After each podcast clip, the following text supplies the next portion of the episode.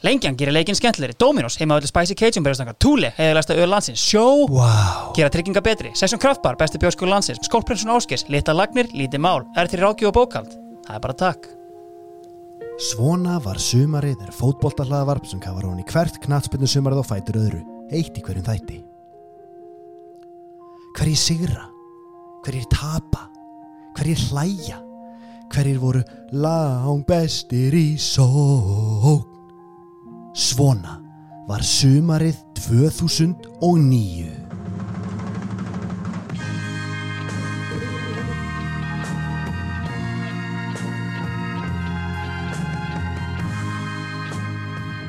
Svona var sumarið 2009, blessaður orði. Sæll og blessaður, Uh, léttur ljúur og kátur, Avanda. já, er betur. Uh, við erum hérna að vinna í nýju stúdíói og ég er að koma mér fyrir hérna, þetta er agalegt ástand. Já, passaði upp á snúruna hana. Já, ok, herru, vinnum þetta bara svona Herru, uh, leiðréttingarnar Hvað er í anskutanum er ég með þær Ah. hérna á þessari helvítist tölvu uh, Það sjá Þær eru hér Túlegin er síður hjá þér í dag. Já, hann er auðvitað í bóði Leiðréttinghotnir er auðvitað í bóði túle 2,25 að ekki. Jú, hann er það og þeir eru náttúrulega ekki með lítinn 2.25 Þannig að við urðum að taka síðan í kvöld. Já. Herru, sko.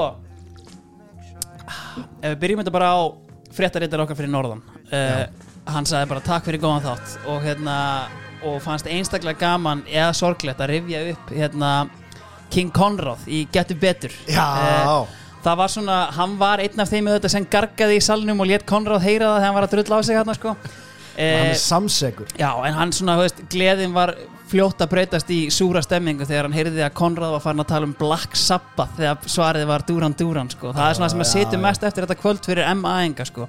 Síðan var nú einhver sem vildi meina að þetta væri ekki mesti skandal getur betur. Fór að vitna hérna í, sko, ég ætla að bera þetta undir þig. Það var sagt þannig að svarið var sagt, sko, sögð á sagt, en svo, sko, Bildu var þannig Já. að það var spurt um á Já. greinilega, þetta var bjötu spurning samt sko og sagt, það er þulið alls konar staðrendur um ána en líka um bæinn sem að stendur við einhvern veginn, Ok. tala mikið um bæinn og eitthvað og síðan sem sagt Og bærin aldrei nefndur. bærin aldrei nefndur og bara sagt bara áinn heitir eftir bænum og hvað er svarið? Þeir segja sögðárkrókur Mm, þegar svarið er sögð á ok. er það ekki bara fair play eða? Að gefa rámt fyrir... Jú, Eða, Sko, jú, sko, mér- það fyrir eftir hvernig... þeirra rök eru sva- sögð á kemur fram í svarinu Var, sérst, það var gefið rétt fyrir þetta. Nei, þá gefur rámt fyrir þetta Já, já, já. Spurningin var einföld hvað heitir áinn Já, já. Hún heitir ekki sögðarkrókur Því miður Ég held við verðum að vera reglugerðamenn í getur betur, sko. Ég held það sko og hérna, veist, ég laðist aðeins yfir þetta En þú samt sem áður sýnir að þú veist svarið, þú veist, því að þetta er svona... Þetta var, að finna var sko hérna, einhvern veginn, þeir svona görgu þetta ham svona einhvern veginn svona fá svari, að sögðarkrókur Það var bara algjört panik sko Þetta var sko það sem skildi liðin að Allavega, nóg um En, það nei, ekki nóg um það, Nú, sorry. ok. Af því að svo er alltaf svo fljótt í, með getur betur, sko. Alltaf þegar kemur eitthvað svona upp, þá förum við alltaf í... Æ, þetta eru krakkar sem er að gera sitt besta Já. í þessum leik, þú veist, eigum við ekki bara hérna að reyna að hafa eitthvað svona eitthvað góða stemningu yfir þessu og eitthvað svo Einmitt. þegar þetta á í raun og vera að vera harður skóli. Herðu, ég ætla að hérna, fara meira yfir þetta á eftir. Þannig að ok, býttu, ok. býttu, býttu bara spenntir. Herðu, Magna Lúkalækið uh, frá Ég les í lóa þínum. Egin maður, me Já. Hann heitir Gunnar Þór Jónsson, virðingu á nafnið. Þetta er gítarleikarinn í Soldag ok. Gítarriff kongur Já, Við erum að fá alveg dæmi á það Herðu, Jó- hér gítar síningu herðu, sko, Jón Ágúst Eyjólfsson uh, Okkar maður í Grindavík. Hann hérna já, fyrir norðan, Já, úr Grindavík. Já, og búin að búa á Þórsöfn og hérna, er eitthvað tengdurinn í Húsavík líka. Herra landsbyggð Já, sko, hann var viðstattur fyrirlega kostningu Grindavíkur. Nei, Jú, heldur betur. Ha, hann bara, er hann mættur í hérna 2007 þá er hann hérna bara 17 ára efnilegu Já, bara efnilegu mættur í klefan Ok, og hann ok. höfðu þetta, Janko bara Jón, þú verður að kjósa. Og, hérna, og þetta var sérst þannig að þeir skila inn sérst, hérna, þeir skrifa á blað og svo þegar allir höfðu skilað inn þá las Janko live og skráði stíin á töfluna jafnóð Jón Ágúst sagði mér að hann hefði kosið Óla Stefán í fyrsta húnin í öðru og líklega orra í þriðja Sýnar, þetta er þetta rétt kostning hjá hann, vil ég meina. Já, Jóni, ég held að ég hef samt rétt metið. ég hef samt viljað fá Big Ray Anthony hérna inn sko. Já, sem, hann er svona góður fjóruði kannski. Já, algjörlega, sko, það er eitt í þessu varandi sko, hérna, brottkvarf hérna, gauja á skaganum. Ég fekk það í eirað í rauninni að gauji var búinn að missa hausinn hann, hann var orðað, ég man ekki hvort ég myndist að hann var orðað við Hearts, hann á tímabili Já, var eitthvað, eitthvað og menn innan klúpsins tók alveg eftir að ef- eftir það einhvern veginn svona mistan hausinn og svona, þú veist, hann fann að gera svona mistök sem hann einhvern veginn svona, þú veist, var ekkert vanur að gera gæði sem var alltaf vel preppaður en hann var svona byrjaður einhvern veginn bara svona að spurja hann bara menn í stúkunni.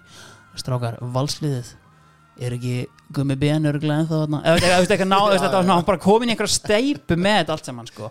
þannig að það var hérna, veist, góð punktur og síðan sko varðandi bjeki fjóra og hérna viðskilnaðin Já, það var eitthvað sem svona einhvern veginn fór undir ratarinn sko að ég talaði um að hérna narratífið upp á skaga er alltaf það að þú veist bara hann baðast bara lausnar, eitthvað ég fann einhverja eitthvað viðtal við Já, kongin Gísla farinn. Gísla já, en þú veist þetta var ekki þannig þú veist, hann hérna, hann sagði bara þeir sögðu við hann bara, eru þú verður að fara veist, við þurfum bara að losa samningin og Já, hérna, veist, þetta er ekki hægt og þá bara eitthvað, það er komið tilbúð hérna frá fram eða eitthvað og hann bara nei takk og hann bara ringdi í káir bara má ég koma eitthvað, og það var græja sko. Já. herru, uh, fleira hérna. Uh, sko ég, ég er enn að fá mólavarandi í að Keflavík. Geggjað. Það er bara staðan, uh, Bjarki Freyr hann rann ekki, Nú, nei nei, á bröði fyrir hann fæti. Ha? Páll Gísli Jónsson. Nei. Anskoti ég fekk bara frá mínu manni sko, hann verður bara að lifa með því að þetta sé komið í kosmosi þetta var sko, Bjarki var á sprettinum sko, og Palli svona einhvern veginn búin að sjá herri, þetta stefnir í óefni, besta fellan hérna. Shit. Herri, síðan alltaf sko gríðarlega ef við færum okkur sko frá í að Keflavík yfir í FH Keflavík. Eitt sem við Pallaleikin já, ég náttúrulega steinglemdi ég var búin að, lo- ég var búin að hóta því að minnast á það en ég myndist ekkit á það auðvitað sko magnaðasta atvikið í þessum leik sem var það að eftir markið hjá alla viðari þá fagna allir náttúrulega gríðarlega en þó engin meira heldur en Tryggvi Guðmundsson.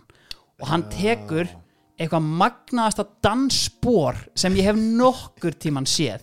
Og sko þetta er svona veist, ég get ekki listi með orðum er- hvað þetta er, þetta er er svona, svona- hann er hann, tekur, hann tekur tvær pumpur einhvern veginn, er samt í háum nýjarliftum og síðan færir hann pumpurnar niður þetta er svo Ég sé inni- þetta svo fyrir mér, þetta ég er man svo- eftir þessu. þetta er svo innilega brilljant dæmi Í sko. andlitið á einhverjum eða ekki Jú, eða, hann, jú, hann er að taka þetta allt saman í vörnin á keflag og hann er að fara Já, já. svo hægt en samt tippland á tánum Svo já. aftur á bak Já, Eitthvað þetta svona er, moonwalk já, þetta er algjör og það var allt vittlust út af þessu sko. hann var enda í banni síðan í loka leiknum sko. ekki út af þessu Nei.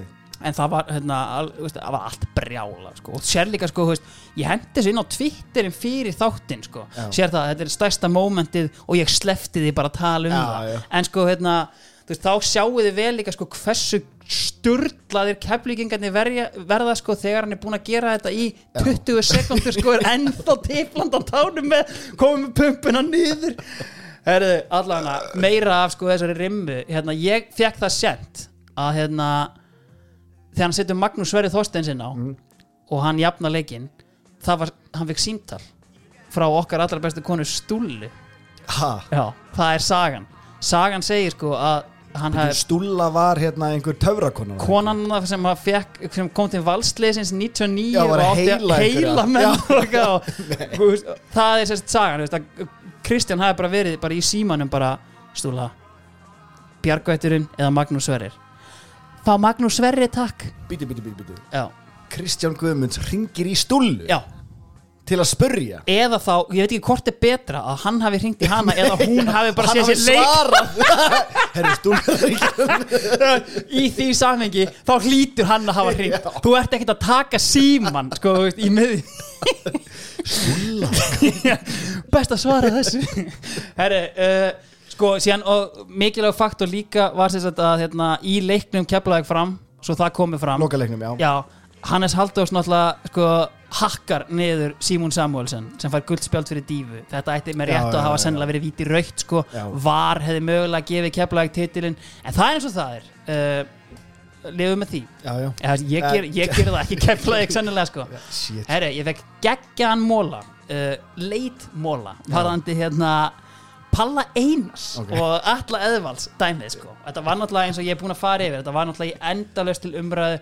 Valtýr Björn var með þetta hérna. Rífum þessu upp, þetta var það var þannig að Alli Eðvalds tekur við þrótturum Já. og á prísi í soninu 2005 fjögur. Já, stu- 2004 sennilega. Já. Eða sko, nei, jú, 2004 Eftir tímabilið 2003 Hann kemur þetta inn á miðið tímabilið ef mann rétt. Já, já, Fer sér hann inn í hérna prísisónu með þeim Og hann er að láta á hlaupa Hann er með allskist djöfulgang eitthvað og, og Palli Einars er ekki að fíla það Nei. Og hann síðan segist að Alli sendi frá sér 5000 orða yfirlýsingu sem hann fer í dítela Já, yfir já. það af hverju Páll Einarsson sé ekki lengur í þrótti Þið hlustið á þáttin til að fá dítel Já, það kemur meðal annars fram hambúrgara tilbúð og fleira gott sko og hérna síðan sérst sko er það þannig að þetta er endast til umræðu og Valtý Björn er bara með þáttinn sinn, mín skoðun opna fyrir síman og það ringir inn sérst manneskja Já, mér finnst nú þróttararnir ekki verið að gera rétt hérna ég stend með palla í þessu máli og Valtæn er svona Já, já, já, ert þú eitthvað yngvinkluð í, í þróttara? Nei, ég, ég er nú bara diggur stöðningsmaður eitthvað, já, já þekkir eitthvað til Páls eða Alla? Já, já, já, ég, ég kannast nú ég þekki til hans Páls Hvernig þá? Já, ég er móðir Páls Nei, nei. Jú, hann að hún einfallega Hversu fékk góður er nóg. valtarinn samt Já, að hann, hann fann þetta á á sér. bragðið. Hann fann þetta gjörsanlega á sér. þegar þetta uppi. Hvernig þekkir hann? Herri, uh, síðan fengum við loka móla frá hérna, Vilhelmi Frey Hallsinni Já, uh, Varði í boltafélagi Norrfjörðar Þetta er ekkit varnar tröll Ég elska mannin samt. Þannig að þú veist bara vildi meina að hann væri bara solid bakvörður. Algjörlega, þið getið myndað eitthvað þá skoðun á því sem þið viljið uh, ef þið finnið þann ágæta mann. Sko, ef við förum bara inn í hérna tíðarandan uh, ég vil hefðilega byrja með þig sko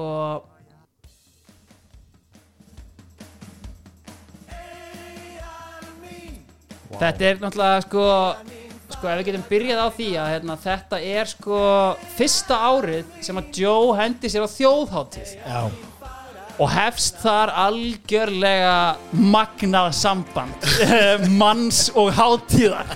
Sko, uh, ég mæti þarna ég hef náttúrulega farið yfir þetta. Þetta er náttúrulega árið sem ég ruttist inn í eða ég sendi Bára inn í tjaldið hans hérna Halldórs Orra og baði með einhandur áriðin en þú veist, þetta er svolítið svona sem að Session Kraftbar vildi byrja á, það er svona þessi þjóðháttíða mekanismi já, sko, veist, ég er þarna orðin 18 ára. Uh, og veist, það kemur ekkert annað til greina. Mamma getur ekki stoppað mig lengur, nú er ég orðin 18 ára og ég er að fara þjóðhátíð.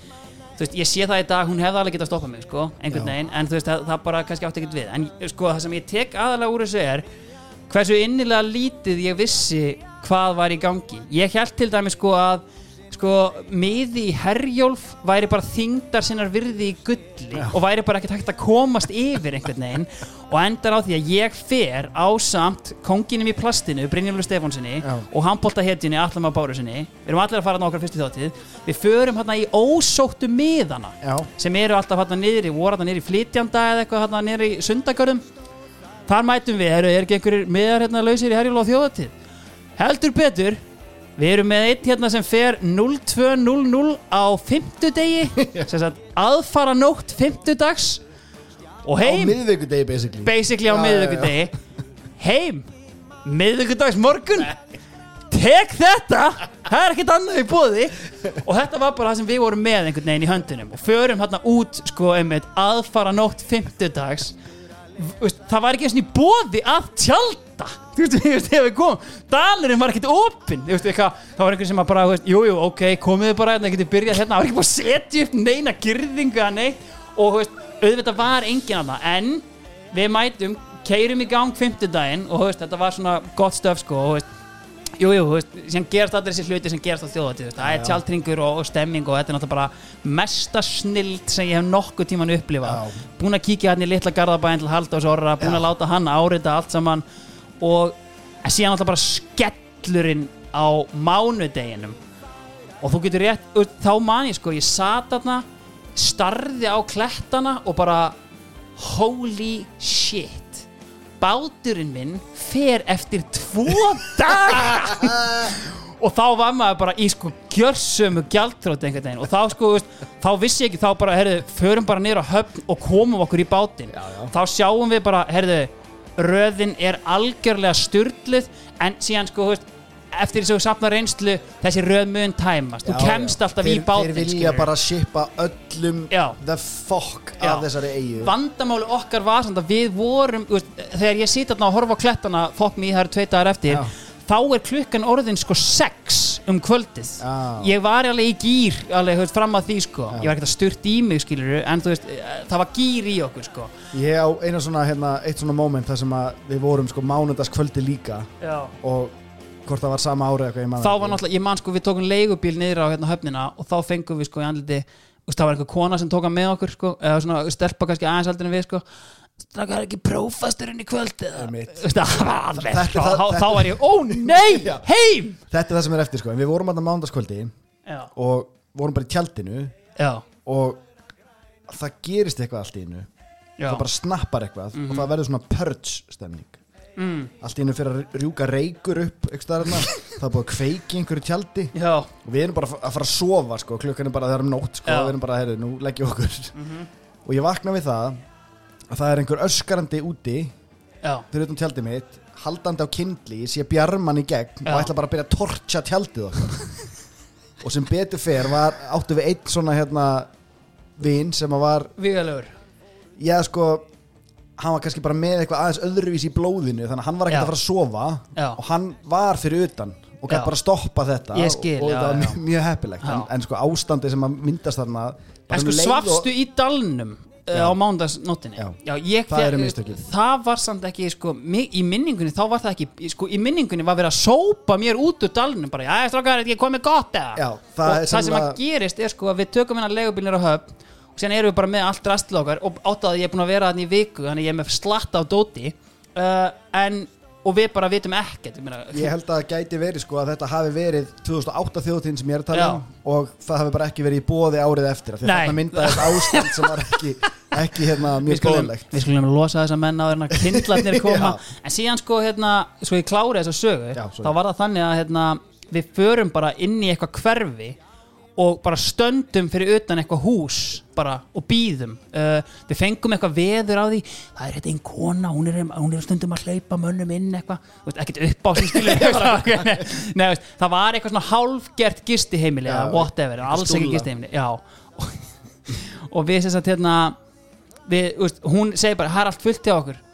Við segjum bara, shit förum ekki neitt, stöndum bara fyrir utan. Já, já, straka, hvað ætlið þið að gera? Shit, förum bara ekkert stöndum bara þarna. og endanum bara, ok, komið inn. Og bara rukka okkur 5.000 kall fyrir það að sofa á gólfinu svo, já. svo, svo tókum við bátinn kl. 6 um morgunum daginn eftir. Og ég gleymið ekki, sat á þilfærinu ringdi í mömmu. Mom, I'm coming home. Bara, veist, og hún bara, hvað það vekja mig hérna, hvað, já, er það ekki það? Allar ekki að vera einn dag í viðbútt Herru, allavega við fáum kannski fleiri hérna að þetta er sko, þetta er hitt ár sko, og sko máli er að Bubbi byrjum bara að fara yfir Bubba Já. og gýrin sem hann var í. Já, að því að þetta er auðvitað hérna er kreppan skollin á. Já, og hún skall harkalega á hérna haustið veturinn 2008 já, og já hérna hér eh, ef það var einhver sem að tók kreppuna til sín þá var það Áspjörn Kristinsson Morten sko. og hann alþýðu skáldið okkar. Algjörlega og þú veist, ég fann hérna það var tekið svona saman hérna á tíu eða svona í fréttablaðinu eða eitthvað sko bara hérna hinn mörgu ímsu andlit Bubba. Bubbi kom inn hringin og þar byrjuð við sko 1980 Guano Bubbi Já. sem var sérst bara einhver rockari hérna á verbúð og svona kjaftaði. 1987 Fjölskyldu Bubbi.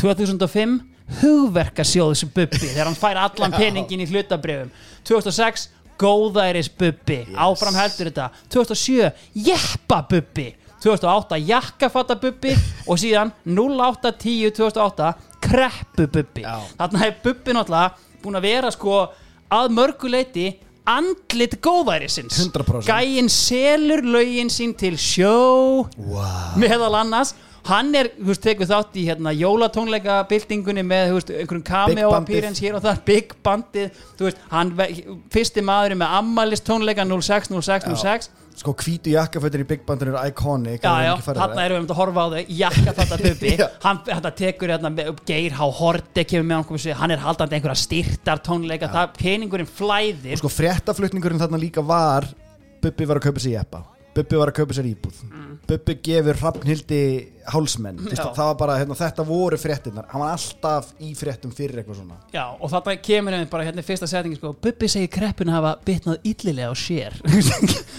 Ó! Sko, hann að þetta var En sko, við fáum samt að mínu mati Þetta lag hérna, fallegi lúsirinn minn Þetta er bara eitt af mínum uppáhalds bubbalögum Og Bubbi Já. fer í stúdíóið Fyrstur enda fer hann í sko bara hljóðverið Og er bara, þú veist, með þætti á rás 2 Færibandi Já. Það sem hann er að sigla inn sko umræðum um Kreppan er skollin á Byrjar klukkan 10 á þriðudagskvöldum Og bara malar og malar. Já, og símatímin og allt þetta og sko. er að semja sín eigin lög bara eitthvað fyrir hvern þátt. Það er bara eitt lag í hverju þætti. Gæðin er að bomba út og síðan bara enda hann bara heyrðu, bara ego, komið með mér í stúdíóið. Plata, takk! Já. Sem heitir einmitt eitthvað sko, veist, hva- hvað heitir hann eitthvað, Guð seldi sálu sína Já, fyrir já. hlutabref eða eitthvað álíka krónan, krónan sem aldrei jafnaði sig Ei, þetta er eitthvað álíka sko þetta, þetta er svo fyndið sko, því að. Bubbi var ekki einn hvað þetta var, hann er náttúrulega hérna, fengið þarna á, á, á lappir sem einhver svona hann á að sefa þjóðina í gegnum þetta. Já. haldi hendina okkur í gegnum hann held í höndin okkur en hann sefaði ekki nokkuð skapaðan hlut. hann held mótmæli eitt síns liðs á austurvelli Sko- í, í aðdraðanda ræðuna hjá Geir. Það sem að gerist einhvern veginn í tónlistarlífinu þarna er að það eru hver, hver einasti listamæður já, finnur eins og heyrðu ég er að fara að hjálpa okkur í gegnum þetta.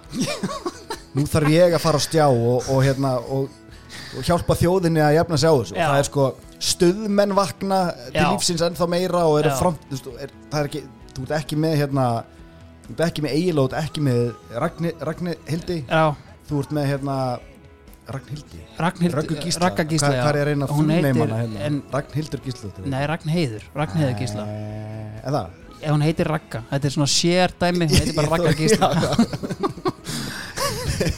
þau eru með Eithor Inga og sko 16 ára Stefáníu Svavars Já, og svo er sko Tottmobíl vakna. Úf, já, takk. Og- Það er bara takk frá mér fyrir það baggalútur við þurfum að hlæja við þurfum að hlæja saman það eru allir Takk bakalútur það eru allir að reyna að hjálpa eitthvað en samt bara svona að reyna að stay alive bara seljum eitthvað. Einmitt, en síðan náttúrulega sko hljómsveit sko, skulum ekki gleyma því sko, að það er náttúrulega hljómsveit sem að hérna, semur bara lægið, það er bara takk og það er og það er hérna náttúrulega sko, ég er eiginlega komin hringin og ég er aftur, mér finnst þetta aftur gott lag sko. Þetta er geðvillag, ég er bara þetta var sko monster hittar í þessa ás þetta er Thank You með dikta ef einhver var að velta því fyrir sér. Og þetta kom að dikta upp, ég hef svo sem ekkert meira um dikta þeim var náttúrulega bara hórað við vorum búin að fara Við- yfir við það sko, þeim já. var rústað algjörlega. Sko, uh, en ég meina ef við förum bara yfir kreppur, glitnir fellur hérna í lok september og veist, það, þú veist, það er allt einhvern veginn, það er upphafið, það er upphafið. Líman bróðir að byrja þetta Já, eða eitthvað já, svo leiðis ég vil ennum ekkert að fara í- Nei, en það snertir okkur fyrst þegar maður bara ég man bara, maður fyrir bara á mbl.is sem ég gerði nú ekki ofta á þessum tíma glitnir er gjaldþróta Já. ha? Og þú veist endalösa fréttir, aftasta síða fréttablaðsins mín síða var bara uppfull af einhverjum hrunfréttum og mín uppáhaldsfrétt sem ég fann hérna var sem sagt allir trúarleituar landsins leggjast á bæn og hafa viðtal við Gunnar í krossinum. Tilvittin hefst. Ef þetta heldur áfram í þetta er gott lag við. Ef þetta heldur áfram í 2-3 vikur þá tel ég að við séum komin í þrengingarnar miklu sem talaður um í henni heilögu bók. Heiminum mun byrtast maður sem hefur öll ráð í hendi sér. Hann mun leysa allar efnaðaskrísur en um leið sölsa undir sig heiminn. Þetta er ekki búið. Síðasta setningin sá maður sá maður er antikrist og sko Freyr Gíja Gunnarsson svo mikla geit, hann skrifaði þessa frétt. Ef spár Gunnars er á rökum reistar er réttast fyrir ríkistjórn Íslands að hafa hraðar hendur?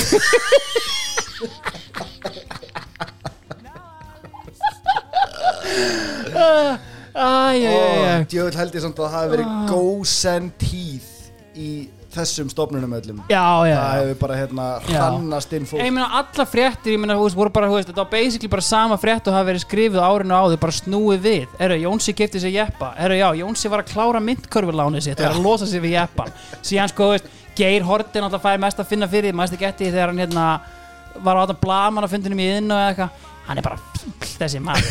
Og dóni pakkaði Helga Seljan saman kjössanlega pakkaði hann saman Bubbi gerði meira. Bubbi fyrir hann í eitthvað bíf við sprengjuhöllina út af því að það er einhverjir tónleikar og hérna sprengjuhöllin sagt, neytar ekki að spila einhverjum tónleikum sko.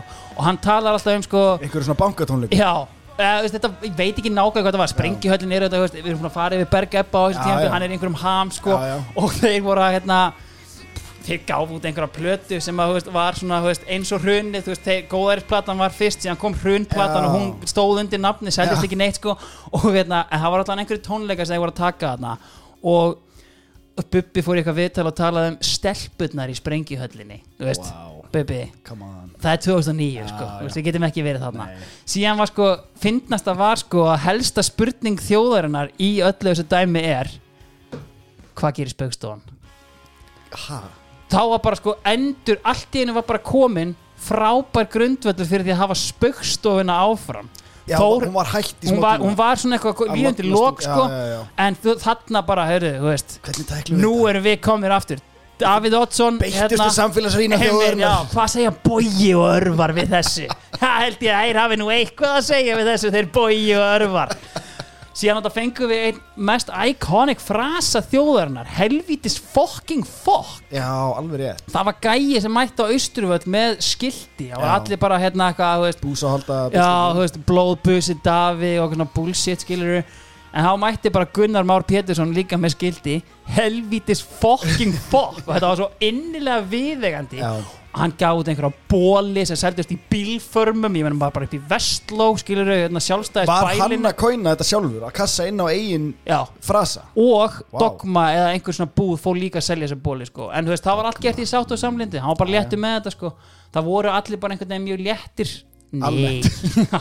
en veist, það var alltaf, veist, hann, hann leita ekki á þetta sem gróðratækifæri hann seldi bara sína bóli og Já, hérna, já, já. hinn vestlunin seldi hérna, sína, hva, man ég hvað, fígúra, getur það verið er það einhver búð eða? sko, Það er eitthvað sem að- að það bara Já, þetta var náttúrulega svona, þú veist, dogmabólir, það er umræða, það er umræða í heil, heilan þátt sko. En ég sko vildi aðeins bara fara yfir svona hvernig þetta snerti, þú veist, okkur Ég meina, þú veist, er ég eitthvað að snerta á einhverjum viðkvæmum taugum þegar ég hérna ræði kreppuna við þig?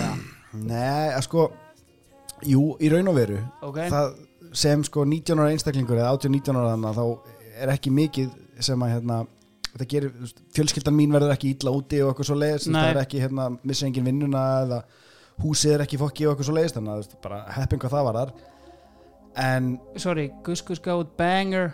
Þú veist, við vorum í góðum málum tónlistalega já, það er allir að bjarga heiminum. Það er allir að, að redda okkur Engin meir en Daniel Ágúst. Já, ok, einmitt, já, veist, e, nákvæmlega, ég er í svona saman pakka, sko. Nei, en, en það sem að gerðist hins vegar og ég er held ég af einu af eina árganginum sem að fer ekki í utanlandsferð Já, í áfanga í Vestló Já. sem að er alltaf farið í. Ég Það held ég hafi- valáfangi Já. og eiginlega allir valáfangar sem skipta einhverju máli innihalda Já, utanlandsferð. maður velur sér að alafanga það sem að er í bóði í utanlandsferð Mhm. og hérna fyrir þá sem að eru með Vestló fordóma þá er það ekki í bóði skólans þá borga allir fyrir sína borga ferð. allir sjálfur, já, já.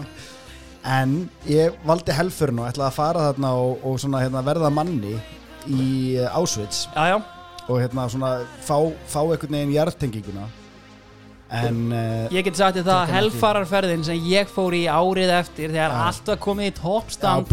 Já, allt annað að sjá lífið. Já. Það er eitthvað skemmtast að ferð sem ég farið í, sko. Já, þú skemmtir þér, þetta, er- þetta breyti ekki lífiðinu til þess betra Jú, að það voru það var það kannski hálf tími þarna þegar ég var þunnur í búðunum eitthvað að lappa um, sko en þú veist Já, það var ekki þegar þú fóst inn í Auschwitz sem það hafði einhver áhrif á þig Jú, ég var, ég var bara með mikinn haus Já, inn í búðunum, ég held að vera að fara að vestla Já, H&M með kreditkortið ströyjað hérna sko En ég man sko hérna Ég myndi segja sko stærsti faktorinn hjá mér var í ríkinu og bara áfengis neyslu sko veist, að því að þú veist fyrir þetta þá ert að kaupa kippu skilur þú talar við þinn mann sem er með skilríki eða whatever eða Já. bara billikla og skeggrót eins og Jónas Elvar Halldórsson og þú bara að 1500 kall bara kippu of your choosing túlega í gleri, ekki vandamál Já. á fær kannski 50 kall tilbaka en þú veist, bara Já. ekkert mál þarna varst allt í hennu komin í gleym líka því ekki sko, að á góðarstímanum þá eru bjórsalar að lifa geggjöðu lífi ég get bara bentir á þann raunveruleika ég var með númeri hjá manni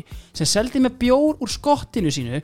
Becks rándýr bjór á Já. 1500 kall Já, ég skil ekki hvernig gæinn kom út í gróða en þú veist, allir aðri, ég meina vikingur var rúndandi um seljandi túborg skilur Já, bara já. eitthvað skýta bjór á 2500 Já, kall já. eða eitthvað en þú veist, hérna kikkar líka inn sko menningin sko að það er ekkert viðurkendara en að halda bara upp á 18-19 ára ammæli sitt og það er landabolla Já, að því að bara Sammála. stert áfengi ég, ég, ég keifti ekki að snerti stert á jú ég snerti það reyndar eða það væri bóði en það keifti sér engin stert áfengi í ríkinu í 2-3 ár að því það var bara ekkert í bóði þegar, þegar þú segir þetta þá rífast upp fyrir mér einmitt nákvæmlega þetta ár. Já.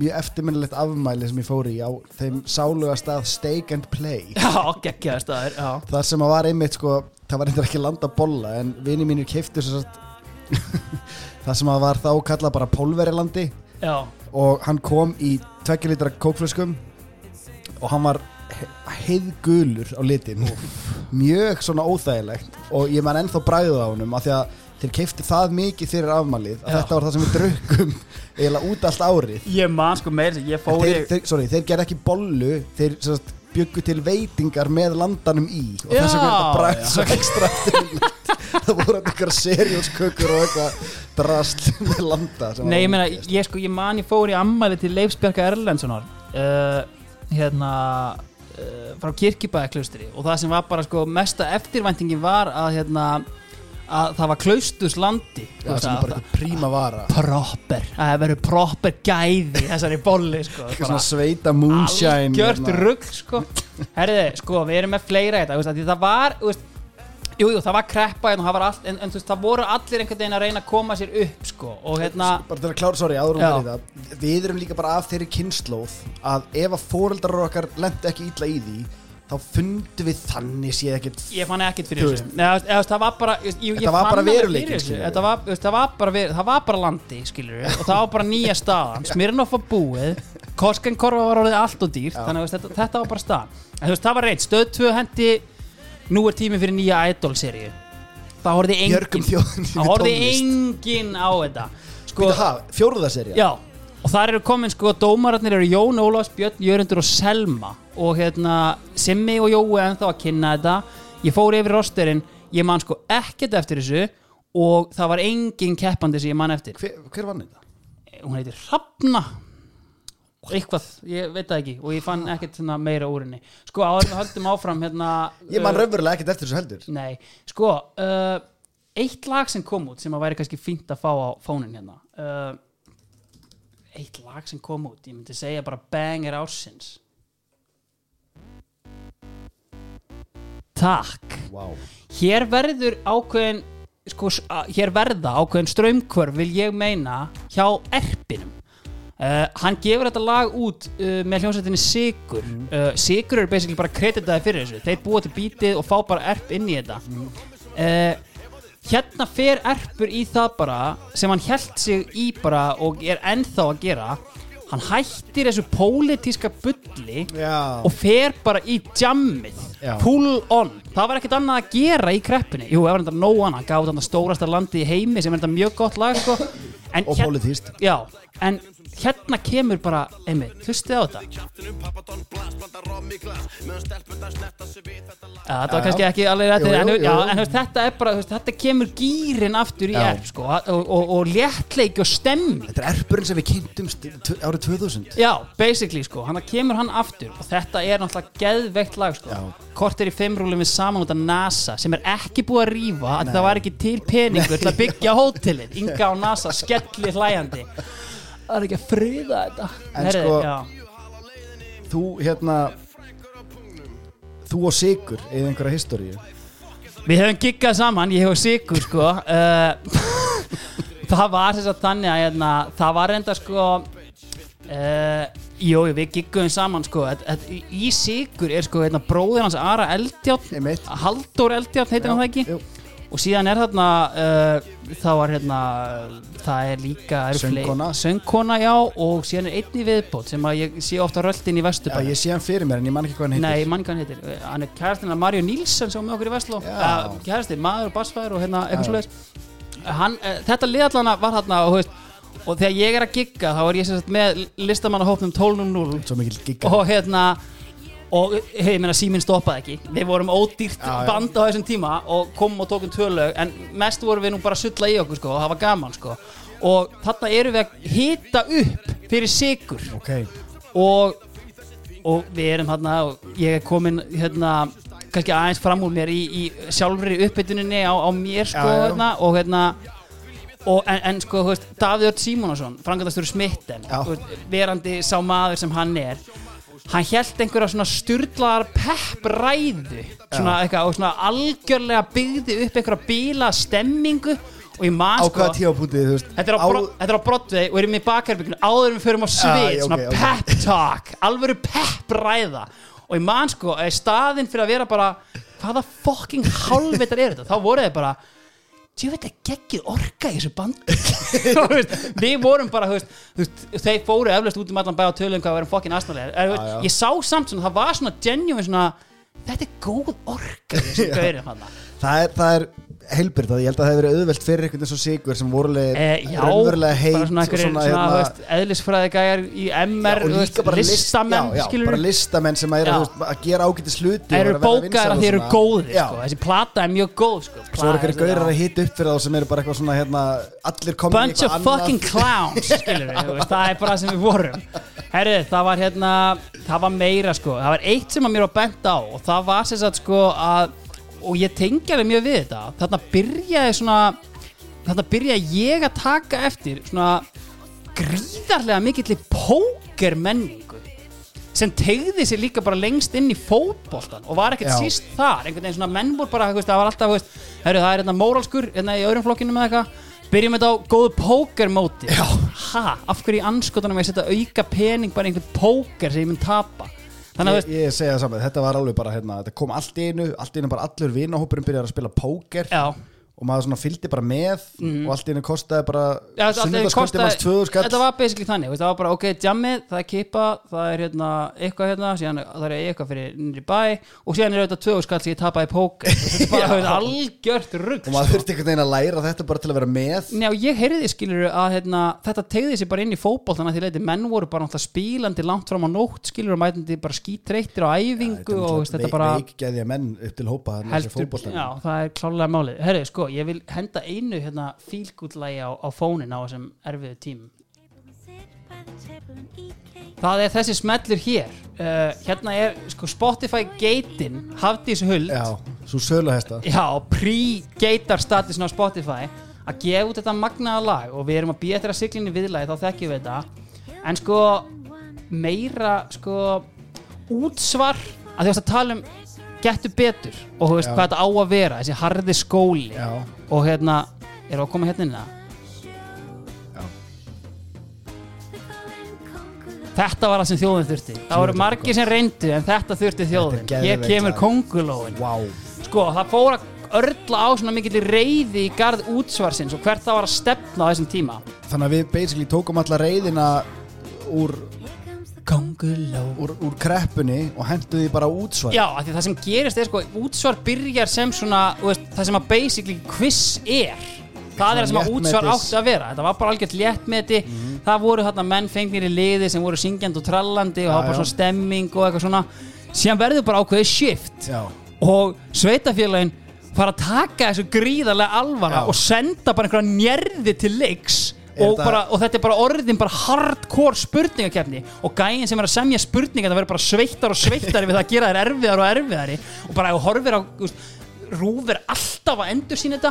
Ef horfir á þetta í dag, keppni frá svona 2008 og upp úr það er búið að segja svona þrjú orð þegar gaurarnir rjúka af stað á bjölluna sko. er, er ekki Garðabær endanlega drepið að þeir senda Elías Karli í þetta? Þú heldur það, en það er ekki rétt það var búið að þetta á þér ok, Kópavogur sendi til leiks uh, Víðir Smára Petersen, lögfræðing og, og lögmann og, og meikinn mestara og, og það sem meira er spurningagate. Og hann í samfloti með öðrum manni sem manningu heitir þeir eru svona kveikjan að reyðinni einhvern veginn í því bara, veist, ég Ok. maður var spila, skrifa einhver pistill í fréttablaði bara, veist, where my country gone þú veist bara hvað er Sko- í gangi hérna það, það meikar sens fyrir mér að Garðabær sé þá að sko, se, senda Elías Karl til Já. þess að svona jafna Já. í við á af því að ég náttúrulega hérna er með annan fótinn í Garðabæ eins og þú veist Já, fyrir mig þá eftir já, já, en ég á minning af því það sem að á gamlárskvöld Já, er brenna upp á Arnmanis hæðinni Garðabæja brennan já, Kópóks brennan er ykkur starfna aðeins lengra hinum megin. Ok. Og það er flugvildasýning á báðum stöðum Já. aldrei á sama tíma samt. Mm -hmm. Kópóks flugvildasýningin er og það er púað. Garðabæja megin Já, og svo kemur Garðabæja flugvildasýningin og já, já, það er bara ok. alveg ríkur hann herri, sko, ég held að við séum nú bara hérna freka fínir. Silfurgelið, Silver. Uh, hérna, þeir hendu því út eh, Bjöggi og Logi Geirs. Ætla sé ekki seinasta manniðan sem Bjöggi hefur átt. Jú, einmitt, hann, hann róaðist niður Já, og hann hefur, hefur síðan þá tekið rólegur. ákvarðanir og, og ekkert verið mikið að láta sér kræla. Heyrðu. Herri, uh, ef við ekki bara henda okkur í Eurovision eða? Jú, Jú, sko. Þetta var ekki uh, kreppan skall heldur betur á okkur Sko, þarna líka. já. Bara smá formóli Ok, Það er náttúrulega, var þetta hrun sem við erum búin að fara yfir? Hér má náttúrulega ekki gleyma því sko, það er kannski efni fyrir setjum þetta hér var það hrun, því má Já, ekki gleyma. það er, það er hérna setning sem lifði. Hér erum við búin að gleyma því að hér var það hrun. Er, ok, Sko, háværarattir innan ríkis og hansprins já, sá þessi leik á borðið þarna. Þú mannst eftir fíaskónu þegar að hérna, það var engin undankenni Hrafn, já, Hrafnhildur var að kall, þú veist, svona, svona Já, já. kveikja elda í samfélaginu Já, með hérna, ykkurum þætti að fá fólk til þess að ringja inn og kalla eftir þessu. og hafa rifrildi, rifrildi á skrifstofunni. Það er rattir eru ennþá þarna. Vilja ekki undakefni ok, og þessar rattir sjá sér leik á borði eftir þvæluna í fyrra. Og ætla að reyna að setja Ragnhildi Steinunni stólum fyrir dyrnar. Já, það er svoleiðis. Uh, The Old Guard. Þeir flytja sannfærandi mál fyrir Páli Magnúsin útastjóra það er ekki til neini peningar Já. við verðum bara við verðum að velja lag på gamle móðin í reikmettuðu bakherbergi Já. bara eitt lag. Uh, og Ragnhildur Steinun hún heldur einhverja mögnuðustu eldraðu setni tíma og, og það endar allt með því að Pál stendur upp réttir út kreftan hnefan já, rekur svona þumalinn út til hliðar já, og hægt og rólega tildar hann. tiltar hann upp. Já, við erum go. En ekki með sama hættu og í fyrra. Það hérna það virkar bara ekki, það er ekki tilnáma mikil peningur þannig að Nei. núna er uh, 16 lög og þetta er allt saman, það er engin vetragarður veist, þetta er, þetta er, það er engin hérna ég veit ekki hvað er að gera núna, eitthvað gufunes höllin eða hvað Get, já, já, ég getur þetta sagt sko, ég held að við stötu að bara verið fyrir til sko. Með vetrarkar- já, þeir í- voru í með ædolið já, ok. já, allavega, Rúf sætti sig bara við það að þetta verður allt saman gert bara í myndveri og hérna það er bara svo það er jésús minn, ok En þetta eru 16 lög, þetta eru tvö undan kvöld eða eitthvað álíka, eða hvort eru fjögur eða eitthvað, ég man ekki hvernig ég gerði þetta nákvæmlega. Veist, við, við, þetta var svo mikill pakki hjá okkur senst að þætti að við ætlum að fara hans hraðar yfir þetta núna. Mhm. Þetta er bara þessi stúdíódæmi þarna, það er fullt af lögum sem er hérna svona uh, algjört svona njö já, ég getum alveg sagt og þú veist þetta endar þannig að þetta er bara down to two, það er bara tv tvö sem koma til greina og þetta skiptist svolítið í tvent, það Sko ég er að renni yfir þetta, ég veit ekki alveg hvað lag þú ert að challengea sem hitt lagið. Sko, þetta er náttúrulega förum bara yfir þetta, tökum bara smá. Sko, það er þarna lag sem að heitir Family sem þú mátt bara setja á núna því að búið að vera þögn í smá tíma. Ok, já, takk. Og hérna það, Það var ein Þetta er að sjálfsögðu Seth Sharp, já, kóngurinn og þetta er rödd en þarna er Seth Sharp sérst, og að því ég kom því ekki að seinast Já, Hann- ótrúlegt Já, söng þrjú lög já. af þessum Alveg 33 árið 2008 og þau voru öll með mismunandi sniði einhvern Já. veginn, veist, hann var, svona, hann var hann í einhverjum kór Já. hálgerðum í einu. Og hinn tvö voru sko stó, það, er, það, er, það er eitthvað gerst af því að Magnús Þór Sigmundsson pappi Þórunar Antoníu. Takk Hann fekk Seth Sharp í tvö af sínum þremur lögum. Já, Þannig að hann hefur verið með eitthvað svona "Er Þessi, Já. þessi gæ það er eitthvað þarna. En hann er allavega komin hérna árið eftir Með svona Þú veist Flavor þú veist, Þessi tí- típa af rödd Þessi svona kirkjurattar hérna, blökku rödd Já, hún, Þú færið hann ekki á Íslandi bara hérna út í búð sko. hún er ekki dregin upp Nei, Guðjón þannig, að- við fögnum þessari, veist, þessu að fá smá svona hérna vitt í þetta. Algjörlega. En þetta lag er algjört semi. Uh, annað sem er verðt að minnast á er þarna komið stelpubandið Elektra. Þetta er bara svona eftirminnileg hljómsveit já, já. En Þeir hérna þá ekkert eftir henni? Ha, þetta eru Harasistur og einhver aðra og þetta er eitthvað svona Já, girl band. Ok. en þetta er lag eftir Örliksmára sem er náttúrulega geitin. já, en þetta var svona ok, ég, ég finn strax á mér að þetta er geggjað. Já já, þetta er solid þriðja sæti sem sagt í þessu öllu saman. Ok, en það sem að þetta snýrist allt um var Ingo Veðurguð og Jóhanna Guðrún. Og þetta var svona bara einví þarna er náttúrulega má minnast að það að Ingo Veðugvið er ekkert eðlilega heitur sko. Þú ég veist, meina sko Við glemdum náttúrulega að spila Bahama Já, heiti síðasta já. þetta sem var náttúrulega bara þú veist, heilt yfir sko sennilega vinsalasta lag áratögarins já, Er- það ekki bara- sko þegar kemur að einhverju svona æði Já, þetta var bara bilun. Síðan þú fóst að ég verið með maga God og ég þarf eiginlega að taka bara smá sætrakka því að ég þarf eiginlega bara svona smá að fá að segja my shit. Já, please. Tengt þessu. Já, já, af því að sko það kemur hann eitthvað moment. Já, og, og kannski bara ok, já nú mann eftir Ingo, þessu lagi. Já. Ingo kemur með hérna Bahama. Og Já. það trillir allt.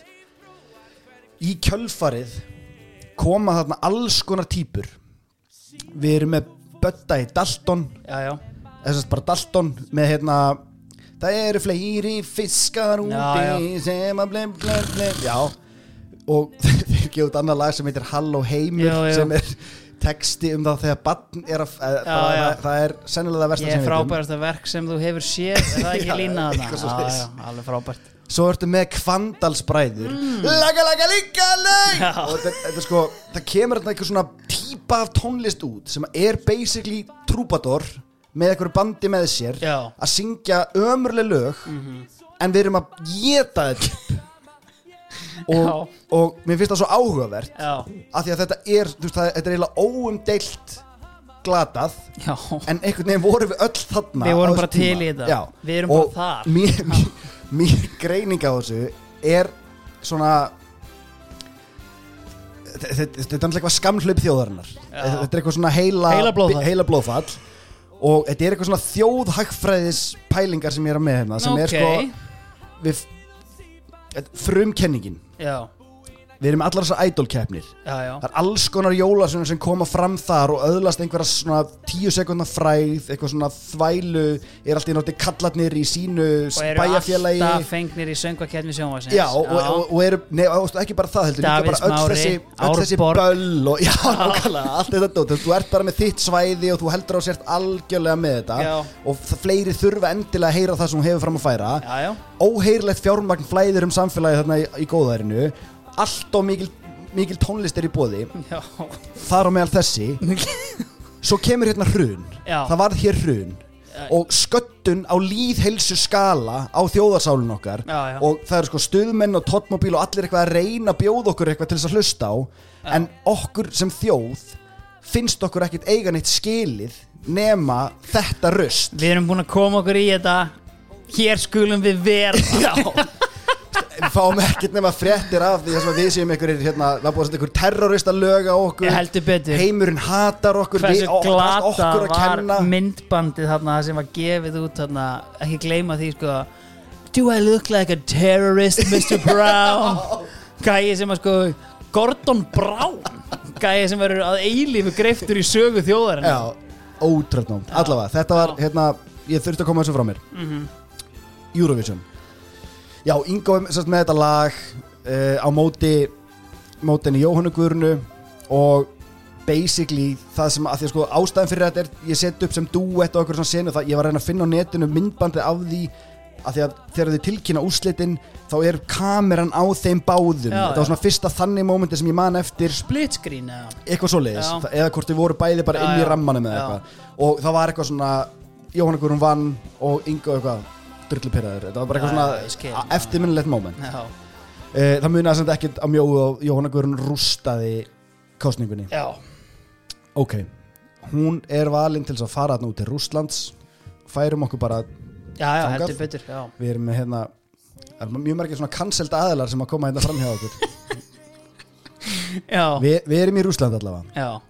uh, þar náttúrulega kemur þetta þú veist við, við erum á öllum blaðmannafundum og öllu þessu við erum svona stressaðri fyrir því heldur en við höfum verið áður. Veist, hópurinn slæri gegn er ekki í gangi núna því að við erum ekkit vinsæl í heiminum. nei, nei, nei, nei, nei. Við erum við, bara svo við hendum því inn líkil orð hér er Já, Þú veist, það er svolítið það sem við vorum að vinna með þarna já sko. við vorum búin að taka Evrópu í ósmull í gjössamlega málum. Hollendingar, brettar, eat your heart out. Þegar það ekki sjans í hennan helviti sjóð sem við byggðum upp hann og það sem að mér er þess að gert þarna í, sko, það er hérna, ég held að Jóhanna sé sko, hún fær alls konar svona þjálfun í hvernig hún á að svara ákveðum spurningum. Ég og fann það sko. Hún, bara, hún var send sko bara á Ég meina sko bara fjármálanámskeið. Já, hún var send á eitthvað námskeið og sko meiri segja sko hvort það var sko hérna viðtal við Össur Skarphéðinsson hvort að hann var eitthvað.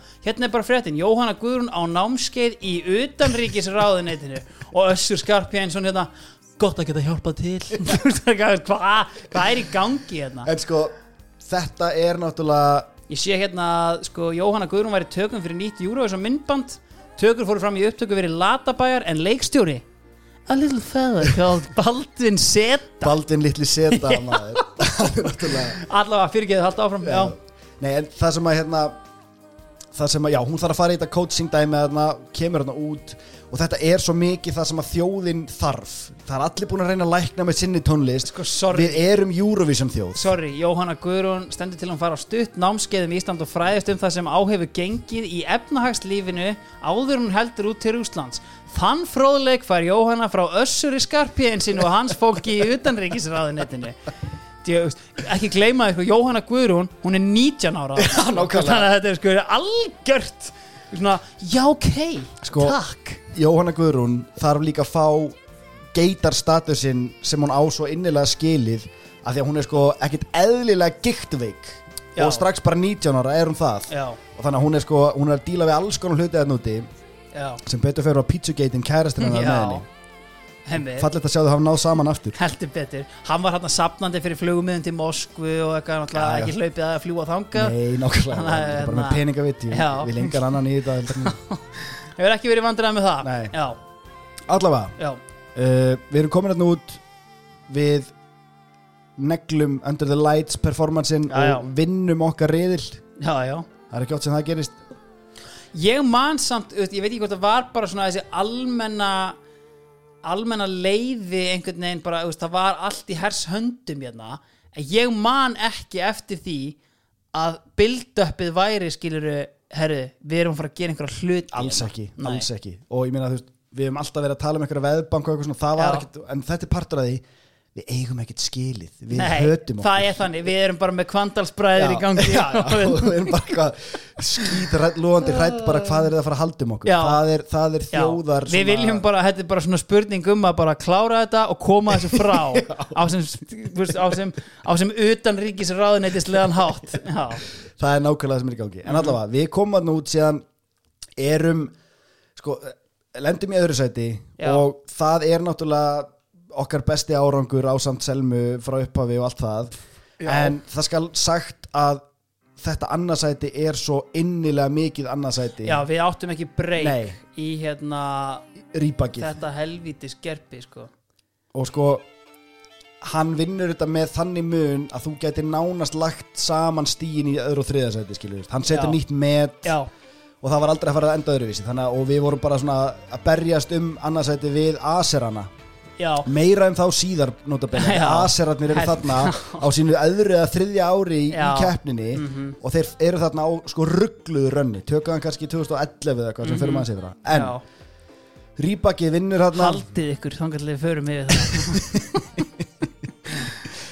Já. já, fyrir ekki rýbakki Já, já, bara hann, hann tekur þetta þarna og hann er, verður eitthvað óskapat hann er á okkur um aldri og, Jóhanna Guðrun hvort hann ári eldri eða eitthvað og, hérna, og eitthvað vinskapur og svo leiðis það er ekkert margt skemmtilegt í þessari keppni sko. Það Nei. eru nokkur lög sem að maður man eftir einna helst man ég eftir Sakis já, takk This is our night kóngurinn gott ef hann er ekki að mæta í sko annað eða þriðja skipti Jú, jú. þarna, sko.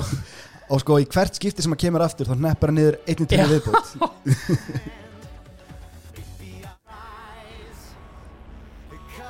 hérna er þetta sko.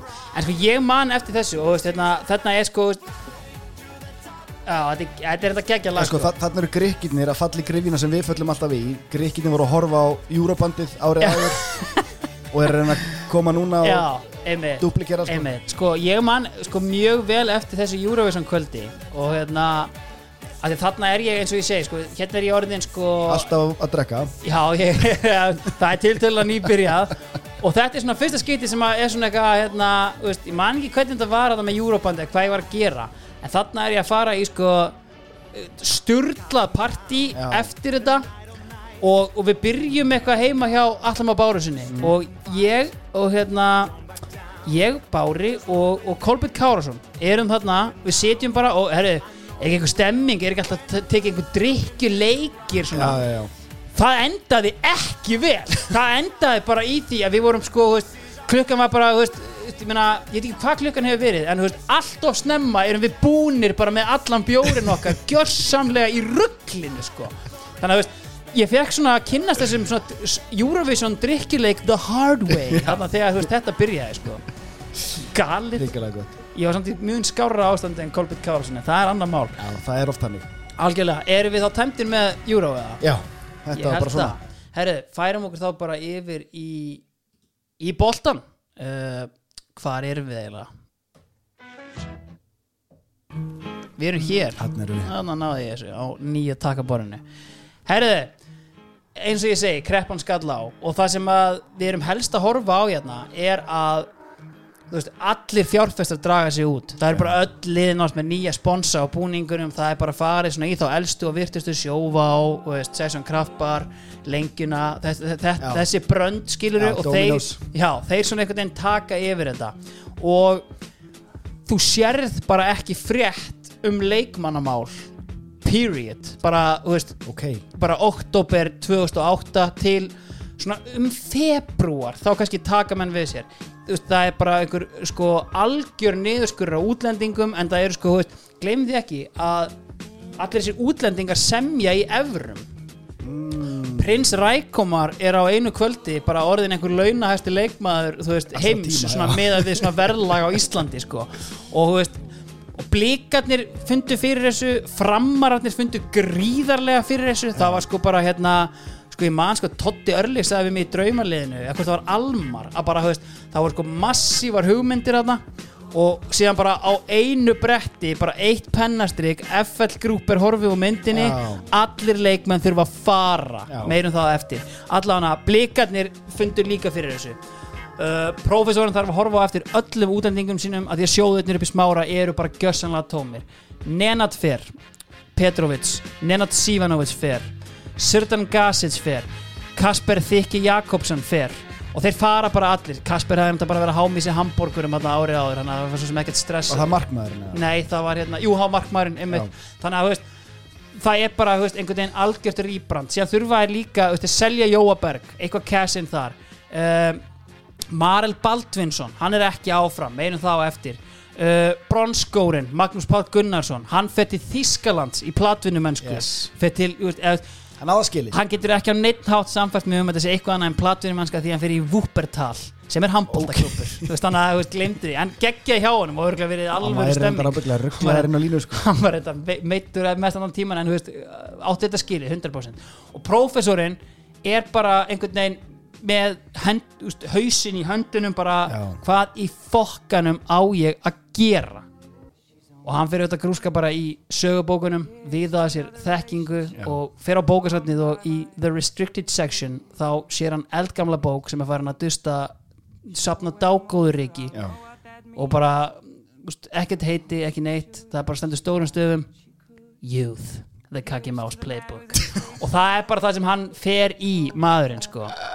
Og hann er einhvern veginn bara með bilaðan árgang. Íslandsmeistarar í öðrum flokki ári áður. Uh, og hérna og emmi Arnar Gretar satna, upp á reynsluna. Já. hann, veist, hann ætlar bara einhvern veginn algjörlega að treysta á hérna uh, bara svona stemminguna í sérst, klubnum sem bara við þekkjum í dag. Því breyðarblik sem við þekkjum í dag það var ekkert svona. Nei. þú veist, þarna er bara að koma upp einhver lasin árgangur 89, 90, 91 Mhm. búið að selja einhverja áður út gilfa á einhverja blika og hérna, en þú veist þetta er einhvern veginn það sem þetta er. Og hérna, en hann dó samt ekki alveg ráðalaus. Sko, við verðum eiginlega að fá hérna aftur sko, af því að það sem hann gerir er að hann sænar Arnar Sigursson, Íslandsmeistara í tennis. Vákveð mann eftir þessu?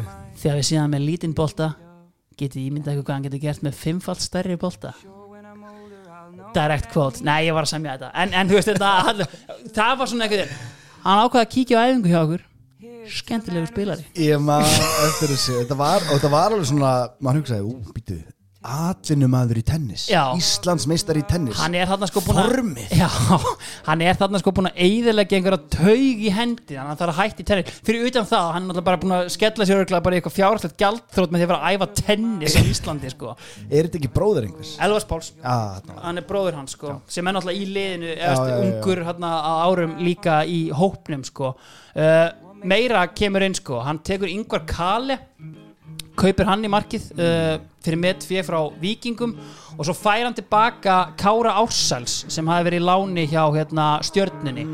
Uh, þetta er svona einhvern veginn staðan uh, en það sem hann á er ásup í erminni og það er a little fella called Alfred Litli Finnbós Já, hann hafi spilað sko einhverja þrjá, fjóra leiki árinu áður. Hann hafi skorað sko einhvern óheyrilegt magna mörgum hérna í hérna í Öðrum, flokknum. Og mannst ekki eftir leiknum Breiðabrygg skæin hérna um titil það sem var bara, ég nákvæmlega ég mætti sko á smekk fullan kópásvöll bara, þú veist það var bara algjörlega tróðið, keli í bakverðinum og allir léttir, en það var svolítið svona baráttan, það var Alfred Fimboðarsson og hinum megin var kongurinn, Artur Ingi Kristinsson. Og hann tapaði þeirri betur, en sko máli er að Art, eh, sko hérna var rétt áður en Arþór fór ekki í útskriftaferð Já. sem að spilaði nullleiki En sko talandi um Vestló að því, sko, ef við bara snertum aðeins á Alfred ég vil aðeins fara yfir mannin hérna sko, Já. The Man, The Legend sko, Já. hann var með okkur í Vestló og þú veist, málega sko ég vissalega að þetta var gaur sem var í fótbolta og eitthvað en þú veist ég get ekki séð sko að ég hafi ég get ekki sagt að ég hafi séð sko að hann myndi fara þangað sem hann fór að því að bara hann var bara með okkur á glömbar skilur við, Já, þú veist að ég- hann var bara all in í því og bara léttur geggjaði náungi, bjöð sér fram í formann íþró, tapaði þar með nýju atkvæðum fyrir Jóni Alla Hermannsinni, hvað er þú í dag Jón Alli, veist þetta var einhvern veginn bara svona, veist þetta var bara, ég, veist, ég það þetta var bara nettur gaur sem kunni fótbolta. Líka bara leikmaðurinn skilur við, þú veist, bara sem dæmið þessi annarflokks leikur hérna skilur hann Já. er, hann er ekki þessi að því að maður spila á móti svo mörgum af þessum úr þessari kynnslóð sko já, já, og yfirleitt voru þeir eitthvað svona absúrt talent, þú veist, Já. einhver svona kolli einhver svona gilvi, Já. einhver svona típur sem að voru svona, þú veist, hann var veginn ekki alveg í þeirri kategóri þó Nei. hann hafi samt skorað og mörgum í öðrum flokki og eitthvað, já. leikmaðurinn inn á vellinum var samt ekki eitthvað svona hvað, hvað, hvað er þakið, skilur við Nei, sko árum heldur lengra þá ætla ég að fá hérna, uh, aðeins bara hérna, við, í, úr viðtali sem að Hjörvar tók við Alfreð fyrir hérna fyrir einhverjum tveimur árum síðan að sem hann talar aðeins um hérna, veist, þetta tímabil og svona, hvernig er komu inn í þetta. Þarna inn og fyrir að gefa það sens og allt svo leiðis og svo er það þannig að 2008 þá nánast eru bregðabli gjaldróta eða, ok, þetta er kannski full líkt en allavega fjárhastafan var erfið útlendingarnir fara og þið strákarnir sem hafi gert þetta allt saman í öðrum og þriðaflokki þið tækið við liðinu svo hérna, líklega besta sem hefur gerst Já. fyrir, breyðabli já, þau voru bara tilbúinir þetta Já, eða þú veist, það hefði ekki vita hvort það er tilbúin Við, Þetta liði var Íslandsmeistari í, í, í þriðja flokk og, og öðrum flokk hmm. og svona sigur hefð þú veist, það er svona ákveðin hann hvað sem er kjarnin í þessu liði, þú veist, Finnur Orri, Gumi Kristjáns uh, Kit, uh, Kitty Jóns, Kitty Steindós Haukur Baldvins, við svona er einhvern veginn okkur er bara hendi djúpuluna því að Breiðablík hafði enga, enga völ Mhm. á öðru, það var heldur ég man ekki hvort að markmaður var ennþá þarna, eða þú veist, það var bara svona sex Kalekum Já, auðvitað, það var hérna bara reynsaðist liðið á einu bretti og það var ekki miklu möguleikar og, og áttum ágætið sísón í deildinni en, en það var einmitt staðan, það bara hreinsaðist lið út á einu bretti og þetta var í rauninni bara caseið, við erum bara með kottnunga leikmenn hérna í leikil stöðum ásamt Arnari Gretas að dútla hérna og Kale í markinu, þeim var spá sjötta sæti uh, í spáni fyrir tímabilið sem var hérna mjög skemmtilegt sko að því að það var viðtal við Arnar Gretars fyrir tímabilið, hvort það var í fréttablaðina eitthvað. Og hérna bara Arnar, hver eru markmiðin fyrir mót? Já, markmiðin er ekki alveg orðin ljós. Uh, Strákarnir í liðinu, guttarnir talanum Þeir fengu það verkefni að setja sér markmið Skrifaði niður á blað og skíla inn til Óla Kristjáns. Hann myndi síðan taka ákvörðinu markmiðin út frá svörunum. Þá fyrst væru markmiðin klár. Allavega. Þetta er Janko-esk Herru, Káur Það er alltaf nóg til hjá Káur Það vantar ekki sko. Herru, Logi heldur áfram með lið og það er Farewell to a Legend Gulli Jóns kallar þetta gott. Hann verður spilandi þjálfari hjá Selfossi í fyrstu deildinni. Já, Meirum það í síðari þáttum. Þeir missa líka Guðmundur Eini uh, Hann fætti Gæs í Svíþjóð og uh, leður götturinn Gauja Balda uh, Guðjón Baldinsson, hann eldir hann bara, ég held að fari báðið til Gæs. Svo leggur skóna hilluna annar legend Pétur Martinsson Hann fyrir bara að leika sér eitthvað Stofna kaffi vest og hérna Já, já. Gekki um málum sko. Já, já, Og Viktor Bjarki Hann gerir loka tilraun á hérna, platinumennskunni hérna, í, í Lilleström að hann hérna, er ekki með þeim. Sko það er hérna Þetta fer ekkert klikka vel í loga. Hann þarf að búa til nýtt lið En hann er auðvitað með þessa frægu formúlu sem hann bjóð til hérna árinu áður og það er auðvitað bara sem hann kokkaði upp á nýju jörðinu sinni. Sækja sér gott kaffi, hræra í því og beint upp á skrifstofu til Tom Hagen þeirra káringa, Concilieri Rúnar Kristinsson, bara ok, Rúnar, ég þarf spilandi hafsend, Rúnar segir bara ekkert mál. Hérna er Mark Röttgers hollendingur Já, sem hann er er með hérna, ekkert eðlilega há kollvik en eye for a goal og mjög hávaksinn og góður í löpunum Já. takk, hvað er næst? Rúnar, ég þarf einhvern mann sem þekkir það hvernig á að mynda eina heild úr 11 leikmennum inn á vellinum. Stjórnar með höndum, rödd og fordæmi leiðir saman hinnar tíu ráðviltar kindur sem spila með honum. Einfallega við vantar smala. Baldur Sigursson mætir í Vesturbæ. Vá, uh, Þarna var Baldur búinn að vera í Brún í Noregi að spila með hérna, Alan Borkvart með hann held ég. Ok. Og er free agent og hann er svona veist, hann er svona eini transfersaga gæinn skilur við, á markanum einhvern veginn. Það er bara, veist, ok, FHK er valur keflaði kringja öll í Baldur sig. Uh, þetta var enda mjög fyndið þetta var svona vika af fréttum bara eitthvað Baldur Baldur svona endalast eitthvað ok, já, eru fjögurleið búin að heyra í mér?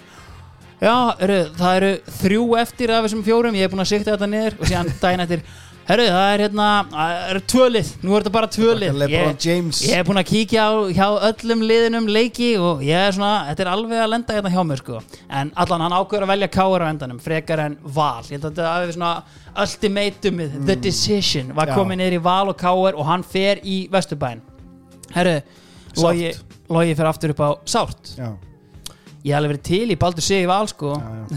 Meirum það á eftir.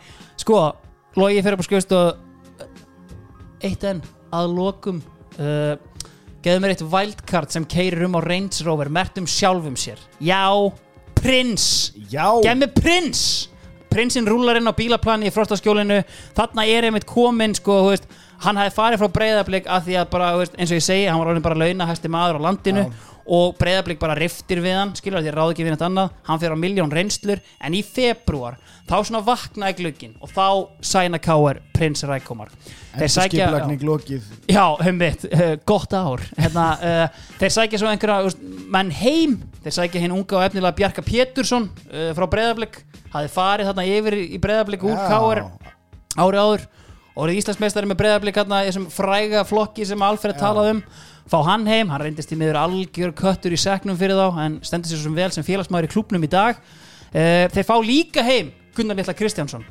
Landsliðsmanninn. Já, hann, landslismæðurinn sem að hafði náttúrulega ætlað að taka þetta skrif til að komast í landslið Já, með já. vikingum sem tókst. Tókst og hann er komin heim aftur. Og síðan kemur líka Höskuldur Eiríksson í Káir Logi hafði hérna hillast af ringunum sem hann fór í þegar hann var að takast á við Astrid Litla Young Já. og, og ákveður þetta að vera leikmaður fyrir hann. Sko þeir missa einhvern veginn gamla innan gæsalappa leikmenn en missa náttúrulega líka mumma og, og Guðjón Baldins var frábær Já. 2008 uh, en þá er þetta bara leikmaðin og hópurinn komin Oh, no, no, no, no, no. I've heard about one more. heldur betur ekki. Logi mætir einu sen upp á skrifstofu. Rúnar, geði með tíu stóðsendingar og kannski fjögur mörg Guðmundur goddamn Benediktsson er snúin aftur í Vesturbæin og hann var auðvitað hent eins og hverri annar í kúkablei eftir 2004 tímabilið og hann einfallega bara svona nuttaði húðflúrið á kálfanum og komst að þeirri niðurstöðu að ég á eitt sísón í viðbót. Já. ég ætla að eiga það í Vesturbænum. Fallegur endir á fallegri sögu Já, einhvern veginn því að hann líka bara, þú veist, já, förum bara meira yfir þetta á, á eftir og hann er alltaf hann í að sína bara miðjunni og káringu hverju þeir hefur verið að missa af síðustu fjögur tímabil.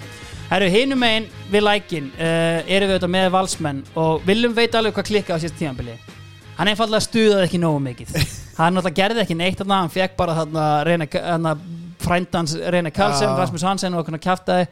Og hann sko, veist, bara viljum bara sleppir berk í lausum bara losa rólina og bara, herru, urdan bara sættu fyrir mig leikmenn. Herru, allir ellendur leikmenn þið fara. Rene Karlsson og bróður hans Rasmus Hansen þeir fara, Já. Dennis Bow fer með sitt slitla crossband. En Henrik Eggerts kvattur með blómvendi, riffilskotum og stittan af hjúpið eða þannig. Barry Smith segir þetta gott uh, farin heim, sangat Já. fótballta.net uh, og svo missa þær eins og ég segi gumma ben, herru, innkoma haltu þér. Ian Jeffs, Reynir Leosson Marel Baldvinsson Ólafur Páll Snorrason Pétur Georg Markan, The Dean of the Church Viktor Unnar Illugason og Haraldur Björnsson. Og síðan fáði Kristján Haugs tilbaka og láni frá fjölni. Já, litli glukkin þetta er eiginlega heilt byrjunarlið sem er komið þarna bara á standbæ sko. þannig að veist, þetta er Nóg svona al, eftir endurskipulagningunni í februar já, já, já. þá var nóg til. Meti hafði komið þarna frá hérna, ég glemdi að minnast á hann, Meti, hann er líka á þessum lista. Komið frá Keflavík úr toppliði Keflavíkur já, svona næstu í toppliði. Og síðan er að sækja þarna Viktor Unnar sem að hafði sko sami við þrótt árið áður en mittist síðan bara og varði ekkert úr því. En hann kemur hérna 19 ára og hann er ég potið minnst á þetta áður en þarna er hann prospektið í redding sko. Það er ekki the gilf. Já, ja, kannski er það aðeins fara að shiftast þarna sko. Gilvarinn tvítur Já. hann er mögulega aðeins fara að shiftast. En þarna er allan að proper leikmaður sem við höldum að við séum að fá sko. Allan að topp maður. Heru, sko, þetta fyrir mér er einhvern veginn upphafið af svona konseptinu tíu inn, tíu út já, hjá Val. Já, að þú veist, þú hafið séð þetta áður skiluru, þarna, þú veist í kringum, hérna The Dark Ages, Já, sko. já. en þú veist, þá var þetta bara tíu inn, tíu út af, skiluru Nauðsinn einni Já, bara, herri, við þurfum að fylla í hópin eftir til í að vera með, en þú veist, þarna er skiluru bara eitthvað Þetta er sturlaðu gluggi, ég meina þetta fá skiluru Marel, það er guldskór uh, Óli Palli, það er Íslandsmeistaratitil Reynsi Lea, Íslandsmeistaratitlar uh, Dean of the Church, alvöru raketta þarna á fjölni Jeffsy var geggjaður. Jeffsy geggjaður uh, og Halli Björns svona, þú veist, einn af okkar efnilegustu markmönnum þú veist, þetta er sko þú veist, meti að koma sem sko líkilmaður úr Keflavík, Hvaðan kom Halli Björns? Harts Er hann ekki valsar upp? hann er basically að koma tilbaka Já, hann já, hafði já. farið út sko 16 ára ótrúlega sagan alltaf hann var bara sko spikfeitur bara sem krakki bjeliðs markmaður fyrir Ellert þú veist, í dag bakvörð skilur við, í engu liði. En þú veist bara síðan bara á, sko, á hálfu ári var hann bara kallmaður 15 ára Já. og bara skeppna í rammanum og er seldur til Harts og erum að fá hann hann tilbaka úr Skotlandi. Og það, það er svo geggjað að hlusta á Halla tala ensku það er bara, já, eh, ég sko kann ekki eins og skoska hreifin Nei. bara Tyre Bootsson, man ég sko þegar ég var að vinna með honum í hérna í svona sumabúðum fyrir krakka. Einhver, einhver krakki sem talaði you need to Tyre Bootsson. Geðvegt sko. Herri, uh, allavega uh, fylgir, Óli Þórðar tekur við. Uh, Leifur hafði þetta verið rekin hérna tímabilinu Já. áður hérna. Uh, og það voru tveir sem komið til greina í valinu. Það var uh, alvöru rað sigurvegar Soran og Óli. Uh, og á Það endanum átti var allavega að fara hérna, skólamenn til þarna. Það átti, nú er nóg komið að því að tala, Já. nú er bara að fara að vinna ná í skóplu og vinna. Þeir losuðu sig við alla útlendinga og sóttu engan útlending í staðin og voru eina bara útlendinga lausa lið í dildinni uh, það að fengi einhverja blaðsjur faxaða frá Óla í Youth? Já, Youth- hund- 100% sko. Þetta koma líka gaurar tilbaka úr láni og verða svona líkil menn Áskir Börkur Já. uh, kemur hann inn í þetta. Þórir Hannesson, Kjartan Ágúst já. Uh, og þeir fáu þetta Albert Brynjar Ingarsson tilbaka. Hann sá sæng sína uppbreyta hann í val og Já. hefur náttúrulega talað um það að hann var á lélegum launum en sturluðum bónus þannig að hann var ekki að fara að spila neitt já. þar. Og fá náttúrulega Marel inn þannig að ekkert plástur hann þar uh, þú veist, kveðjum hérna Allan Dýring og Petur Gravesen þú veist, Allan Dýring, ég skil ekki hvernig hann er búin að endast svona lengi þetta hérna á Íslandi með samninga sko. En allavega, uh, mistu líka Haukinga Guðnason innan gæðslapa mistu, hann fór heim í Keflavík. ok. Herri, uh, talandum Keflavík. Margi fengur nóg eftir áfalli ári áður. Patrik Ted Reto hann, hérna, hann var ekki áfram eins og fleiri útlendingar. Hans Jú, hann er farin Kenneth Gustafsson, hann er farin Mete fór í val Ómar Jó var lítið með, hann var mittur einhvern veginn og það var svona helsta brasi Jú, fá inn hauginga þeir fá Bjarnar Holm Aðalsteinsson frá IPVF, Já. svona að stoppa upp í götin svona almennt sem fá þeir hérna útlending sem heitir Alen Sútæ sem var helviti góður hafsend frá. Slóvenía eitthvað svoleiðis uh, en síðan er bara spurningin Ómar Jó meiðist frekar stuttu fyrir mót og þeir eru einhvern veginn bara að baksa með allt mm. hann er sko Kristján Finnboga búin að leggja hanskan á hilluna eða svona innan gæsalappa því hann er farin í gróttu uh, og í kjölfarið einhvern veginn eru þeir bara að leita út um allt að markmanni. Er Bjarki, er hann bara ennþá meittur eftir að hann var feltur af Já, Páli Gísla. Kannski Bjarki bara- var farin Bjarki fór í einhverja platinu mennsku Ok, Já, hann og hérna, meirum það, eh, ekkert meirum það, hef bara sagt það núna hann og Óli Stefán fóru saman í einhverja platinu mennsku á sko, þú veist, Ok. eldgamlir hann eitthvað. Allavega til Noregs Vard Haugasund, ef ég man rétt sko. Bara hérna það var náttúrulega þvílíku fólksflutningandi til Pottið, árum. það er örugglega bara verið það. Þú veist, bara, þú veist, ég menna, krónan í hámarki Já, og, Konan fengi eitthvað að vinnu og... Já, og bara sofa á einhverjum betta og koma heim með fulla vasa Já. fjár. Herri, allavega hana uh, F-fáingarnir, Íslandsmeistararnir Heimir er áfram og hann er auðvitað komin bara með formúluna, þú veist, það fer eiginlega ekkert. Jú, jú, Jónas Guðni, hann fyrir fjölni Nei, Jónas Grani, hann fyrir fjölni. Uh, Stað hans kemur endar mikill höfðingi Alexander Söderlund Vá. og það er eiginlega eini gæin sem kemur þarna inn. Svo kemur Sverri Garðars á láni frá Sundsvall. Uh, hann er svolítið samt mittur einhvern veginn en annars er þetta bara meira og minna sami hópur. Þannig að veist, þeir einhvern veginn halda í það. Og þá held ég einhvern veginn að uh, F að vera meistaran meistarana uh, og alls konar dæmi. Uh, F að er spáð titlinum Soundly. Það eru, það eru ekkert uppsett í kortunum samkvæmt því. En ég held bara að okkur sé ekkert í setuna bóðu en að henda okkur í sumarið. Komið sumar. Sumarið er í bóði sjó. Wow. uh, sjóvá eru auðvitað að gefa viðskiptavírum sínum heilan mánuð á bílatryggingum. Ok. uh, þeir ætla bara að fella niður bílatryggingar í mæ hefur heyrt annað eins? Bara gefa pening byrja. já, það er allt í volli efnaðaslega þeir vita það og þeir ætla bara að taka það á sig gefa einn mánuð. Takk. Wow. ekkert eðlilega gott. Herru, sko, fyrsti leikurinn á tímabilinu ég man mjög vel eftir þessum leik af því að hérna þarna mæta fjölnismenn í frostaskjólið. Í alveg frekar helliðum opnunarleik. Uh, endur, endur tekin hérna byggjurálstaleikur frá já, sem tveim árum. já, ekki frá þessum tveim árum frá árinu í fyrra bara, var það ekki? Var þetta ekki tísar röð káður fjölni? nei, fjölnir FH var fyrst 2007 og síðan var fjölnir já, KR ok, ok, já. Allavega, sko, ef við förum bara aðeins yfir fjölnir Spútniklið fjölnis uh, þeir mistu nánast allt. Óli Palli og Pétur Georg í val Kristján Haugsson fer aftur tilbaka uh, where he came from. Uh, Óli Stefán hendi sér þess að platinu mennsku Dabbi Rú í þrótt og Ómar Hákonarsson hætti og veist, þetta hljómar ekkert sérstaklega þeir bæta við þessi Jónasi Grana en þeir eru samt að keira á einhverju svona kakamás youth hugmyndafræði. Já. þú veist, þeir fá Kitta Frey tilbaka, hann hefði farið í stjörnuna einhvern veginn, gæi búin að skipta allt of oft um lið með að vera orðin 18 ára Já. sko. Uh, en þeir sækja náttúrulega Ágúst Þór Ágústsson bróðir, Kela. Já það sem voru að fá ákveðna svona framtíðar sín inn í Já, lið, já, þetta já, maður já. sem sér framtíðina síðan er þeir með náttúrulega bara hérna, þessa gæja, Ólaður Páll Jónsson er hérna, Ásker Aron Áskersson sonur, Áskir Sigurvinsson thank you.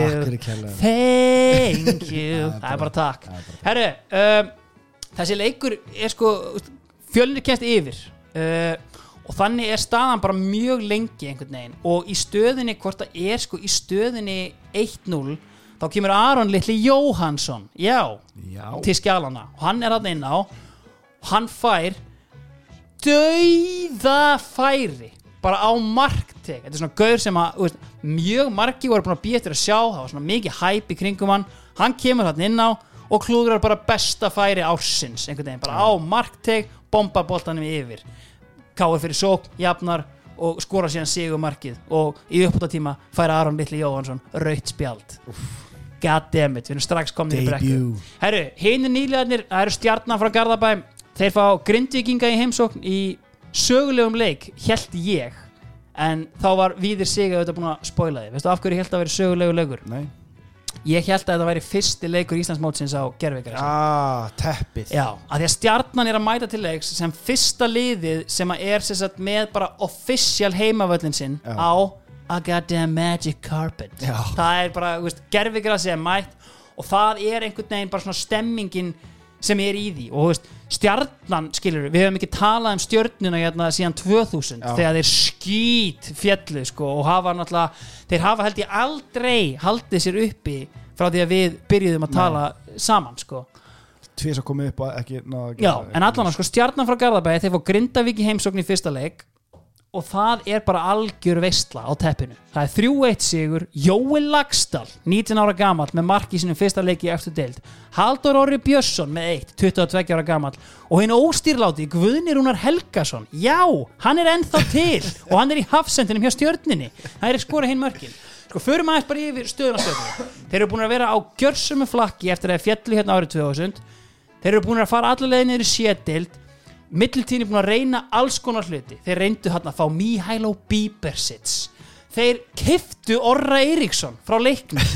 Þú veist, sem allir gífurlegum vombriðum Þú veist, hvað svona, þú veist, meina, þú aðeins með eitthvað teik frá stjörninni meina, Þú ert kiftur hann inn. Sko- Þeir er mjög fljótlega hend eins og hverri annar í kúkablegu ég náttúrulega flúði að því að mér böðist að fara á Gothia Cup aft- með mínum hérna, mínum bestu leiknismönnum og það, og það fór ég eftir yfir. Ég veit ekki af hverju þú ert að segja þetta því þér var hent eins og hverri annar í kúkablegu en sko, ok, það, sem, að- það sem er samt að því að mér, þetta er svo magna perspektíf fyrir mig ég meina við erum ekkert að fara út í endilega hérna, myndu að segja þetta að vera mögnu narratífa? Já, þetta er narratífan sem að stjarnan eru búin að vera samhliða leikni allan tíma, Já, þeir fóru niður í aðra deildina þegar leiknum var deildina leikurinn sem að við tryggjum okkur upp á annar deildinni er á teppinu, veist, þetta er hérna the magic carpet Já. eins og ég kalla þannig þetta. að þú veist, þetta er einhvern veginn svona áþekkir klúppar þarna, veist, að þínu viti, já, Já, veist, þannig sé ég, ég ætla, hérna, hef insýn inn í báða. Þetta er ekki, það var ekki mikið þarna sem að, á mi- milli mátti sjá. Það er svona aðeins stærri flokkar í stjörnunni einmitt. en það má ekki miklu muna. Og það er bara þessi árgangur, þessi, þessi kjarni sem Já. er þarna einhvern veginn, sem að er svona það er eitthvað við hann, Já. stjörnum einn sem er alveg bara svona algjörlega þeirra gullkynslu Sko við ákveðum bara að ringja hérna í Haldur Óra Björnsson og fá aðeins hérna teiki hans á þetta tímabil hjá stjörnunni Haldur, ertu klári að fara yfir þetta? Já, já. Haldur, uppgangur stjörnunar þið eru búin að vera þarna frá því að þið voruð í eftir deild árið 2000 mest í fyrstu deildinni, það er þarna smá flakk meiri sem er í sétdeildina en svo farið þið upp þegar Bjarni Jó tekur við liðinu 2008 breytti Bjarni miklu innan félagsins? Já, klálega.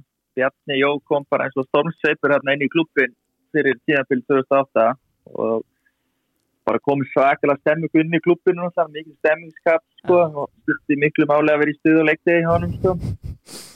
En hérna, já, hann gekk nokkra leikmenn með sér sko, það var einhverja Bjarnar Þóruð og Tryggva Bjarna, Mm -hmm. Gunnar Rúnar og nokkra, nokkra góða sko sem að smulli vel inn í hópin sko. Já, En hann var bara, Bjarni var líka bara náður svo vel með formannum hérna í kasturiðdildinni, Andrés í Sigurs og að Bjarni hefur bara sjálfur verið fann að sækja eitthvað peninga hérna, finna eitthvað peninga kalla í bænum, sko.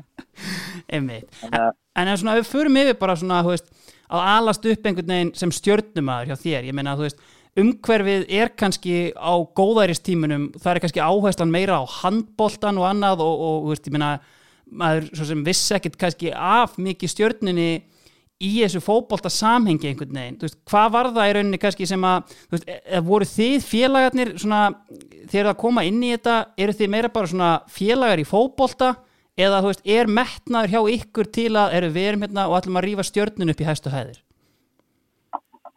já, það er alveg rétt sem þú segir, sko. Það var ekki, það var ekki mikið svona knaspinu hefð þarna í bænum Einmitt. þegar við erum að alast upp þarna í yngjörflokkunum, þannig að uh, það var uh, mest einmitt eitthvað svona hvernalið handbóltan sko, í stjórnum sem var að keppa um einhverja titla en einmitt kallalið í fótboltan bara eitthvað flakkum allir delta, sko. einmitt, þannig að þetta var svona við vorum bara, einmitt, það var bara svolítið gaman að þessu og ég kem alltaf frekar eða bara mjög slöpum hérna 87 ákvæðu stjórninu við vorum bara eitthvað bara basla í B og C-tiltin þetta yngur flokkunum sko.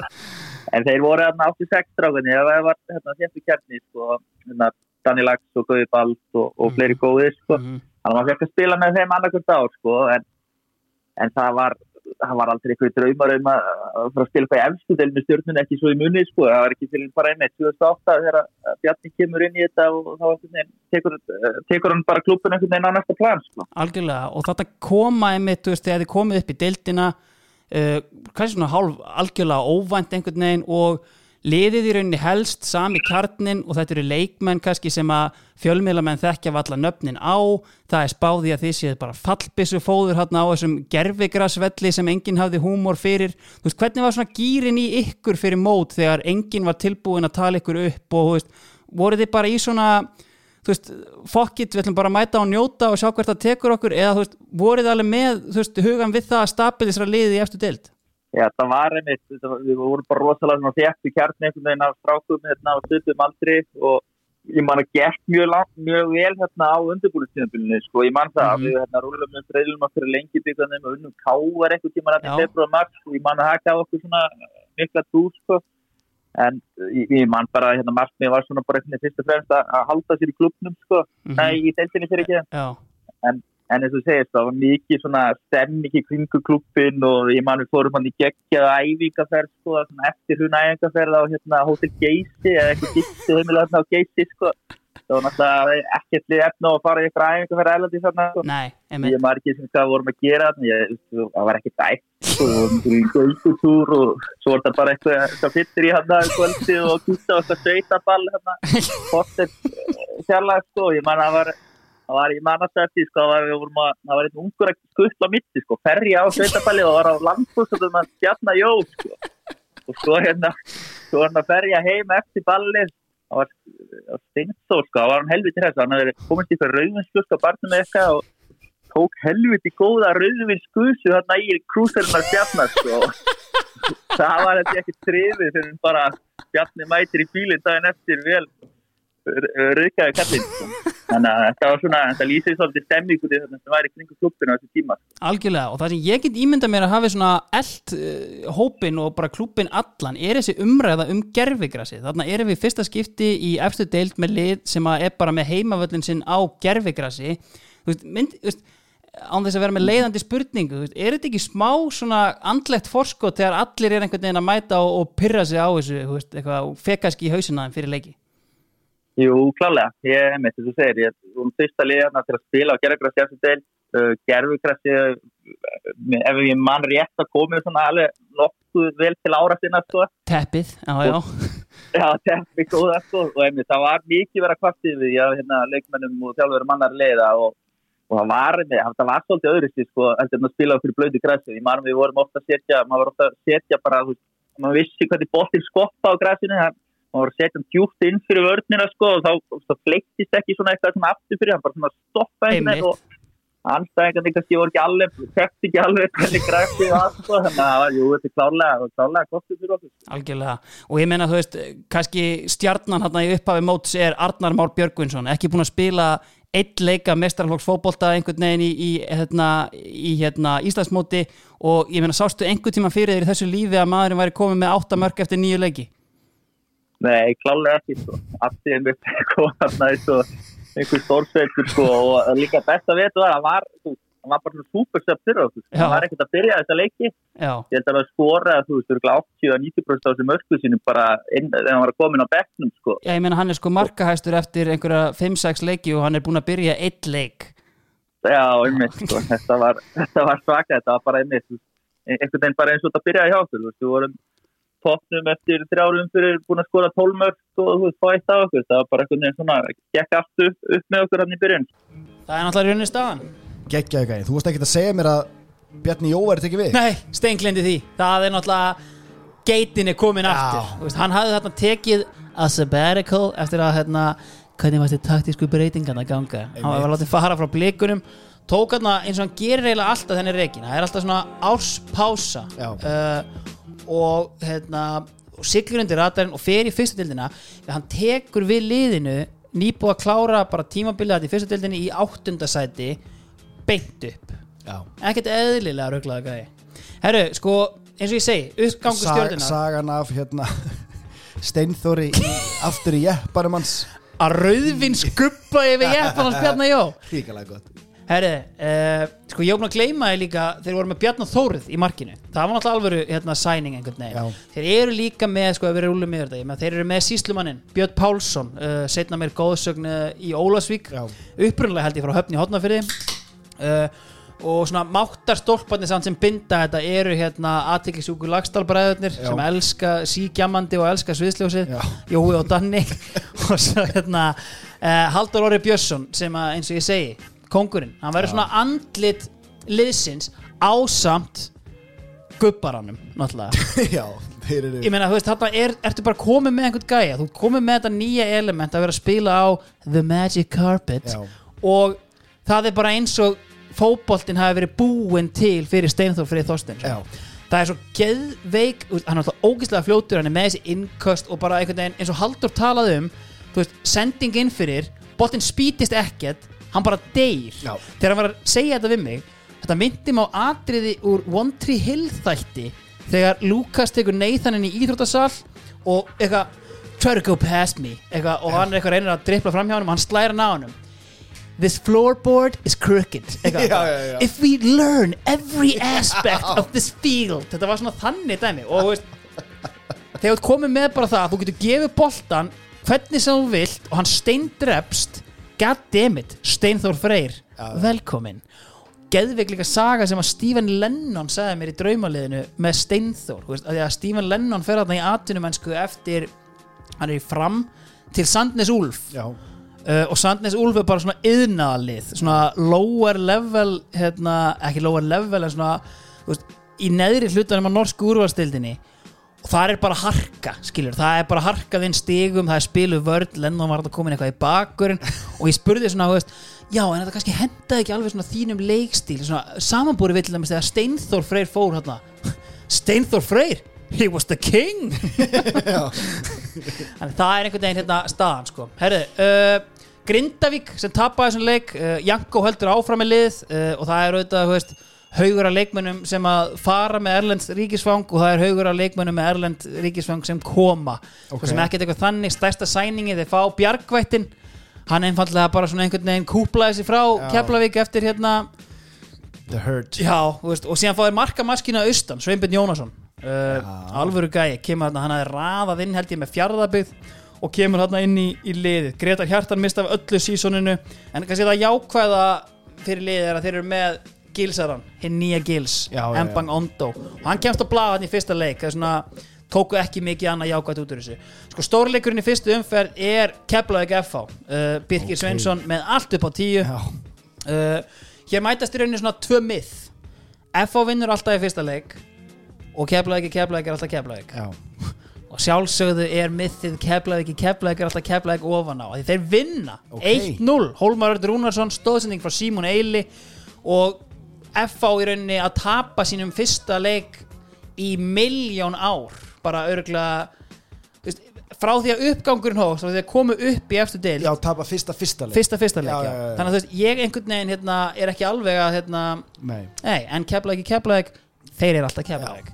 Uh, Blika við hann svo þrótt uh, með mörgum frá Kitta Steindós og Alfreð Young Guns komir á skrið. Já, þróttararnir, uh, Gunni Odds hann hélt áfram með þá og það var voðalega lítið eitthvað í gangi voru brasilíumennir ekki áfram? Brasilíumennir voru því miður ekki áfram sko, þeir eru með hjört þarna áfram. Hjörtur ferendar síðan á miðju tímabili til Gulla félagsins í Selfossi. Dennis Danri er áfram. Þeir sæna Henrik Böttger. Hann kemur hérna til landsins þarna. Meirum hans. Já, ég veit, ég held að hann sé að koma til landsins fyrst þarna sko, hann er fenginni sem aðalmarkmaður getur ekki raskat, þannig að Sindri Snar Jensson fyrir markið það var einhvern veginn allt ekki í, í gangi hjá hérna, Hann er- okkar mönnum sko. IBVF Hann verð svo IBVF Böttgerinn eða? Ég veit það ekki, verður ekki bara að Nei, skoða já, setna jú, með jú, hvað gerist hjá kemur í hann ljós. sko, að því, sko mín minning þessi gæ ég, þessi gaur kemur ekkert á ratarinn hjá mér fyrir hann er farin bara að sæna leikmenn Það sko. er bara 100% hann sem einhver markmaður er algjört enigma fyrir mér sko. Ástæð fyrir ég tengja IBVF fyrir ég man eftir hann í gæslin á þjóðatíð Það getur vel verið að hann hafi verið að spila fyrir eitthvað liðið bænum og vilja bara kíkja á meirum sko. gestin á þjóðatíð síðan. Herri, uh, Valsmenn, þeir fóru erfiðlega stað. Uh, þeir töpuðu fyrir harsvíruðum fylgismönnum reynda að vinna síðan næsta leik uh, fá fjölni á heimavelli. Uh, Marel Baldvins, Óli Palli og Helgi Sig með mörkin í 3-1 sigri þú veist allt í lagi ekki gott, tapa fyrir fylgismennum en þú veist, fylgismenn einhvern veginn búin að fara yfir þá Já. keira á youth og það er bara góður uppgangur hjá Já, þeim að þið sko. byrjun móts Óli Þóruðar er líka einhvern veginn manni fannst það alltaf ágætis match ég veit ekki akkur Já, svona einhvern veginn og, og sérstaklega, þú veist, ef þú vilt einhvern þjálfara í ömurlegu efnahags ástandi þá kemur náttúrulega bara einn til greina. Þeir þurfum að losa alla útlendinga það er ekki að kaupa neitt ok, no brainer, Óli inn sko, algjörlega. Eru stjarnan, þeir halda bara heitna, einhvern veginn áfram og þeir, þú veist, það er komin þessi mýta, herru, teppi er ömurlegt magic carpet, njæ, njæ, njæ Já. getið ekkert á grasi, herru, mæta á Valbjarnavöll, þróttararnir 0-6 og hér kemur annar gegn heitt stjörnumæðurinn í mixið. Áltnesingur Áltnesingur en já. 19 ára gamall Arnar Már Björgvinsson. Já. hann kemur inn á bekknum og skorar tvö. Steinþóri með mark og þrjár stóðsendingar hann, þurfti ekki að láta boltan deyja hann er bara á gjörsöfum eldi. Næsti leikur er IPVF heima 3-0 sigur. Arnar Már Björgvinsson kemur inn á bekknum og skorar tvö mörg hann er markað eftir leikmaða deildarinn þegar þrjár umferðir. Hann er ekki búin að byrja einn einasta leik. Þetta er gæi sem á engan meistarflokksleik skilur prí þetta tímabil einu sinni eitthvað bara ekki einu sinni í fyrstu Álftanesi. deildir skilur nei, Nei. bara annar flokkur Já. ekkert meira veit enda ekki kannski sallar inn einhverju leik með Altanes skilur en þú veist að Já, já, ok. ég tel sko meira virði að spila með stjörnunni í D-deild annars flokks en að spila með Altanes sorry Altanes Vá, Eða, kaldar kveðjur reyndar ætti ég að spara orðin en hérna fyrir, fyrir komandi umæli en, en höldum á, sko eigamenn þeir eru náttúrulega nýlegar í deildinni líka. Uh, þeir hafðu farið upp á fyrstu deildinni undir stjórn a little fella called Heimir Hallgrímsson. Yes. hann kemur hérna inn eftir hérna gjaldtróti sem var þegar fjallu úr deildinni. Uh, en það eru tveir máttar stólpar hornir uh, Bjarni Holm eins og ég kom inn á án úr vörninni hann er farin til Keflavíkur. Og síðan var markahæsti leikmaður held ég fyrstu deildarinn árið áður Atli Heimisson. Meirum hann í síðari þáttum. Hann er allan að farin, hann fer í hérna hálgerða atvinnumennskvæli til Norex en sko í staðin eru sóttir ekkert eðlilega miklir meistarar.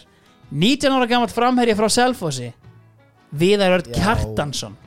Og með honum í framlínunni þetta er algjörst tvennu tilbúið búið Dominos Elias Ingi Átnason LFM Elli og Kiss FM Já, hann hafði sko fyrst og fremst unnið sér þetta fræðar að ég held hann hafi klúðrað mig langar í alvörun að segja hann hafi klúðrað fjórum vítum í sama leiknum.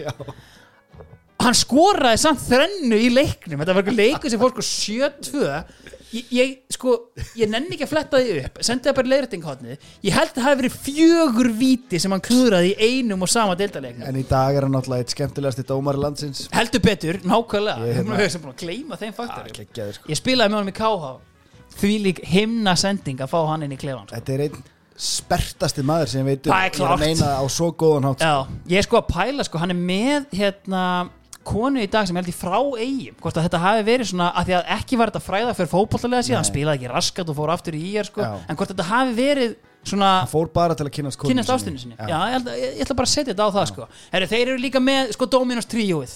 Uh, þeir voru náttúrulega komni með okkar mann Sigga. Já, Andrew með Sigva og þeir bæta í það Dominos tríóið sko, og fá hérna inn Gústa Ágústin N. Zumba já. og Tona Tony Mavechi og hérna er alvöru spicy cajun fyrir allan pakkan kryttið saldrað yfir skemmtilegi leikmenn. Herru, svo fenguðu sko ég heldur enda sko að þeir hafi komið aðeins inn í tímabilið en það eru geðveikir leikmenn sem er verðt að minnast á. Það er annars vegar Chris Clements og AJ Late Smith þetta eru 19 ára gæjar og koma í gegnum þetta magnaða samstarf IBVF og Krú Já. Alexandra veistu reyndar þjálfari Krú Alexandra á þessum tíma a little fella called Guðjón Þorðarsson en þetta er geggju sending þessi gæjar, þú veist, eins og ég segi, þeir eru 19 ára ég talaði við alla þessa menn sem að við höfum nefnt hérna, reyndar ekki held ég Ella og Viðar sko, en Nei. í gæstlunni á þjóðháttíð, Já. hérna, frækt sko og hérna, þar rætti ég við sko A.J. Light Smith eitt sá al nettasti var enda Matt Garner. Svo innilega léttur á því hérna, með kaldan í gæstlunni gati ekki verið meira sama, en það er eitt dítil sem ég tala um hérna, A.J. Light Smith hann, veist, hann spilaði einhverja 14 leiki á hann að fara aftur, skoraði 5 mörg og var bara ógeðslega góður. Hann, við heldum hann héti AJ Leightsmith hann heitir í rauninni þegar ég skoði þetta J. Leightsmith A Banstrik J þetta er basically listamannsnafn en við einhvern veginn heldum bara hann heiti AJ ég fór að pæla í þessu einhvern veginn listamannsnafn ég veit, veist, Var hann A ekki bara- Banstrik J. Hann heitir ekkert eitthvað Andrew James skilur var hann ekki bara fyrstur á einhverjum lista? Og það var bara A í J. Late alvörinni, Smith það kemur ekki ég fann sko enga útskýringu á því af hvaðan þetta A kom en við allavega þetta er bara AJ er hjá þetta ekki okkur. ennþá bara á tímum handskrifaða skýslna er þetta ekki bara innsláttar villa því að fyrsta skiptið sem þú skráir Ég er ekki að tala um eitthvað KSI nafn sko. Nei, ok, Að ok, Það ok, gæti ok. verið að þeir hafi fært hann inn þannig skiluru En þú veist, Og allir hafi skoða- pikkað upp það, allir va? fjölmiðlar peka bara upp AJ og AJ úr skýslunum potið Hann hefur potið mætt til landsins Hey, I'm AJ En hann heiti bara J Þannig að þú veist, þetta er allt saman mjög skrítið sko. Herri, I'm a J. My name a J krúlenska. Já, kannski sko, við erum, sko, við erum búin að fara náttúrulega yfir nickname, geðveiki Gauja. Gauji hefur ert ekki, you're not a J You're AJ Herri, þriðja umferðin færði okkur mögulega besta leiksjömarsins uh, og það var í Kópavóinum Hér mætast Blikar og FH og Blikar höfðu byrjað á að vinna fyrstu tvo leikina. Og meðan FH-vingar voru svona komast í gýrin töpuðu fyrir Keflavík hörkuð út sigur á móti fram á heimavelli. Þannig að þetta var svona hyggstandi. Ætti ég að segja að það hafi verið að stefna í changing of the guards. Það var svona nýja brumið gegn svona, þú veist, og pískrað úr stúkunni. My god, it's the changing of the guards. En þú veist, allavega uh, blikar eru gjörsanlega ótstöðandi Gummi Kristjáns, the man child ungir hlustendur sem að horfa bara á Gumma Kristjáns í dag Já, þeir þurfa basically að ímynda sér að þarna er tvítugur maður sem lítur nákvæmlega eins út í dag og hann gerði þá. Já. Gjör, an absolute unit. Og bara krafturinn. Já ég meina bara þarna er hann mikið sko, þú veist, hann er svona framleikjandi þarna Já. Veist, í dag erum við með einhvern svona makeshift hafsend sem allar aldrei að enda sko. en veist, þarna er hann bara veist, hann er að keirin í tegin hann er að þú veist og bara svona, Þetta er bara að þú ferðin á tilrunastofu og þú vilt fá eitt box to box miðjum Já, og þú færð hann bara þarna Já. sko, stærsta raskat sem ég hef séð Built like a shit brick Já, það er nákvæmlega staðan sko.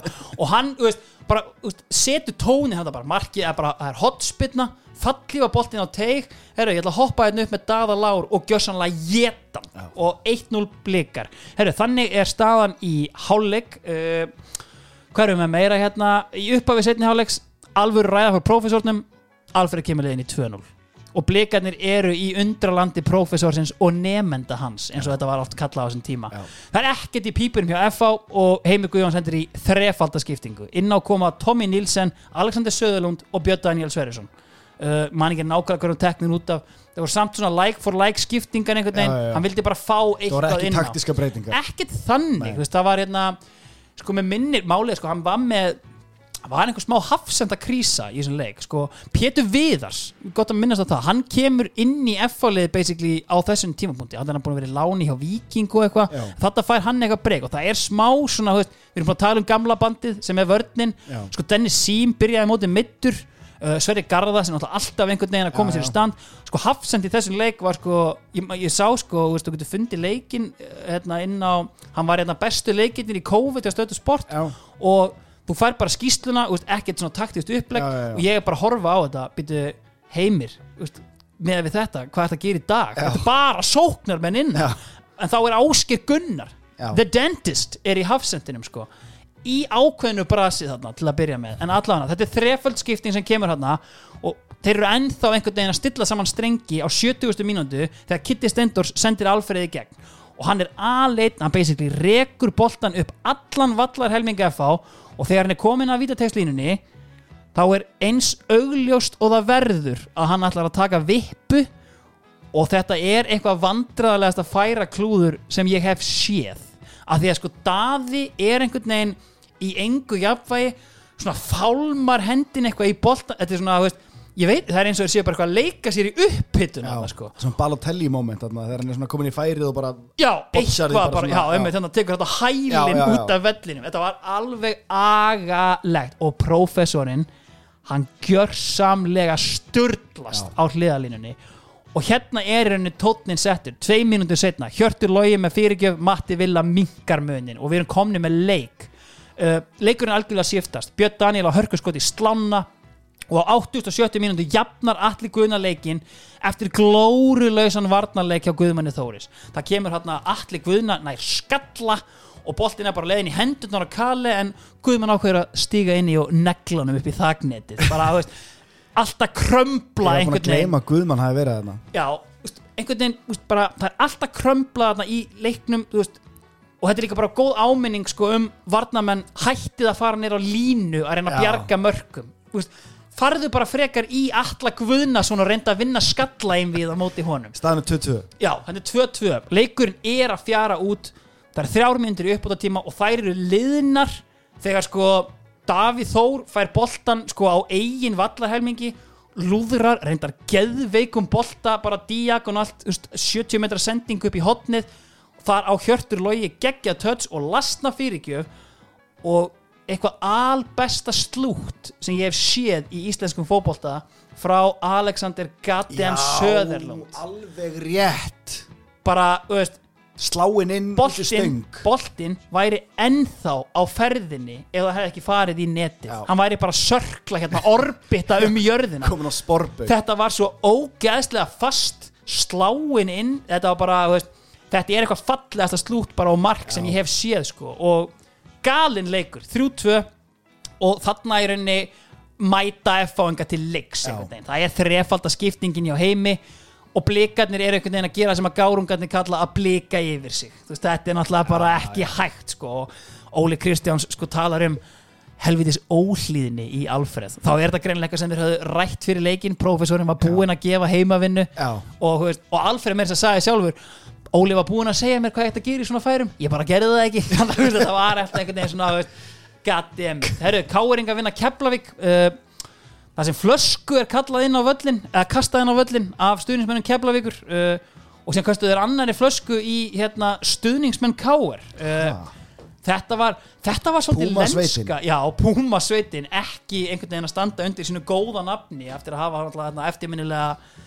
farið þarna með friðargjöf til skagamanna og allt þarna kjaftaði sko, en hér auðvitað fáum við veist, maður mannana í Keflavík er Johan D. Bianco eða. Johan D. Bianco, Joey Drömmir og hann auðvitað drepur niður penna hérna og ég hef persónulega aldrei skilið þess að þörf manna til að henda einhverju lauslegu inn á völlin öll þó ár sem undirritar hefur verið í framlínunni og oftar en ekki með kjöða innan handar hefur það ekki komið fyrir einu sinni að kjöðarnir hafi fókið inn á völlin hann er búin að setja þetta frábært fordæmi fyrir aðra stöðningsmenn Ég er búin að halda á fylgja- hlutum á vellinum í 90 mínútur trekk í trekk í trekk. 20 years. Já, og ég er ekki einu sinni. Já, æ, því er það nokkuð ljóst að svona laga gerir ekkert annað en að skaða ímynd félagsins. Thank you Joey. Það er samt mikilvægt í svona aðstæðum Já. að vera með voice of reason. Voice of Reason skilur og sko yfirlýsingar frá Keflavík Já. hinga til í þessum þætti Já. hafa verið frábærar. Já, Ég get Óli, alveg tekið- Óli Geir já, með geggjaða yfirlýsingu. Í formi myndbands. Já, Já, og ég, ég meina þú veist, harma það ef við förum enn lengra aftur þarna allt, öll, við tölum við þarna, formennina þegar þeir voru að reka menn þarna hægri vinstri alltaf bara, þú veist, ekkert- vídeolegurnar Já, geggjaðar yfirlýsingar. Herðu, sko Fjölnismenn, þeir hefðu ekki farið vel að staði deildinni Tapa fyrstu tveimur leikjunum. Samt er Jónas Grani að skora fullt af mörgum En þeir vinna Ég er algjörlega að missa vitið hérna. Já, Þeir vinna þó hérna Grindvíkinga. 3-2 sigur uh, og skilja Grindavík og Eyjamenn eftir tablausa á botninum. Sigurlösa sigurlausa á botninum. Og Eyjamenn er ekki enn búin að skora mark. Það er einhvern veginn ekkert jákvægt í gangi þar uh, staðan er hins vegar þannig bara að Milan Stefan Jankovic hann einhvern veginn hafi fengið nóg. Vá, já, hann var ekki, hann var ekki alveg döður Já. hann ákvað að skjóta sig aftur og hann hérna hann gerði sjálfan sig bara að hérna, aðstofþjálfara í svona 500. skipti sem hann, ég finnst hann gera það. Svona hann langar ekkert að Nei, þjálfa þetta er alltaf eitthvað Nei, ég nenni þess ekki lengur. Get ekki gefið mér eitthvað aðeins auðveldara starf hérna. Og inn kemur Luka goddamn Kostic Vá. Homecoming of a King í Grindavík. Vá, og þetta teimi líka. Já, alvöru Var þetta ekki hérna sama teimi á senast uh, Hann var búinn, hann alltaf sænaði Janko sem leikmann. Já. Þú veist hann að hérna Janko var hérna spilandi hjá hann Þegar hann fer með Af hverju Grindavík líður mér svo Janko sé eldri en Luka? Það er svona, þú veist svona áran einhvern veginn gæti verið þannig sko, en ég meina Luka hættir að spila 93, eða spilar þetta aðeins með grindaði gæta 94 sko. Og Lúka er náttúrulega rík heldur sér. Já, það er náttúrulega henni og veist, Janko er svona kannski já, svona Þetta er það er svona, málið er líka bara að Luka eftir hann var bald and beautiful Já. þá náttúrulega heldur hann aldrei Janko heldur í lufsutnar einhvern veginn, það já, gerir hann svona eldri sko, Auðvitað. í útliti, allan að Uh, Luka er komin aftur. Uh, maður náttúrulega sem að leiði þeim að dreyma hérna með þessum endalösu vítakeppnum í byggat Já. 94 uh, og það er að staðan. Heyri, það hlaut svo að koma að því að fjölmiðlamenn fengi að nota fyrirsögnuna sem er hefur beðið eftir bara frá ég veit það ekki, frá því að stjörnumenn komist upp. Eða reyndar ekki, bara eftir að þeir fóru að vinna leiki. Já, stjörnurrap í Garðabænum. Yes. F-fangar gjörsanlega slátra stjörnunni 5-1 Henrik uh, Birgir. Já, það ekki. Það er ekki svíi samt. Nei, ekki Söðurlund kom inn að bekknum, skoraði tvö mörk hann kom með þrjú mörk. Uh, ég kan ekki spoila þess að núna þetta voru hans einu mörk þetta sísonið Ég ætla einmitt að fara að segja. Af hverju er sagan hans hér Já. hann skoraði ekkert meira því innilega miði fyrir okkar mann það var reyndar aðeinsvært í þessum leik að Bjarni Þórður meittist og stjarnan hafði bara ekki tímt að fá vara markmann þetta er ennþá handbóltaklúpur eins og Haldur Órið kom inn á. Uh, og minn gamli samstæðsfélagi og, og góðu vinnur Baldvin Guðmundsson fór í markið og hann har náttúrulega beðið lengi eftir þessu tækifæri. Uh, var hann að spila sinn fyrsta leiki eftir deilt síðan 1990 uh, fekk hann að loksins tröstið aftur 44 ára gammal og, og einhvern veginn svona náði ekki að grípa það eins og hann var að vonast eftir þetta var þetta markmannstjálfærin hjá þeim sem var að fylla upp í bekkin uh, mér finnst eiginlega skilda þeirra svona Þetta kemur svona fyrir endurum að sinnum Mm. Þá verður viðkomandi að spila í svona Kirali buksum ég ætla ekki út af að hann hafi gert það sko. Að ég, líður eins og ég hafi síðan nokkur sinnum í þannig sko. en allan að hann uh, þeir voru ekki gáði honum ekki tröstið fyrir setni leikin og fengu hann að lána hann Kjartan Ólafsson, varamarkmann Víkings. Já, uh, það er svo sem ekki frásögum fægandi því að í næsta leik þá fær hann rautt spjald eftir tíu mínútur. Er þetta Já, já, já, ok. Og þá hérna þá er þeir ekki með Baldvin á, hérna, á spýtunni. Hann, hann var ekki einu sinni nógu góður til að fá tröstið í það sko. En þá kemur í markið drengur að nafni Davíð Guðjónsson Alveg 16 ára gammal þetta ámaði Valur fann að skora úr vítaspytunni en stjarnan vinnur leikin 2-1 síslumæðurinn með sigurmarkið Björn Pálsson. Og þessi drengur bara, veist, jú, hann færa sér mark úr víti en clean sheetar bara í 80 Já, já. mínútur. Og hvarf svo? Gjössanlega sko. Joe setti einn hamar á hann árið eftir í öðrum flokki. En þú veist, fair Eh. play það ráði ekki allir við hamara frá Joe. Jú, Ef ekki að kalla eftir stöðun á drengum Já, bara hvað er að frétta, algjörlega, við getum svo sem skoða það. Herri, uh, algjörlega, Valur Fannar, ég myndist á það Hann er komin hætti í nýja stöðu okay. Hann var sko, hann er þetta mörg víti Hann var búin að skora þarna fimm mörg í fyrstu sex leikjunum sem er örugglega meira en hann hefði skorað bara á ferðinum sko. Hann er þarna sko veist, eitthvað svona frjálsu hlutverki á miðjunni Sko, mjög óla þórðarlegt Já. einhvern taktísk snild að fá Val Fannar framar á völlin Þú ert að fara framar En sko, hans trajektori, er hann hafsend á upplægi eða? Ég veit ekki sko að upplægi alveg að ég man alveg djúpum miðjum að svona eitthvað en ég man samt langmest eftir hann á hafsendinu, hann kemur í val sem hafsend, skilur já. hann var þetta með pillur hann á val þurfti að gefa út yfirlýsingu og beðast afsökunar því hann sagði að við erum hérna að sigra langdýrasta leið Íslands sögunar Já, þurfti hann að beðast afsökunar um því? Já, ég veit ekki hvort hann þurfti þess er, það var mjög mikið verið að og meirinn og það eftir. Ekki, með, ja, eða kannski næsta þætti það er alltaf verið að byggja val afsökunar eitthvað, en hérna, höldum, höldum áfram með þetta. Herru, uh, þróttur og fjölinir gerðu bóttbaróttu jafntefli það sem Hjörtur Hjartarsson fekk guldspjald rétt áður hún var skipt út af og svo setna gula eftir að honum hafi verið skipt út af. Uh, það er bara eins og það er en, Býtu, Þannig að skiptingin gæti ekki að fara fram? Jú, það var búið að skipta hann út bara- Þannig að hann hefur bara fengið raut spjald sko. Á Ég held þetta sé ekki eins og í The Beautiful Game handbolta að þú vantilega ekki þurft að taka mann af velli er það, hann hefur bara verið vísað, vísað eitthvað af svæðinu sko. Já, banni næsta leik. Já, jú, þetta, jú, ég fengi svona raut spjald Þannig að hérna, það, já, það er ekki hérna, já. Að hefur það fengið svona Jæja. Herri, uh, það er óvandur fallkandidat mættur einhvern veginn. Valsmenn eru 1-1-2 eftir fyrstu fjóra leikina.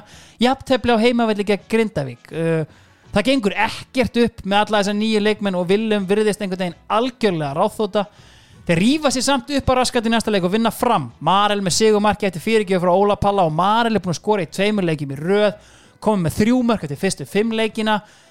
Eins og með Alexander Söðurlund þá voru þetta hans einu mörk þetta tímabilið. Það er bara takk frá mér Marel, þú mikli höfðingi og mestari þeir vinna síðan reyndar þrótt í næsta leik. Uh, Willum er einhvern veginn í skrýtnum gýr uh, þegar ég segi skrýtnum gýr hann er rosalega æðrulaus. Uh, þú veist, hann er búin að vera ég meina, eftir fyrsta leikin var þetta bara give me time.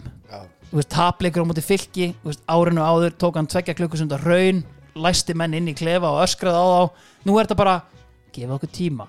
Vinnur þetta tvo leiki í röð frábær skapgerð. Þú veist, hann er bara svona eitthvað í, það er svona veist, það er léttara yfir honum einhvern veginn og það Er hann kannski svona að taka, taka blaðsýður úr bókinu sem Óli fann er, það svona veist bara upp á er svo ólalegt Já, svona eitthvað svona prófessor Kristjáns, já, svona prófessor element Jú, hann er svona- hann er allavega eitthvað að reyna að þróa sinn leik Já. og hann heldur hérna á síðan hérna, þau- Valur vinnur einhverja fjóra leiki í röð hérna á þessu tímabili og hérna, meirum það kannski á eftir og það er stórleikur í 50 umferðin þegar K.R. mætti FH í frostaskjólinu uh, sennilega hefur þetta samt verið í þegar ég pæli, hefur þetta sennilega verið reyndar í hérna, jú, fyrir ekki, já, fyrir ekki frostaskjólinu, Bjarni Guðjóns kemur K.R. yfir 1-0 um meðan setni háleik og þetta lítur mjög vel út og þeir virðast vera á leiðin á toppin, þeir eru enn taplausir hérna, en Matti Villa og Alli Guðjón að gera út um þær vonir eftir að Teki 9 hafi komið inn að bekknum og algjörlega gjörbreytt leikleisins og Teki 9 hann er komin svolítið í þú veist, Father Time er aðeins að klukkan. Hann er endar gjörsamlega ósamála því að Father Time sé eitthvað að klukkan Já. en Heimir Guðjóns er svolítið á því. Já. og hann er svolítið komin á bekkin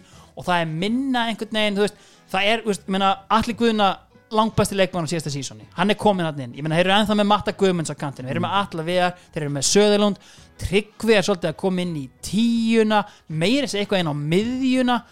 Og ég get alveg ímynda mér en, en svo veist, kredit á Tryggva fyrir það ég veit alveg hvaða mann hann hefur að geima hann hefur engan húmor fyrir því.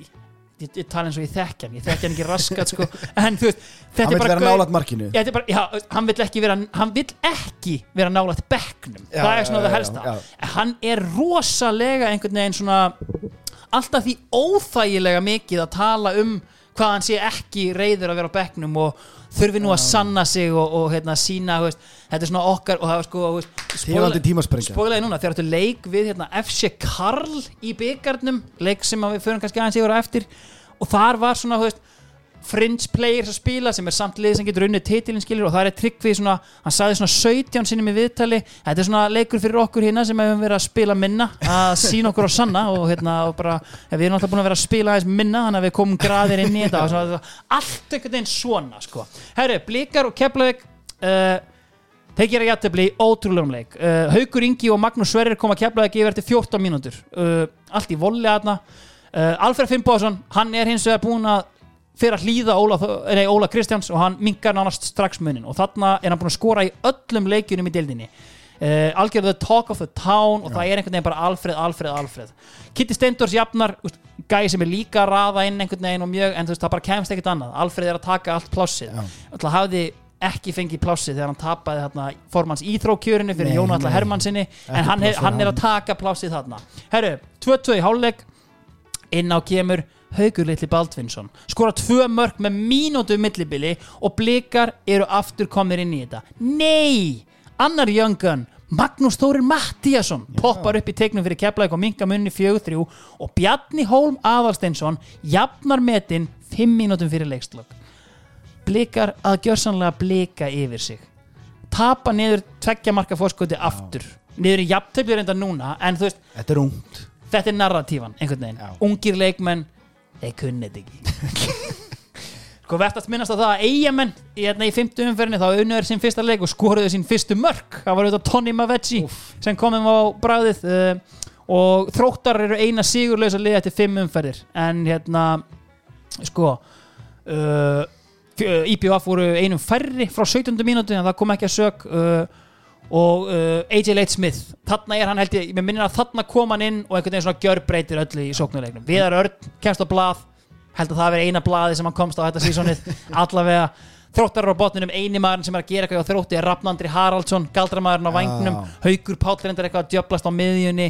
Danri, hann er komin í Hafsendin Já. Gunnar Roddsson er í allskins hérna pælingum. pælingum, búin að droppa böttkertum Sindri Snæri komin í markið ekki meir um það síðar K.R. kváðu loksins niður keflaðu grínuna sína uh, við lok annars þriðjungstæði slátruðu keflaðu ekki í frostaskjólinu uh, jamt fram á 80. mínútu 1-1 uh, en þá gjörsamlega kveikir Jónas Guðni í kaplaskjólsveginum með one of the goals of the season Ok. algjör hamar í fyrsta sláininn hvort hann fer endar í varnamann eða eitthvað en Óskar Örn og Baldur Sigur síðan klára þetta á fjögur eitt sigur og káeringar sallandi inn punktum og er í góðum gýr Valsmenn, þeir unnu siglu sigur á blikum í Kópavói, 0-1 Baldur litli bett með sigumarki í fyrirháleik og hérna eru þeir að vinna sinn þriðja leik í röð. Willum, hann hafði aðeins hrist upp í hlutunum eftir jafntefli á móti Grindavík tók kjartan styrlu út úr liðinu. Sko kjartan lá alltaf undir smá gaggrinni sko og hérna veist, það fyrir fætuna sína sko. Ef okkur finnst Hannes Halldórs hafa verið upplegað gaggrinni fyrir fætuna sína byttu fyrir þér hvað kjartan fekk að heyra. Veist, það var náttúrulega, hann valla gæt tekið útspörk einhvern veginn að mati manna og veist, það var svona, en sko Willem sagði sko bara það væri ekki eðlileg samkeppni ef Haraldur hefði ekki fengið sénsinn í dag. Þannig er hann búin að vera að drulla eins og við erum búin að fá okkur mörk í öllum leikinum sko erfitt downfall einhvern veginn, ég meina kjartan er náttúrulega að verða eldri þarna með hverju árinu shocker, en þú veist hérna fyrir mitt leiti, Kjartan Sturluson unplayable markmaður 2005, 2006 í val en eftir heila blóðfættan sem mútið Cork City Já. 2007 þá líður mér eins og það hafi eitthvað aðeins brostið inn í honum. Af því að þú veist, Já, ég sem aðil upp í stúku ég fekk aldrei þessa sömu öryggis tilfinningu og við vorum hættir að, það var æsjaldna sem við sungum því stundum verðum önnum á styrka hönd þeir þurfa þá. Já. kjartan styrlu getur gert kraftaverk. Það fór svona fjarandi út sko. Ég man bara Ég man bara eftir að séð hann svo ógeðslega oft á Oliver. Á þessum tíma. Ég man ekkert eftir því, samt var ég alltaf aðna með trefil inni einhvern veginn. Já, með Nadíu sinni, með sér. Já, algjörlega. já, með einhverjum ég man, ó, það rifjast upp alltaf svona þegar við erum að tala um eitthvað svona. Ég man, ég man það til myndaði í mómentinu þar sem ég fer upp á honum og, purrar hann kannski? Nei, ég burða hann ekki. Ég ætla að kalla hann Fjala Þorgersson ah, hann trillt gjörsamlega trilltist allavega hérna, greið upp þessa mynd. Já, við lok annars þriðjóngs F-fangar eru komnir á toppin Þeir eru með 18 stig, eru búin að vinna 6 leiki í röð eftir tapið í keflaði fyrstu umferð. Á eftir þeim óvæntir stjörnumenn með 16 stig. Steinþór Freyr Fórstensson uh, leikmaði fyrsta þriðjóngs og svo koma K.R. Fylkir og UFA nei og Valur búin að vinna þetta fjóra í röð með 13 stig. Uh, Blikar sem hefur farið vel á stað eins og tvo leiki, þeir eru ekki búin að vinna leik eftir að Alfreð óhlýnaðist þarna í þriðju umferð skammakrókur. Algjörlega. Og þeir svona hérna sko framarar, þeir eru komnir í sína kunnulega stjó, slóðir og eru hérna ásamt sko Grindavík þrótti íbjaf og fjölni í úst, algjöru brasi hérna við botnin uh, lið þriðungsins, þá eru útlendingarnir frá Keflavík, uh, Alan Sútæ og Lasse Jörgensen, Danin sem kom hérna í markið. Já. hann var algjörlega frábær. Uh, og síðan hvað hérna maður sjá, hvað hérna þessi Allen Sútæ hann var þetta búin að skora tvö mörg og við elskum ekkert meira en goal scoring half center Nákvæmlega. Ég veist, hann hefði geta verið búin að gefa fimm og okkur væri slétt sko, en allavega hann er þarna í, í liði þriðjómsins, svo eru þarna Atli Guðna Refurinn, Hjörtur Logi hann er komin inn í gamla bandið einhvern veginn Já. búin að slíta það upp Refurinn? Bjarnar, Gummi Sævars já, já. The Old Guard, hann er ennþá þarna uh, hvað erum við með meira þarna? Síðan er Danny Lax, hann er auðvitað þarna free scoring midfielder Valur Fannar þarna. Uh, og frammi eru Alfred Finnbagassa Alfred Finnbóðarsson og Arnama Björgvinsson sem er markaðistur í deildinni með 6 mörg uh, ekki hann búin að byrja Nei, hann er búin að byrja einhverja tvo eða eitthvað, hérna, hann fekk loksins tröstið í startinu móti fram. Þá auðvitað sko hann tvö líka. Hann er komið sex mörg hérna í þremur leikjum basically sko. Herru, uh, við erum á fínum tíma ekki bara taka háluleik hérna eða? Já. kælum þetta aðeins og, og tökum smá háluleik háluleikurinn er í bóði lengjunar Já, ég þarf vel að vera alveg heiðalegu við þig Nú. og ég, ég held ég hafi ekki tippað á lengjunni í svona 12 ár bara síðan þú varst átt í sjoppu eða Já, sko með ég, blíjantinn já, ég hef aldrei einhvern veginn þú veist, kom mér inn í þessa veðmála menningu. Svo margir gaurar á okkar aldrei sem er endalist eitthvað að betta hér Já, og já. þar og hvað þessar síður allar heita. Mm mér fannst alltaf langmesti sjarmin í því maður átti erind út í sjoppu hvað sem maður var að gera Já. og að taka bara seðil. Eitt longshot seðil, eitt svona sem gæti alveg dottið.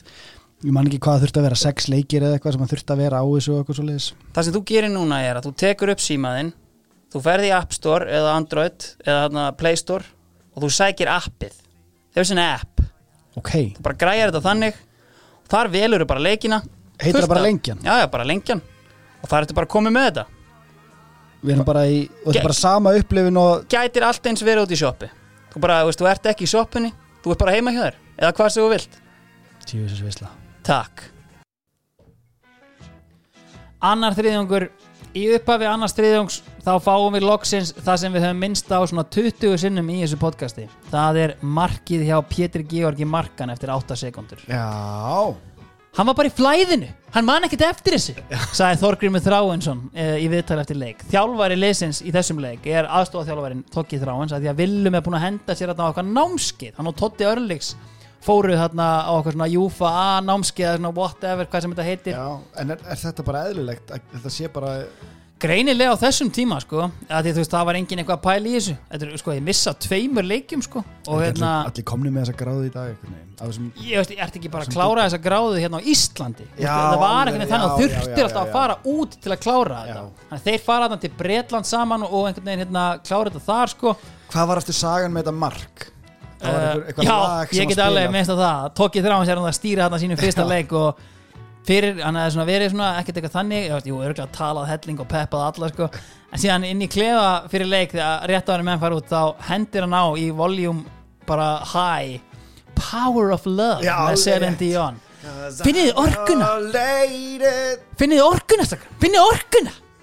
Hérna, og einmitt síðan se- segir hann sko veist, hann minnist ekki á Power of Love í vittalinn en hann var bara í flæðinu. Hann segist ekki muni eftir þessu marki.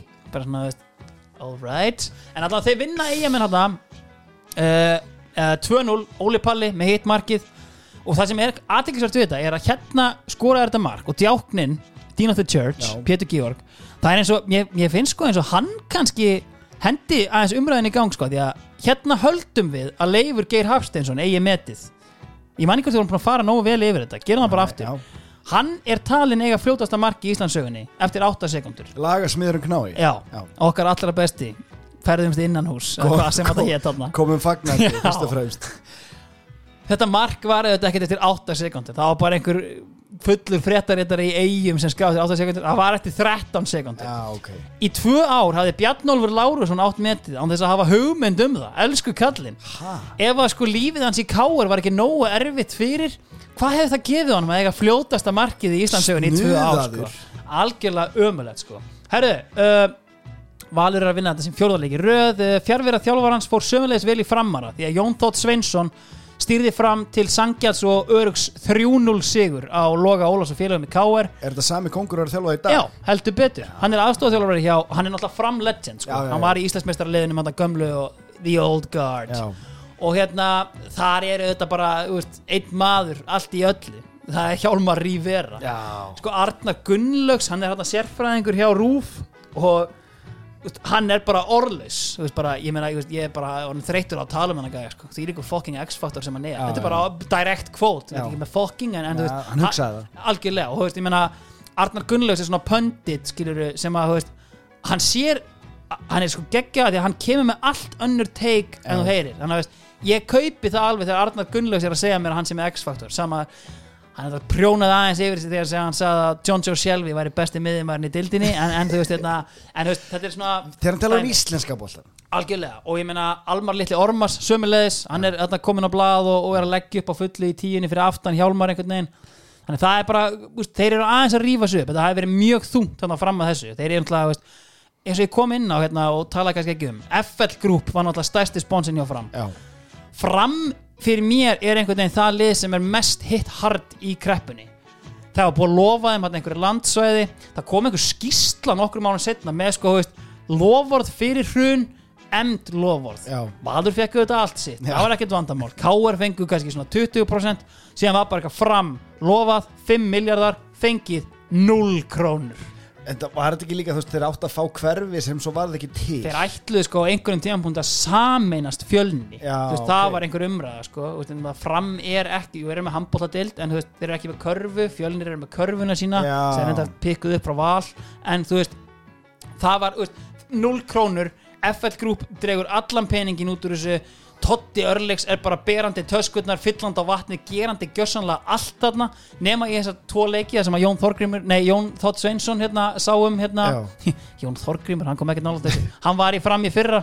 Uh, hann hætti, hann fór þarna að byggja upp portfólíóið sitt. Þannig að flytur hann til Danmerkur hvort það er ekki og er bara að fara tölvunördast segir hann. Little did we know, god damn it Jón Þorgrimur Herri, uh, fylgismenn, þeir fengu gott búst í upphafi annars þriðjungs því að Jóhann Þórhallsson snýri tilbaka eftir dvöl Erlendis. Það kom ekkert fram hvað hann hafi verið að gera uh, Hann hefur farið til Noregs og unnið. Ég er enda, ég, því miður þarf ég að spoila það hann fór í mastersnám til Brighton. En þá á samningi hjá fylki þetta er allt saman mjög sérstæð sko, ég sá fyrir mér hann hefði hendi bara í mánuð til tenni þetta er svona skömminni skára sko. Hvað var hann að læra? Eitthvað spennandi mastersnám. Eitthvað, fótboltin er alltaf verið í fyrsta sæti en, en nú er það námið, eitthvað álíka. Svona, Hvað lærir maður í Brighton? um, ég veit ekki, XG fræði. Þetta er eitthvað svona kúltúr. Þetta er eitthvað svona kúltúrbær. Ég er Eh, forvitin um þetta. algjörlega á sögurströndinni, er það ekki? Jó, ekki þarna. heldur betur, herru, blikar unnu loksins og nokkuð óvæntur sigur á funheitum stjörnumönnum. Að sjálfsögðu uh, skora Alfreð og Arnar Már en Kitty Stendos er með vinnerinn stjörnumenn rífa sér svo upp í næsta leik og stöðva þessa ótrúlegu sigur hinu hjá Val með örugum 3-0 sigri þar sem að Arnar Már Björgvinsson skora sitt áttunda mark í nýju leikjum. Og hérna eru valsmenn komnir áttastegum frá topnum og út í Breitlandi á þjálfaranámskeiði. Já og hann liggur smá hreyfing aftur. Snæper Alla leiðina til Englands hann var reynda komin heim held ég Já. sko, Willum Þór Þórsson er rekin Vá. uh, ég veit það ekki Willum, sko, þú veist í minningunni, þá var þetta miklu verra en þetta lúkar á pappir svona sem vals stuðningsmaður þú veist, ég meina þeir eru nýbúinir að vinna fjóra leiki í röð sko. þú veist, þeir eru, þú veist, þeir eru átta stíg í toppin, þú veist, það hafi miklu verið til tjálta svo sem fyrir mót sko, og.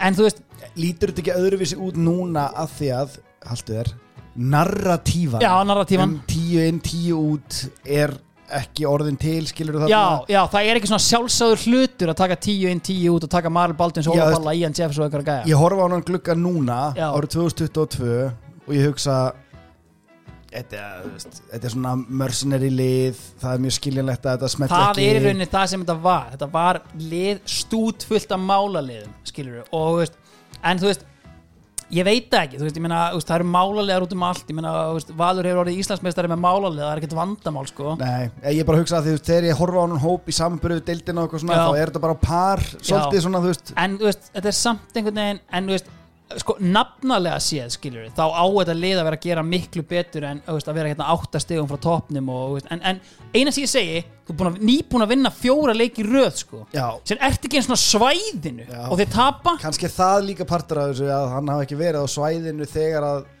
Já, ég veit ekki, þetta er mjög skrítið sko. Þeir ákveða að svona, hann er rekin líka tímasetningin er mjög sérstök Þeir tapa hann fyrir fram Mm. 25. júni 1. júli er hann rekin Mm. og daginn eftir er leikur á móti FH Ég veit ekki sko kom hann kannski heim þann dag? Voru bara að býða eftir honum, ég veit það ekki. Ég man að þannig að ég var að vinna í sumabúðunum og ég sá Willum keira í síðasta skipti út af bílaplaninu sem þjálfara vals. Og hann mætti okkur, Steini var með mér. Jæja, Steini, þetta er bara bara komið. Ha? Já, það er bara búið að hérna, ég var reikinn Já, það er svoleiðis. Já, Guðmundsson, já, já en, þú veist, Allir einhvern veginn svona svolítið hissa sko, en, veist, En, já, mér mér finnst þetta forðan þetta því þú segir þetta að hafi liðið sex dagar og það Já. er daginn fyrir leik Já, ef það er ekki þannig að hann var að koma heim þennan dag og þeir vildu já. give him the courtesy að, Já. að gera þetta Það to his hlýtur eiginlega face. bara að hafa verið sko. en ef það er ekki staðan þá finnst mér þetta svona að það er eitthvað saga að núti sem er ekki verið sögð. Gæti verið. Eitthvað svona hérna eitthvað Það leið er spurning hvort þið náum einhvern tímann í helbriðisráður og spurjum hann út í þetta. Ég veit það ekki. Herru, þeir ákveða að give it tucky till the end of the season. Já, þú veist, langar eiginlega bara að segja þessa setningu. Hann er interim, það á að skoða eitthvað annað. Uh, Þeir eru alltaf minni í þessa þar sem hann setti Power of Love á fóninn og allir gýriðust já. veginn upp og ætla að keira á þeirri flæðið. En sko, við vorum að tala um þessa málaliða og veist, það var það eina sem valsarar töluðu um þetta á þessum tíma og helstu blóraböglar þessarar herrferðar voru Marel og Gumdu við að meti mm. Meti alltaf mikið meittur einhvern veginn og svona þú veist, en þú veist nú er ég náttúrulega veist, ekki óvinnur Marel Spaldisson og allt það. Marel veist, skoraði þrjú mörg ekkert sérstætt en Marel á ferði við fyrirlin hjá Marel jú hann á guldskó að sem hann skoraði veist, 11 mörg þar af 6 úr vítum. Juhu skilur hann var aldrei einhver geggjaði markaskorari hann skoraði engin mörg fyrir íslenska landslið eins og Óskar Rapp dokumentaraði helviti vel og hann skoraði ekkert í veist. Nei. ef ég fæ hérna veist, hjörvar í inboxið hjá mér skilur að tala um hversu frábær hann hafi verið í öðrum flokki og eitthvað gæinn skoraði aldrei neitt af mörgum Nei. en bara ógeðslega góður í linköpi bara geggjaður í fótbolta lasinn skrokkur Gauði Þórðar myndi segja tekur mikið til sín fyrir mér hefur hann alltaf útliti hefur eitthvað með að gera já, en hann er poor man's eður smári í einhverju svona atgerfi og, og svona eins og segir svona góður í fótbolta. Já, hefur út, útlitið aðeins með það að gera. Ég segja að það væri bara ljósu lokarnir sko. en eru allavega sko, og en, veist, þeir sem eru þarna veist, eru náttúrulega með hennan listamanna elítu arm á stuðningsmönnum vals. Þetta eru gaurar eins og uh, Gummi Jör, þetta er svona Östubæjaskóla armurinn af vals, þetta eru Gummi Jör hinn virti tónlistamæður Borgo uh, Luigi Peter, Logi. Petro er náttúrulega hérna inn í þessu. Logi Petro er alltaf mjög léttur, hann kemur yfirleitt bara og peppar hérna unga leikmenn og annað svoleiði skilur en svona, þú veist en, en hinn virti tónlistamæður Borgo og Gummi Jör fóru mikinn einhvern veginn um hérna, og, og mörg ára á eftir var alltaf skilur þegar val, Valur var í skýtnum skilur ef ekki bara fá Marel og Mete aftur það var svolítið Ah. narratívan einhvern veginn í þessu sko. En sko veist, all credit, þeir fagnar líka sigurum skilur, þetta er bara menn sem að elska já. skilur, allt svo leiðis Tokki Kallinn, hann tók þessa umræðu til sín uh, og hann er auðvitað maður sem að aims to please, hann gerir allt til að gleðja. Uh, byrjunarliðið hans í þessum fyrsta leik á móti FH, það á bara einhvern veginn að keira á passion, youth uh, og bara öllu sem stuðningsmenn er að byggja um. Are you not entertained, leið og hann tilkynnti byrjunarlið, Halli Björs er í markinu Einar Martinsson uh, síðan meir góðsögn hjá Njarðvík uppalinn valsari, eitt virtasti fastegnasali þjóðarinnar, hann er komin inn í lið. Steinþór, er hann ekki afturöldningagur Einar Martinsson? Hann er, hann, er, hann er legend bæði í Mosfellsbæ og í Njarðvík. En uppalinn valsari? Já, já, Ah, ok, ok. hann er endar úr vesturbænum sko, Já, ok. en hann hérna, ég, ég var einhvern veginn með hann bara að segja með einhvern afturöldning nei, hann er valsari bara through and through, þú tekur það ekki frá mér. Nei. herru, uh, ég þurfa að geta að vernda það. Hérna, herru, Steinþór er komin inn, uh, hann er inn í liðinu, Bjarni Ólafur er inn í liðinu, Bjössi Reyðars og Steini Guðmundasteinn Hafsteinsson, Steinþór Gíslason. Steinþór Gísla, já. Já, veist, basically, veist, er hérna uppalinn valsmaður í hópnum, setjum hann inn í byrjunleið og er hann auðvitað náttúrulega með Óla Palla sem þekkir valssöguna. Og síðan er auðvitað hérna einhvern veginn, síðan raðar hann þrem eða eitthvað í kringum með þessa menn. Niðurstaðan 0-5 tap og því er auðvitað kent Jésús því er auðvitað klínt á Marel og Mete sem voru í Nei. nei, nei, ég segi nokkað uh, aðkomumæðurinn líka reynsi le hann fekk alveg að heyra það líka sko. Má en ég held sko að í nútíma fótbolta þetta er auðvitað sá leikar sem Valur hefur stilt upp flestum uppöldum leikmannum sko. Sex eða sjö leikmann sko. Þetta er bara, við, við getum kleimað Óla Palla þá er þetta sjö leikmann sko. þannig að credit to Tuggy fyrir þetta hann- 5-0 tap á heimavelli. Hann fekk líka faxið frá Óla Kristjáns með kakkabókinni. Já, þannig að það var eins og það var sko, og hérna sáu valsmenn að það var einfallega ekkert í bóði að hérna að tokki takki fyrir þessu. Þannig að hérna uh, tekið nýju, hann fekk sensin í byrjunleginu setur auðvitað tvö. Uh, hafði leiknum áður skora tvö að bekknum á móti fram. Atli Viðar, Davíð Þór goddamn tannlæknirinn uh, Heimir Guðjóns, hann hendi reyndar í geggjað, hann hendi í Sóla Holm frasan hann var ekki rólegur fyrir en hefði mikilvæga fjóruðamark datt sko.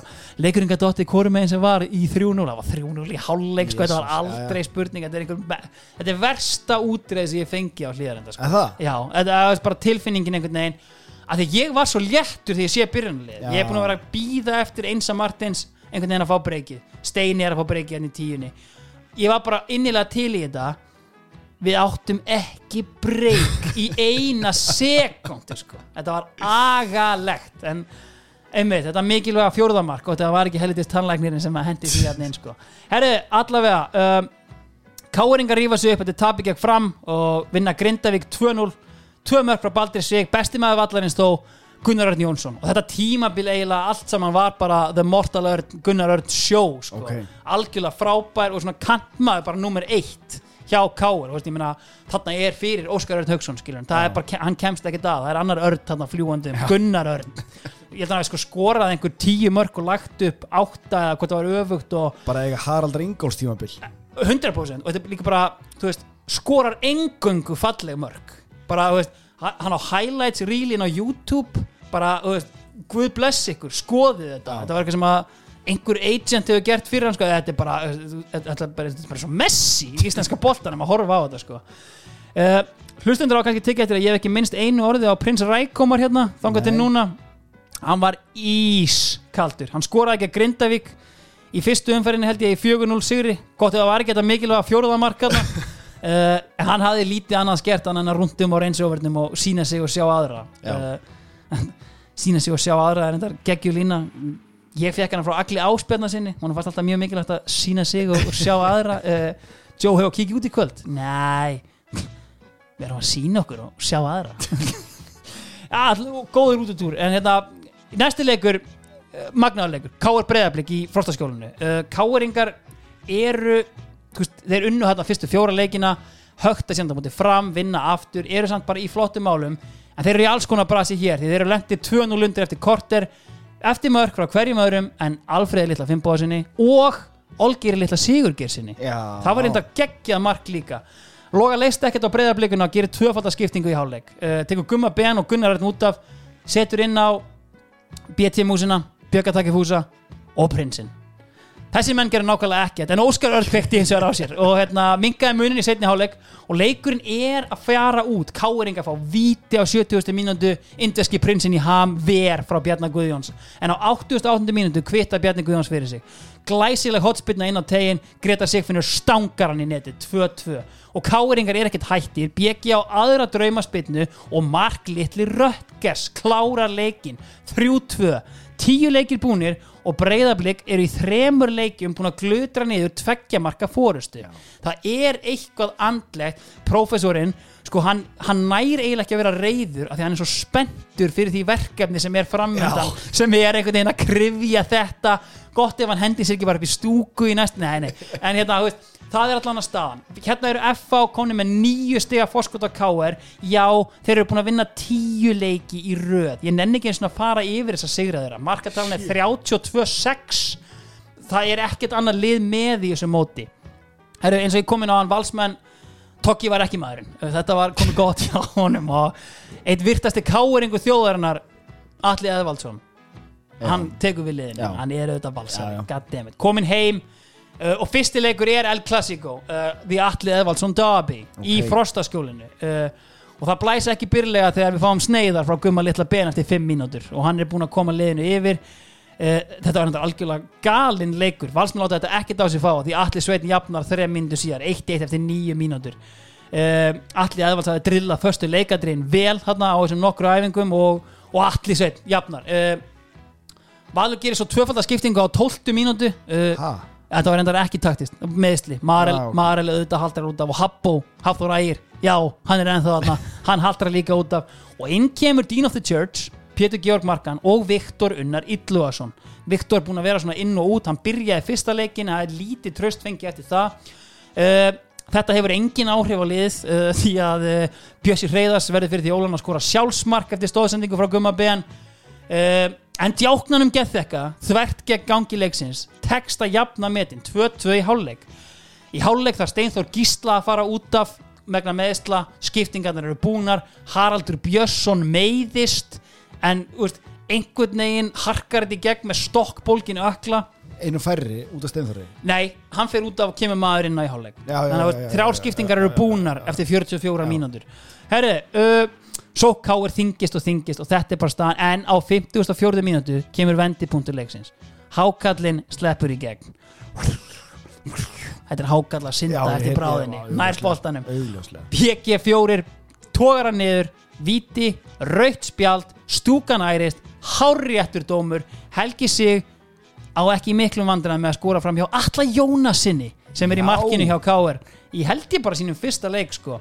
Stefán Lógi var í banni og það er svona tók þetta þessa frægur ræði I will of course be with the fans ég verð með miðjunni að syngja söngva ég veit ekki hvort hvernig það fór sko en það var þannig ekki sungja og tralla mikið Er- þarna Er þetta eini leikur Alli Jónasson í östil? Njá, ég er ekki tilbúin að fullir það sko. en þú veist hann fekk allavega ekki mikið að gera eftir Nei. það og hann fekk engin einhver hrós fyrir hennar leik því að manni fleiri komast valsminni 2-4 Viktor Unnar að sjálfsögða að stimpla inn. Varamennin að klára leikin tactical genius Atli Atlis at the wheel. Valsmenn eru í draumalandi Atla Eðvaldssonar.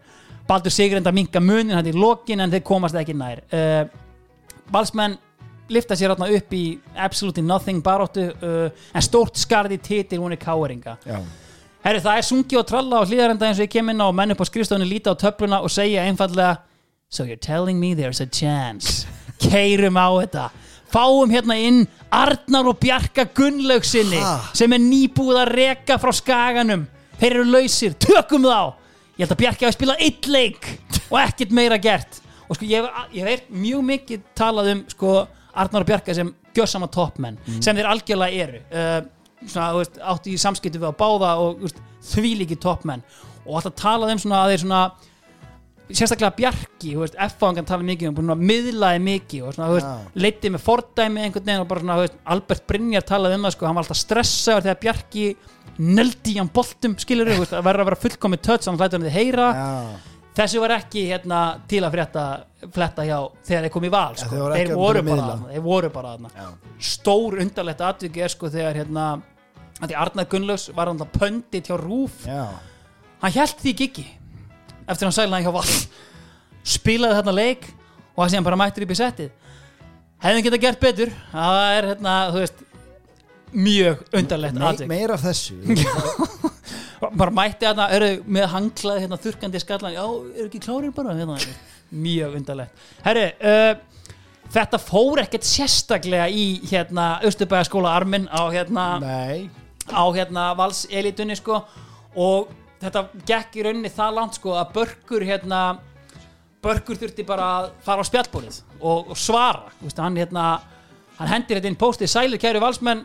Er, mér að benda á að þið væri frekar reyðir með sterkar skoðanir ég skal reyna að svara hérna nokkrum spurningum. Og hérna koma nokkrum spurningar, sko, hver er stefnavanandi framtíða þjálfara, allir er áhengilega að stýra liðinu, lók tímabilsins, bla bla bla.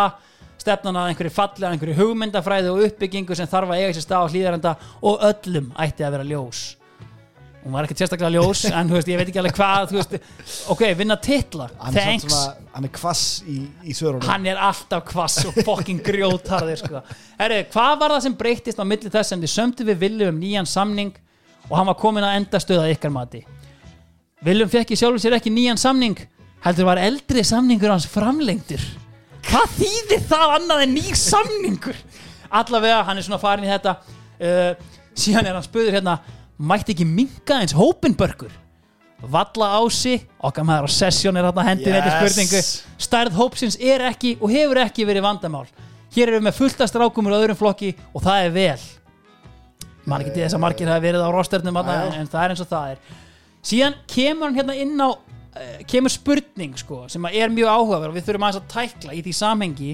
Ég nefndi það að Kristján Haugsson hefði komið tilbaka frá fjölni var á láni. Kristján Haugsson er seldur til fram bara kortir í mót. Og þetta er aðteklisverð Já, saga ok. að því að Kristján var búin að, var búin að spila eiginlega alla leikina á undirbúinustíðanbylinu hann var búin að vera að testa hann í hægri bakverðinum og hann var bara búin að vera mjög flottur. Uh, hann meiðist síðan og þeir fara í einhvern æfingaleik hvort það er á Þorláksöfni eða eitthvað. Og þú veist, það var sanns alveg búist við því að hann myndi koma með og sína sig og sjá aðra. Og hann er ekkert mættur og hérna Viljum er svona, já, hvað er Stjáni? Eitthvað og hérna tekur upp tólið og, og heyrir í honum. Stjáni, ættu alltaf kannski að koma hérna og, og skokka og vera með okkur? Já. þeir ekki að ha ég er komin þetta upp í Savamýri sko. Það var verið að selja mig á þann Viljum trillist. Þetta var bara, veist þeir eiga vissulega fjóra hafsenda en þetta var bara, meina, þetta er gæna 22, 23 ára eða eitthvað, promising hafsend og það er bara búið að selja hann hérna. Og þetta, þarna byrjar kannski mesta kurrið einhvern veginn. Og Kristján Haugsson með þess að sagði það sjálfur í viðtali bara eitthvað, virtist vera eitthvað ósamræmi millir stjórnar og þjálfara? Oh really? Þannig að þú veist, þetta er Það allt er saman einhver einhvern veginn saga þarna sem að hefur ekki verið sögð. Börkur svarar þessari spurningu þannig bara að þeir hafi fengið bara tilbúið sem þeir gátt ekki hafnað skilur en þú veist, ég hef ekkert heyrt um það að Kristján Haugsson sé eitthvað, ég meina framátti engan pening hann ég veit nefnir ekki alveg sko, þú veist. En þetta er kannski svona þú talaðir um í síðastu tætti svissin milli fram og vals Já. og bættir í þann hóp reyns að leð þarna rétt á hann sko. En þú veist, Kristján Haugsson var alvöru missir einhvern veginn að fa hann, var frammari samt, þú veist, þannig að þú veist allavega fair play. Herru, þá eru fleiri viðskipti í þessum glugga því að Óli Stefán snýri heim úr platunum mennskunni sinni hoppaði í appelsinu gula hverfið í, í Grindavík Yes. Tómas Ingi í Pepsi mörkunum hann sendi pillur í fyrsta leik er hann ekki aðeins og feitur Óli sagði að hann væri jafnþungur á árinu áður með fjölni og talsvert léttari á sér heldur en Tómas Ingi var á sínum síðasta tímafili með IPVA Nei, spegið Já, algjörlega. Hínum megin við valslónið bláa, uh, þá kom Gummi Steinars úr sinni platunumennsku í Lichtenstein. Hann hafði hann Já. lent upp á kant við góðsögnina Pierlitt Baski. Uh, já, góðsögn, þú veist, ég meina, hérna, landsmaður þjóðverja og hann var að þjálfa þarna Vatus. Uh, og þetta var eitthvað glórilega, sko, gulli gull eitthvað talaði um, sko, að hann hefði náttúrulega bara lagt hann í einelti einhvern veginn þarna. og að Gummi er, er komin tilbaka uh, annað mjög skemmtilegt uh, prófessorinn, hann vantar einhverja viti í þetta hvað vantar mig? ég vantar Target Center Rauða ljónið. Gummi P. Gummi P kemur á láni ætlar að fá nýja viti í þetta einhvern veginn. Að þetta vona alltaf allt svona litlir og netti gæjar Já, fá eitthvað aðeins meira kjöt að upp á topp. Allavega. Herðu, hvert erum við komin í þessu Uh, Gumi P. auðvitað skorar í sínum fyrsta leik Blikar tók á móti eigamönnum uh, grípum inn í söguna þar því að Gummi jafnaði metin fyrir Blika í 2-2 meðan setniháleik og Guðmann Þóris sínir svo gamal kunna sendir að takta frá yngri flokka dögum sínum og á 70. mínútu virðist vera að tryggja Blikum sigurinn Blikar konar Blik Matt Garner jafnar metin á 83. og Gusti með sigumarkið á 87. mínútu já þeir geta ekki haldið fórustu rosalega þetta er ótrúlega leikir komni núna maður. Herru, valsmennir á svipum tíma búin að tapa tveimur leikjum eftir þetta master stroke frá stjórnunni að fá tvíburan inn uh, og þeir eru alla búin að fara út á völlin uh, töp fyrir fylki og goddamn fjölni það er allt í upplaust þarna. Já, Já, já, gjörsanlega Káringar enduðu annan þriðung á fínum nótum þegar þeir kíktu á Gunnar Helga og félag og gjör sigruðu heimamenn í þrótti 1-5 Hrikalega skemmti, st skemmtileg stemming hjá Kötturinn í kvöld var það eina sem náðust upp á Gunnar Helga eftir leikin Nafnas Gunnar Oddsson var eins og ekki alveg eins léttur og Björn Linur og félagir í stjórn þróttar þeir einfallega sögðu stopp Liggur aftur á, að þennan farin Það er rifið í gikkin Gunnar Oddsson er rekin uh, Ég held að við getum ekkert kvarta yfir því. Þeir eru niður neldir við botnin. Þeir eru 2-2-10 Steini lastið þjálfari? Hann tekur við liðinu Ásand Eisteini Lárusinni fyrir hann leikmanni og byggsjátt í blikum í dag. Já, En þú veist, það er auðvitað bara eins og við erum búin að fara yfir. Narratífið eru auðvitað að F-áengar eru á blúsandi siglingu.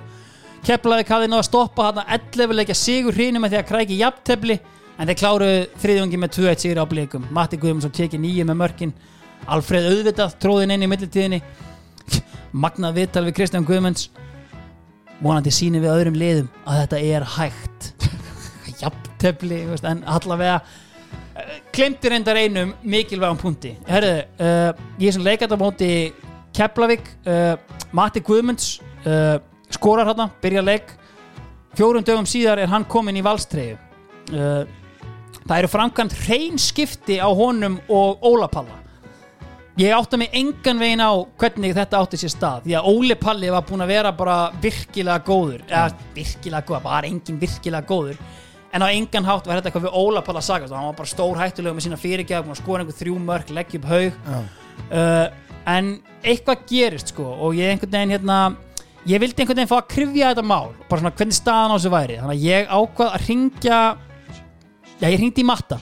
Sjáum hvað Matti hafði um þetta mál að segja Mattias, þú ert búin að vera í byrjunarliðinu mest allt sumari hjá hérna á þessum tíma. Uh, ég meina í síðasta leiknum áður en þú skiptir yfir þá ertu búin að byrja og skora á móti Keflavík uh, bara örfám dögum áður.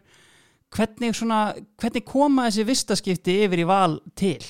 Já, það er það er reynda kannski svona smá saga, það er þannig að, ég þarf að spóla ekki aðeins tilbaka Það að er flott 2008 árum eftir er ekki sátt við þess og ég fyrir ólinni 2009 og æfi eins og skeppna og er í toppstandi Já, en þeir svo þessar klassísku spánarferð er mann ég hvort á Portugal korti fyrir mót, þá voru það að fara svona korti fyrir mót. Mm.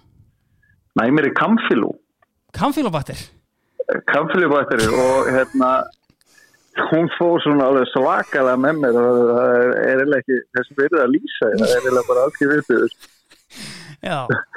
og það var þannig að, að ég, sko, all standið sem ég náði mig í það var farið á einni nóttu og miklu meira en það. Svo ég var ekki ég byrjaði þarna eitthvað fyrstu leikina hjá honum enda búin að standa mig vel og oft eða skili hjá FH já, ég er bara ekki neitt sko. ég er bara umulur svo þetta er reynda smá út og inn sko, sem byrjunleismæður fram að þessu leik. Mhm. Og samkjörni F og náttúrulega alveg að að ég var svona eða típan sem var sko ef ég myndi ekki standa maður væri svolítið fyrstur út sko. Já, þetta er svolítið þannig, þú ert svona ef ég ætti að hérna, sálgreina þetta og ef ég skoða bara skýslunar og annað það er svolítið svona, að þetta er ekki alveg að ganga hjá okkur prófum að kippa matta út af en það er svolítið rétt metið hjá mér já ég var svolítið svona enda bara sko orðin smá líka bitin á Já. ég get alveg spólað tilbaka og viðkjönt að ég var ekki svo ég var ókvæslega svektur með þetta því að ég vildi gera betra ári á undan líka sko. Veist, þetta átti að vera mitt ára alveg á blúsandi og það leit þann út í byrjun ég fann á mér ég, veist, þetta, ég var komin í toppstand sko. mhm, en þá þetta bara valur inn ég mann bara ekki alveg hvernig það var sko. nei og ég eins og segið þá var ég náttúrulega búin að skora í sensta leik sem hefði nú reynd að hjálpa mig mikið svo. þetta er nú kannski smá svona ég skil punktin sko en þegar, þegar valur kallaði að þú veist, ég er ekkert að lúa með það þá vorum við búin að vinna þetta mót sko. Já, FH, ég man ekki ég hljóta örglega að vera með tíu já, tíu fórskot stig eða meira já, tíu, Einmitt, svo, svo það var líka raun að þeir unnið þetta en, en þá var þetta eiginlega bara svona eitthvað klísan, valur fara heim ég er að fara að renna út á samning bæði þryggjára samning þar og þú veist í staðin fyrir að kannski taka eitthvað samning á FH sem var ekki búin að bjóða með þrjú ára mér langar alltaf heim aftur allavega tímann, sko. þannig að þetta var í rauninni kannski veist, þeir, eh, stjórn FA eða veist, bankar upp á hjá þér bara, herðu, Matti, það er hérna tilbúið frá val, veist, við erum að lef, til að leifa að fara, það var kannski í rauninni svona aðdraðandinn Já, það er, er eitthvað sko og ég veit sko, þeir fengur alltaf ólapala í staðin sko Já. ég var ekkert sko þó ég skoraði þarna þá get ég ekkert falið eða þú alveg að segja það ég, ég var ekkert upp á þetta ég var ekki ennþá komið bara með formið tilbaka nei. þetta er þannig að maður er bara á klósitur og ég var ekki að neyn bara á einni sko. Anskotin. Herri, síðan ertu komin hérna yfir í val og þú veist, ég meina, þú ferð frá félaginu fyrir tímabili 2007 þú veist, hvernig hvernig var aðkoman, ef við bara þú veist, pælum í þessu Já, það var alltaf ógæslega mikið breytt í fyrsta lega og það mikið breytt að ég var náttúrulega konið nýjan klefa bara á völlin sem var veist, ég bara hafa búið að breytast allt alveg skuggalega. Og ég sko þetta var kannski eitt af þessu tímabil sem ég kem og var eða ekki að horfa þetta tímabil heldur bara að komast í gegnum þetta tímabil og taka næsta alveg all-in sko, ég var ekki alveg svona, þú veist þú veit að fann maður fyrir þingslum bara þessi típisku þingsli að vera ekki að vinna leik og veist Mhm. þetta var, við vorum bara náttúrulega ég held við hefum ekki náð neinu sambandi eða sko, þetta var leikur og skjálfil út og ég, ég örgulega ekkert að fylgja svo baka það, við vorum ekki að spila vel og, og menn ekki að tengja sko en ég og Björns og félagin í klefunum, það var alveg stemmari sko, þú veist. Þannig að það var, þú veist, ég meina, það sem að er veist, fyrir okkur í stúkunni og, og utan að komandi, þú veist, það var mikil svona gremja einhvern veginn í bara öllum, veist, það, og það tegði sig kannski meira segja bara frá, veist, viðtölum við alla eðvalds, uh, veist, stuðningsmenn að skjóta á stjórnina og annað, en það var alltaf léttin í klefanum með það. Já, mér, þú veist, klálega svona, þó ég hefði nú alveg fundið fyrir, ég held að, að, að það var alveg partur og leikmannum að nörgulega sem voru ekki hressi með alla og svona, en ég menna, þú veist, þjálfara skipti, þú veist, þegar þjálfara skipti þessi stað og er nú eitthvað veist, svo við vorum ekki, það var ekkit, hérna, merkilegt svona, hvernig vorum að spila, það er klort mála, en, en Mér fannst stemningin sko, þetta voru hressir og skemmtilega gæja þessu voru þarna og Mm -hmm. þegar maður lítur á þetta núna nöfnin og lið og svona þá er þetta alveg fín nöfn en þetta er alltaf gammal lið sko. Það er heldur kamfílobakterinn. Sko, Það kerði þessi fyrsta skipti í gegn. að tala líka um kamfílobakters mengun sem kamfíló er mjög nett. Algjörlega, sko málið er bara ég, sko, ég vorkendi matta bara svo mikið. Þú veist, maður mætti að ná leik eftir leik og þú veist, ég mann sérstaklega eftir einum leik sem var ég í rigningu og matti er svona með mjög iconic krullur Já, og þú veist, það er svona svitna og er rigning og svona límast við andliti á honum Þú veist, þetta var bara eins og einhverju bíómynd ég bara svona, veist, ég bara vorkendi manninum sko. Ég get líka ímynda mér sko, fyrir hérna Gumma Kristjáns Já. Build like a shit brick house Já. að fá kamfíló já, þú veist, það, það hérna hann tapar veginn, hann má meira við því hann missi bara vökva hann þotnast upp. Mattias Guðmundsson sem er ekki built like, a brick shit hann er kannski aðeins erfiðar að brasi sko. já, já, ég, ég held að, hann, ég sko Matti með einhvern alvöru kamfílobakter ég myndi halda að sko, það væri svona machinist, Christian Bale Já, dæmi bara- sko. Herru, allavega, sko, málið er að hérna, fín sögurskynning hjá Matta og allt það en málið er sko að það er verið að ringja í mig hérna í þessum töluð orðum og þetta er Óli Palli og he heyra eins hvað hann hefur um málið að segja eða? Óli, uh, fyrir tímabili 2009 þá semur við Val uh, félagi sem hún hafi spilað alltaf með áður uh, var heillandi einhvern veginn að koma aftur í Val á þessum tímapunkti? Uh, já, sko, heitlandi ekki heitlandi, ég er náttúrulega eins og við sagðum búin að vera fór í val hérna 98 og kynnti þar fullt af fólki og, og, og hafði tilfinningar til klúpsins Mm -hmm. uh, spilaði með fyrsta meistralúsleik í, í, í úrvalstil með val þannig að jújú, jú, en, svona kannski fyrst og fremst miklu frekar sko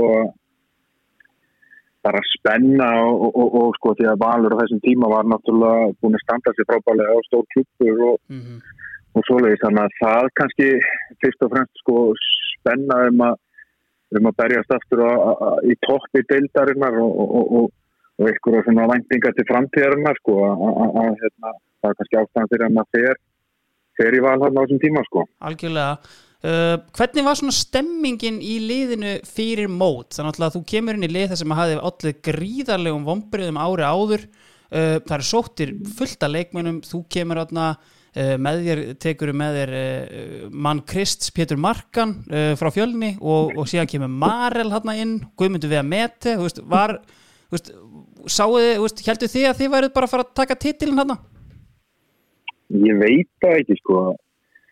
Þú veist það er kannski uh, jú auðvitað var það náttúrulega alltaf pælingi þegar fyrir voru við að flottir leikmenn og, og, og, og, og hérna jú, jú, kannski uh, eins og ég sagði það, sko, væntingarna voru mikla bæði klubnum og leikmennum hann að uh, við þá þeir sem hafði þá metnaðinni og þetta byggust kannski við því að- í þessum klúpa þessum tíma að- að- aðeins að rýsa upp á fætturnar og, og, og berjast á tóknum sko. Jú, ég held að það er kannski verið að, að, að Sigur væri ekkert annað annað en, en, en í bóði sko. algjörlega. Og mótið byrjar ekkert sérstaklega. Þið tapið þarna uh, fyrsta leiknum.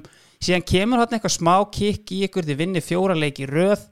Síðan skellir Viljum sér á okkar þjálfaranámskeið og, og hérna, leikur tapast á meðan og hann er rekin hvernig fór þetta svona í, í leikmannahópin Já, sko, ég, ég hérna, sko, já, hann, hann var rekin í raun og veru, ég, ég held sko að, að sko, þetta er náttúrulega, þetta er mitt leitið, náttúrulega viljum er sá þjálfur sem tekum inn í klúpin og, og, og hérna, náttúrulega vant fyrir mig þá á þessum tíma að missa hann út en, en það kom þá á daginn bara einhverjum tveim, trefnum ykkur setna, sko, en mm. En sko, ég held að þetta hafi verið þannig að við höfum verið farnir að heyra eitthvað út af því að eins og þú segir sko, það gekk ekki alltaf vel og væntingarna miklar og, Mm og, og svona sko, og svo ég held að börkur þarna á sín tíða bara nýtt sér það að, að Viljum hafi verið út, úti þarna í okkur námskeiði mista tveimur leikjum en ég meina, þú veist, ég held að hann verið tókið frá þessu stýrði liðinni þessu tvo leiki og, og, og hérna hann þurfti að taka skell á sig sko en, en fyrir, mi- fyrir mitt leiti sko að- að að- þú veist eins og kom kannski ljós eh, þá var það kolröng ákvörn að reka viljum þó að hafi verið að ganga illa því að, að veist að mitt mati það að, að, að þó að gangi illa það var ekki alltaf þjálfarinn sko leikmenn fyrir náttúrulega líka þess að skoða sín gang og eins og þú nefndi skilur fullt að leikmennu fengnir og mjög öflugur hópur. Að þú veist, ég menna við hefum alveg geta gert betur allavega svona í minningunni þá var það þannig sko.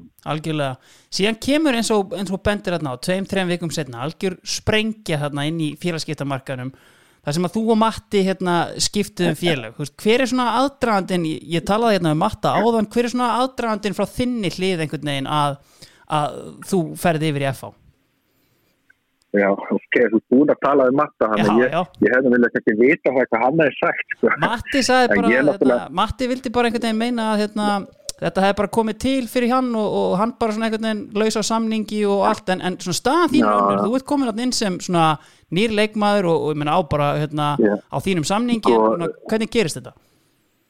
Já, ég, ég er náttúrulega eins og segir þjálfarinn sem kaupir mig, hann fer ég, ég fæ, sko, þetta er alltaf svo fáranlegt hvernig þetta þróa, sko, ég líka það, sko, ég og Matti var að þekkjast í, í, á þessum tíma í ykkur 10-15 ár, sko Já, og hérna, hann var sko, hann fly- flytur í grái, sko þegar hann er 15-16 ára og hann er raun að vera sá sem fær mig í val á þessum tíma 98 ok. Og, og ég fór þá á æfingar með öðrum flokknum sko hann bara hérna, kom og sótti mig við fórum í strætó saman og, Já, og þannig fór ég í val sko. en, en sko þú hjá mér náttúrulega ég var eitthvað hálf meittur og spila eitthvað, eitthvað hálf meittur og kem inn á einhverju leik þegar að hvort það ekki verið þessi leikur sem við skýttum upp um já, meðan að Toggi var og allir þá nýr ráðin var upp í stúku og ég þarf að fara út að eftir ég kem inn á eitthvað svona, ég mér minnir þetta að það hafi verið með þannig. Mhm, og eftir það þá bara hefur allir heitin, hann stimplaði mig bara út sko. Og, og hérna og ég fæ bara hann einhvern þreim fjórundum setna eitthvað síntal frá Ása Arna sem var þá þjálfari fjölnis. Já, og þá er þá er henni tilkynni hann mér að að að hann sé búin að fá heimilt hjá val að að ræða við mig sko. Þá Ok. náttúrulega veit ég ekki neitt sko. Já, þannig að þá er að- basically þín upplifun er að það sé verið að bjóða þig út eða hvað? Já, ég var sko svona bara, ef, ef maður bara að komast sko vægt til orða teki, ég var náttúrulega bara rekin frá, frá val á þessum tíma sko. Já, en ég, en ég, na, sem að, sem að var náttúrulega bara endan frábært fyrir mig sko, en, en ég, ég sko, að, þetta var náttúrulega þannig, ég ringdi bara í matta því við erum góðið félagar já, og, og spurði hann bara hvað honum finnst og hann að við eiginlega svona okkuðum þetta bara saman, eftir ekki sáttu við að fara að þanga, ég er bara sáttur að fara að þanga og þá bara gerir þetta. já, Þannig að, að, þú veist, við rættum alveg saman í þessu ferli, sko, og, og, og hérna, og svoleiðis, en, en það var náttúrulega þannig, ég, sko, ási hringir í mig og það voru svona einhver orð, eh, einhver lið orðið við mig líka eitthvað, að ég orðið, orðið við einhver önnur lið, sko, en já, ég ætlaði að halda bara út sko. því mig langaði ekkert endilega að fara í fjölni eða, eða einhver önnu lið sem að voru þá hérna á þessu tífambili sko. en, en svo bara þegar að heimi ringir að þá náttúrulega þú veist, er, er hann í raun og veru bara að, að skera úr snörunni út þessu þungliti sem var orðið þarna á hlýðarand á þessum tíma þannig að að ég, ég var náttúrulega er, er, er heimi náttúrulega þakkláttu fyrir að hafa að fengið mig, tilbaka algjörlega og ég meina bara fyrsta æfingin einhvern veginn allt bara miklu betra væntanlega að vera laus frá gjaldrótinu frá valiða Já, það, það var sko þannig, ég var náttúrulega bara held ég ekki hóp þarna hjá val, hann ykkur tvo-þrjá leiki Já, og. Og bara, sko, ég, ég skrifa undir held ég einhvern samning bara réttir í minnati og heimi ringi svo inni, herru flott, Óli, svo, svo að mæta klóð fyrir maður leikur á morgun, þannig að ég fór bara beint í hópin, við spiluðum held ég spiluðum held ég hann til Keflavík og ég spilaði örgulega hálftífa uh, í setni hálfleiknum og svo var ég bara komin inn í liðu eftir það og ég held að ég hafi byrjaði inn. Að, já, ég maður það náttúrulega kannski alveg, en ég byrjaði inn á allan mjög mörgum leikjum eh, strax eftir ég kom, sko, en, en, en hérna, ja, hafa, hafa svolítið mikill vunur á, á, á hérna, því að fara úr þessu erfið andrúslofti, sko, maður segir kannski ekki Nei. sko, þetta var, þetta var, var orðið helviti þungt þarna og, og, og, þó að veturum fyrir hafa verið skemmtilegur og alltaf í- á, á hlýðarandunum, en En þá koma fljótt í ljós þegar kannski úslitin kom ekki, þá fóru, þá, þá var allt vittlist. Þegar úrslutin dötu ekki þá er það. Sko Matti hefði alveg mátt segja okkur þessa hlið. Í þe- sko ég er bara þrumu lossin að þeir séu bara æsku vinir saman að taka áttuna eða hvaða strætá sem gengur hann úr gráðunum þessi saga tegir sig miklu lengra heldur en ég hafði nokkuð tíma með sko. Bara ég hef aldrei heyrt þetta sko. Þetta, veist, einna, einhvern veginn, eða, sko ég hef heyrt alveg að Matti og Óli töluðu eitthvað saman. Ég vissi reyndar ekki að þeir væru æskuvinnir sko, eða þú veist, æskuvinnir, 15, Já, 16 já. skiljur en þú veist, þetta var hérna líka bara að því- þú skoða fréttirnar þá kemur frétt sko fjölnir breyðablík og stjarnan fór leiði til að ræða við Ólaf Pál. Hann einhvern veginn svona BG4 sig í gang. Ok, má ég velja með lið? Já, greinilega skilur því hann bara Matti, er þetta ekki bara er ekki bara skipta? The old switcheroo.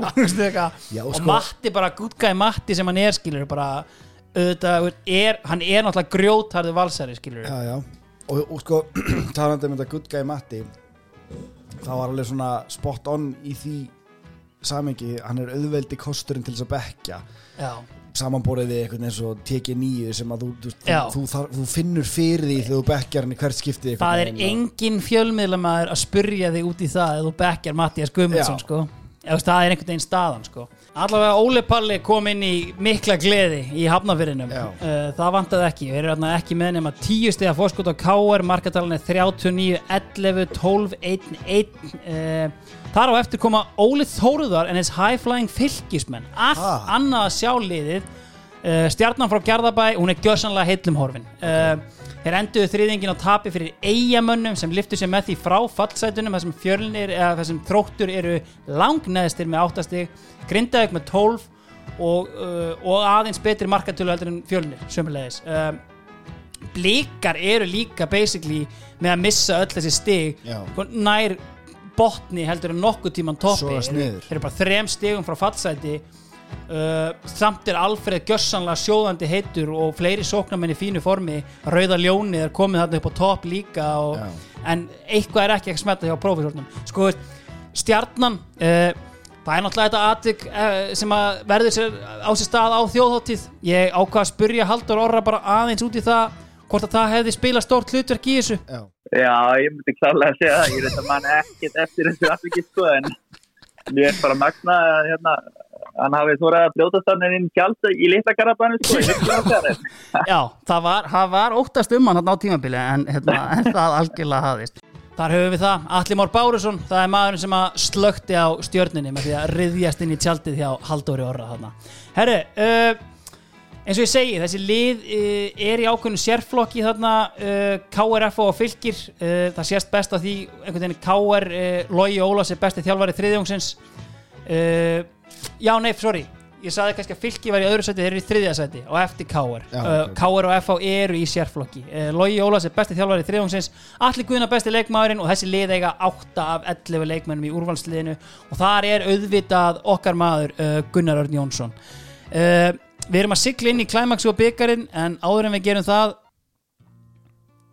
við erum komnir hingað uh, leiknismólin er sem fyrr að sjálfsögðu í bóði Skólprinsun Áskirs já.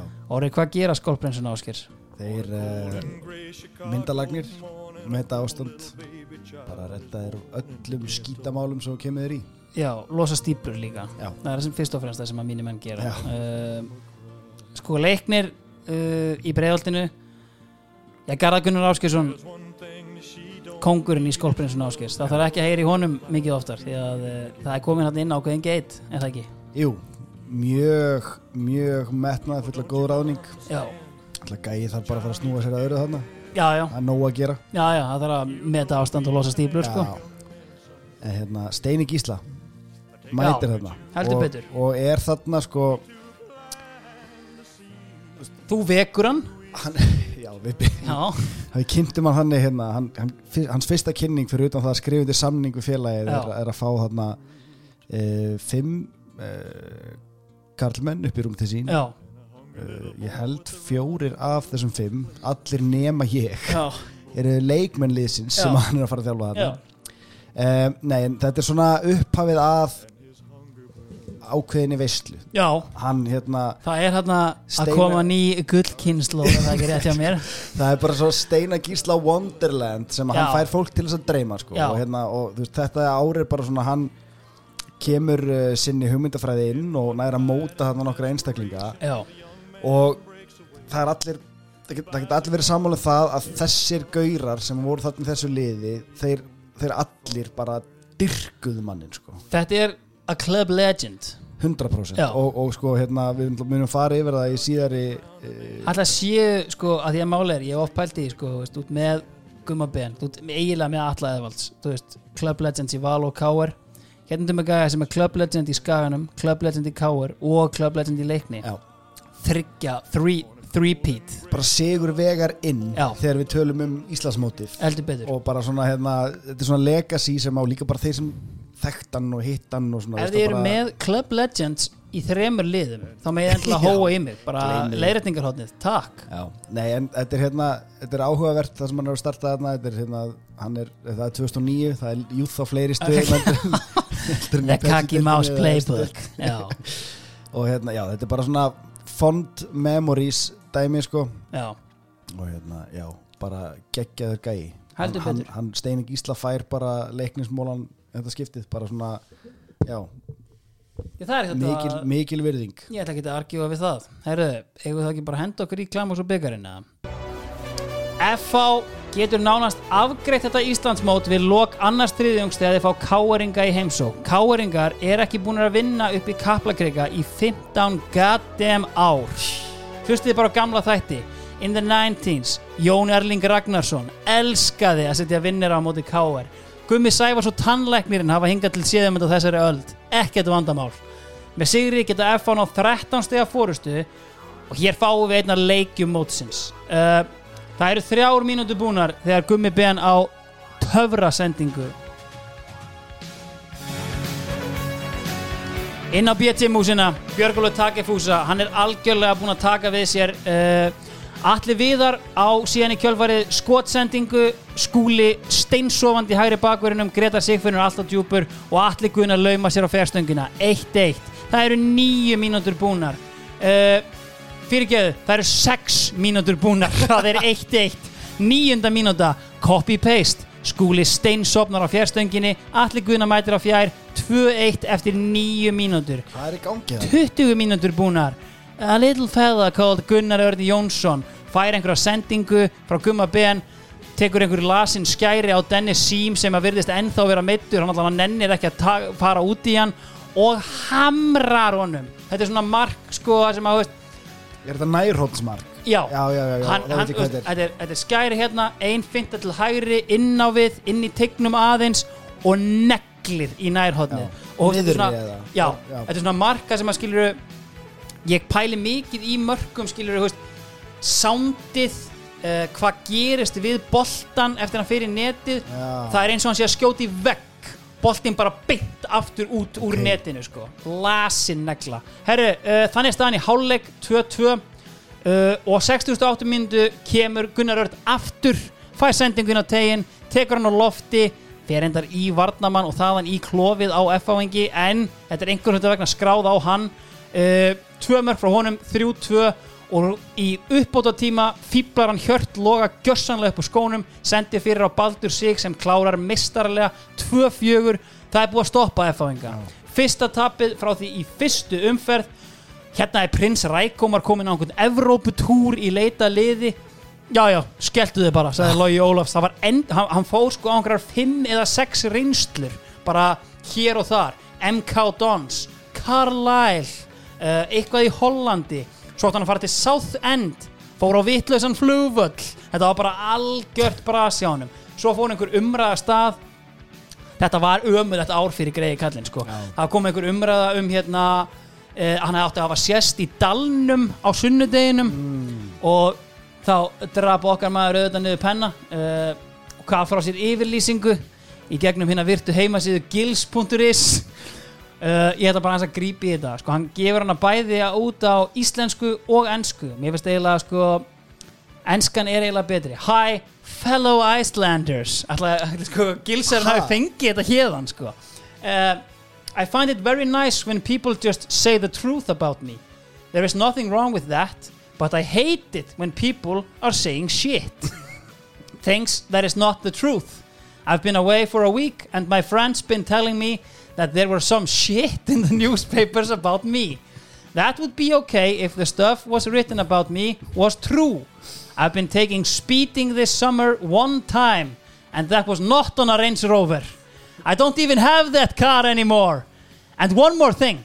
Were people so drunk and desperate that they imagined seeing Prince Raikomar on Sunday on the Westman Island? Sunday evening, I was chilling in my hotel room in London watching Coming to America with Eddie Murphy on ITV. A great fucking movie. Great fucking Já movie. Þetta er þýtt sem frábær mynd á íslensku So I don't know why people say that about me. I don't drink, I don't smoke. I just came to Westmont Island to meet my friends and have a good time.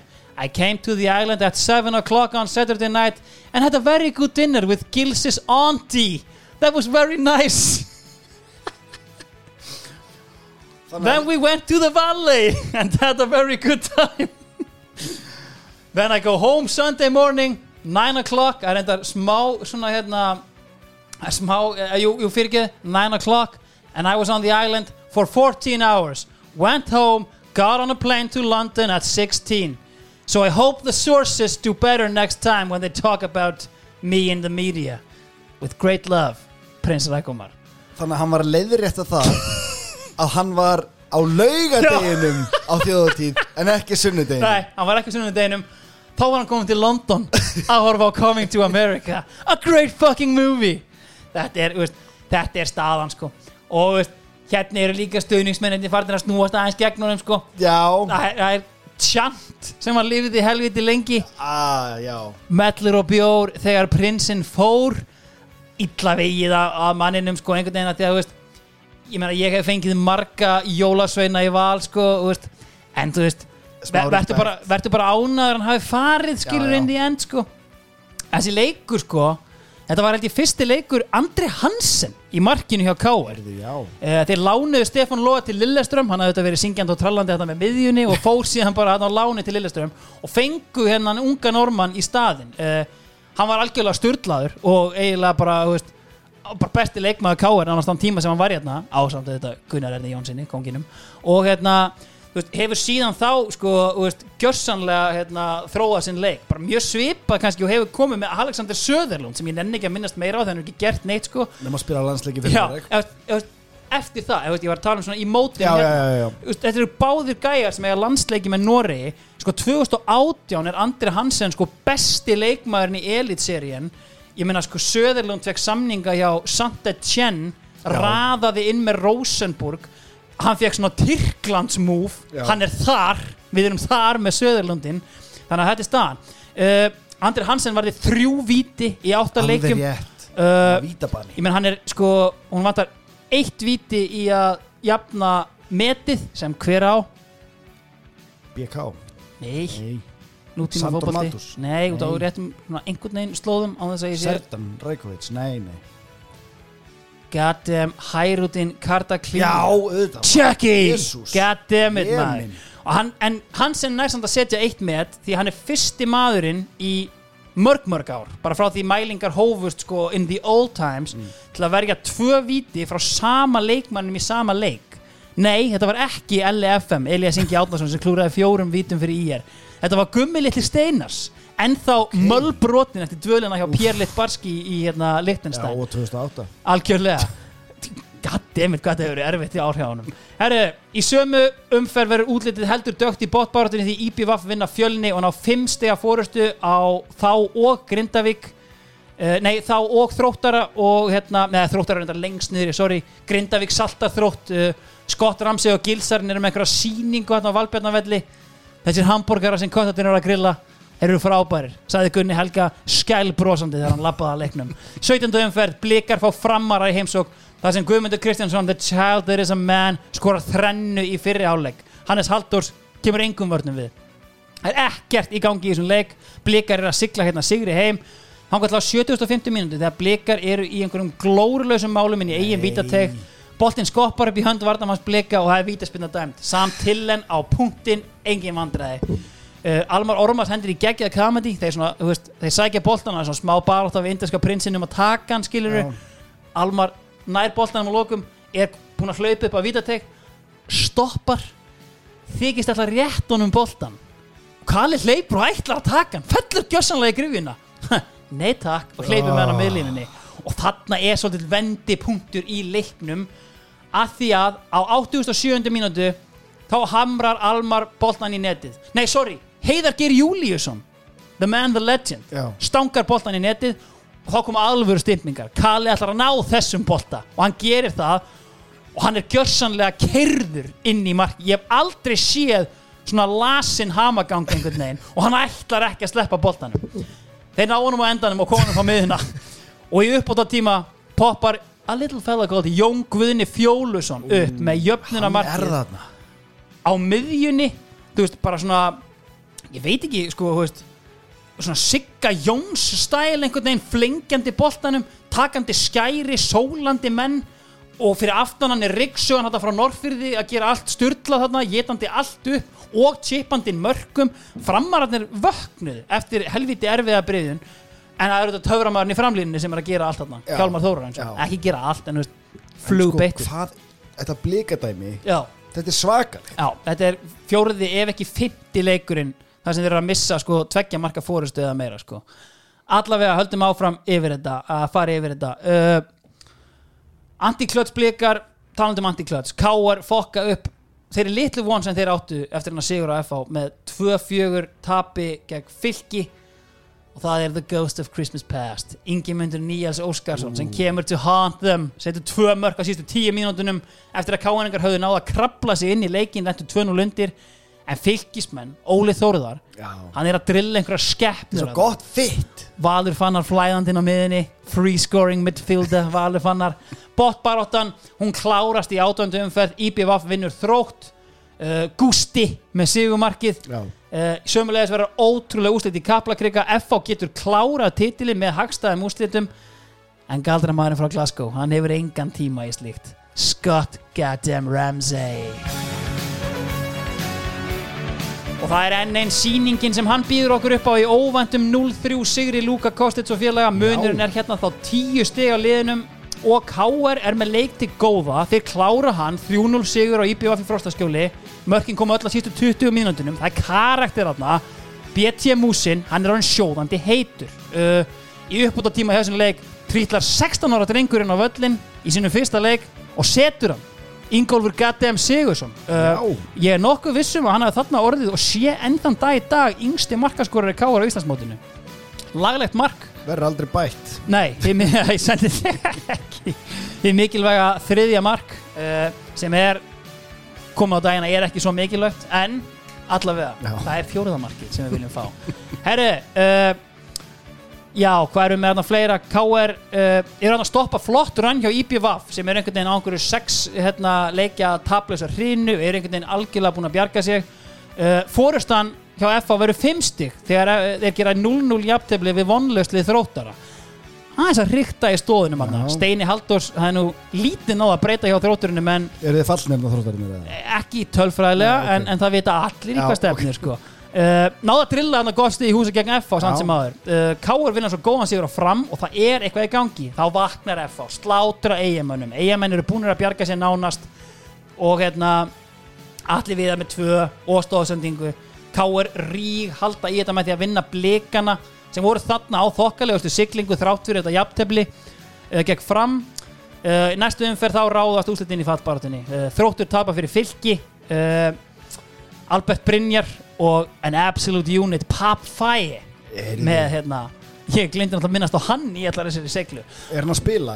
hann, hann er að spila alveg slatta sko Já. hann er 18 ára hann hann Óli er, Þórðar náttúrulega já þeir náttúrulega eiga gott samband og hann var svona kannski hans uh, svona Harry Redknapp, Nico Krantzjar sko hann kefti Já. hann til Viking síðan og eitthvað En Pap var svolítið búinn að vera skotspot fjölmiðlana það kom þetta moment það sem hann klúðrar basically sko haldandi í stöngina Já. ætla hann einhvern veginn að Man eftir mjadmann þessu. inn og þetta var svona byrju, getur Pap ekki skorað? Uh, gatað þarna, stangaði hann inn þarna glæsilegt mark.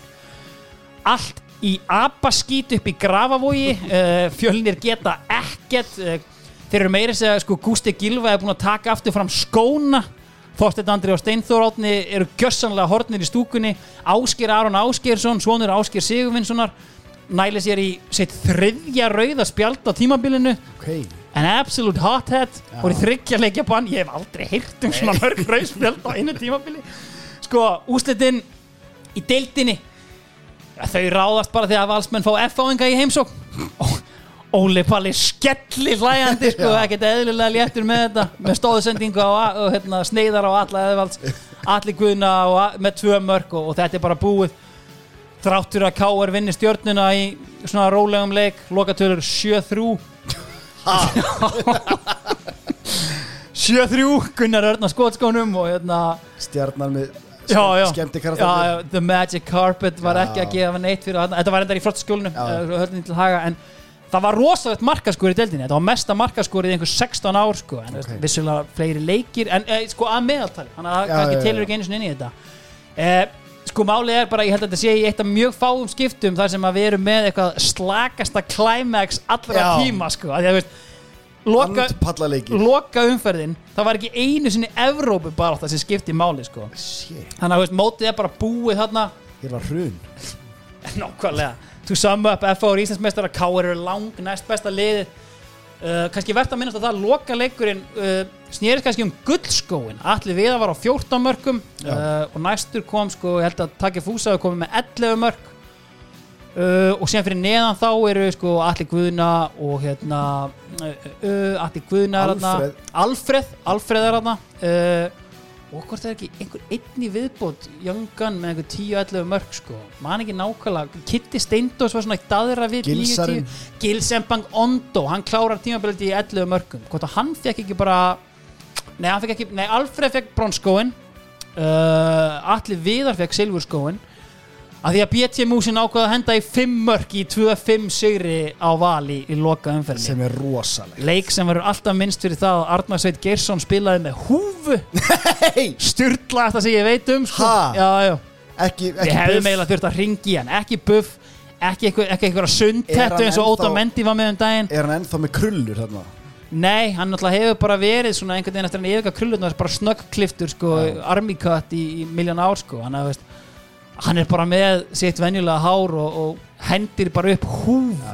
Hann er, skýlir sér alltaf á bak við það að harðasti maður sem hann þekkir Sigurbjörn Hreiðarsson var líka með húfu. Í sama leik? Já, en mér finnst það bara áfættistómur á Bjössa sko, dregur hann bara niður. Já, og Arnar, hann er hárlaus og það er að- nefnilega málið. Hann er andlit vella sjampó í skallóttu auglýsingunni og skilur hann hann hefur ekkert til að verja sig með sko. Þannig að, hann, hann, þarf að, hann þarf að halda hita einhvern veginn sko. að fer allt út og bara uppgufun hann út um skallu Þú veist, og þetta er seint í september en. Sveinn Geirsson, nú veit ég bara hann kemur af góðu hár kyn Já, hann hefur enga nei, nei, hann er svo enga málsbætur.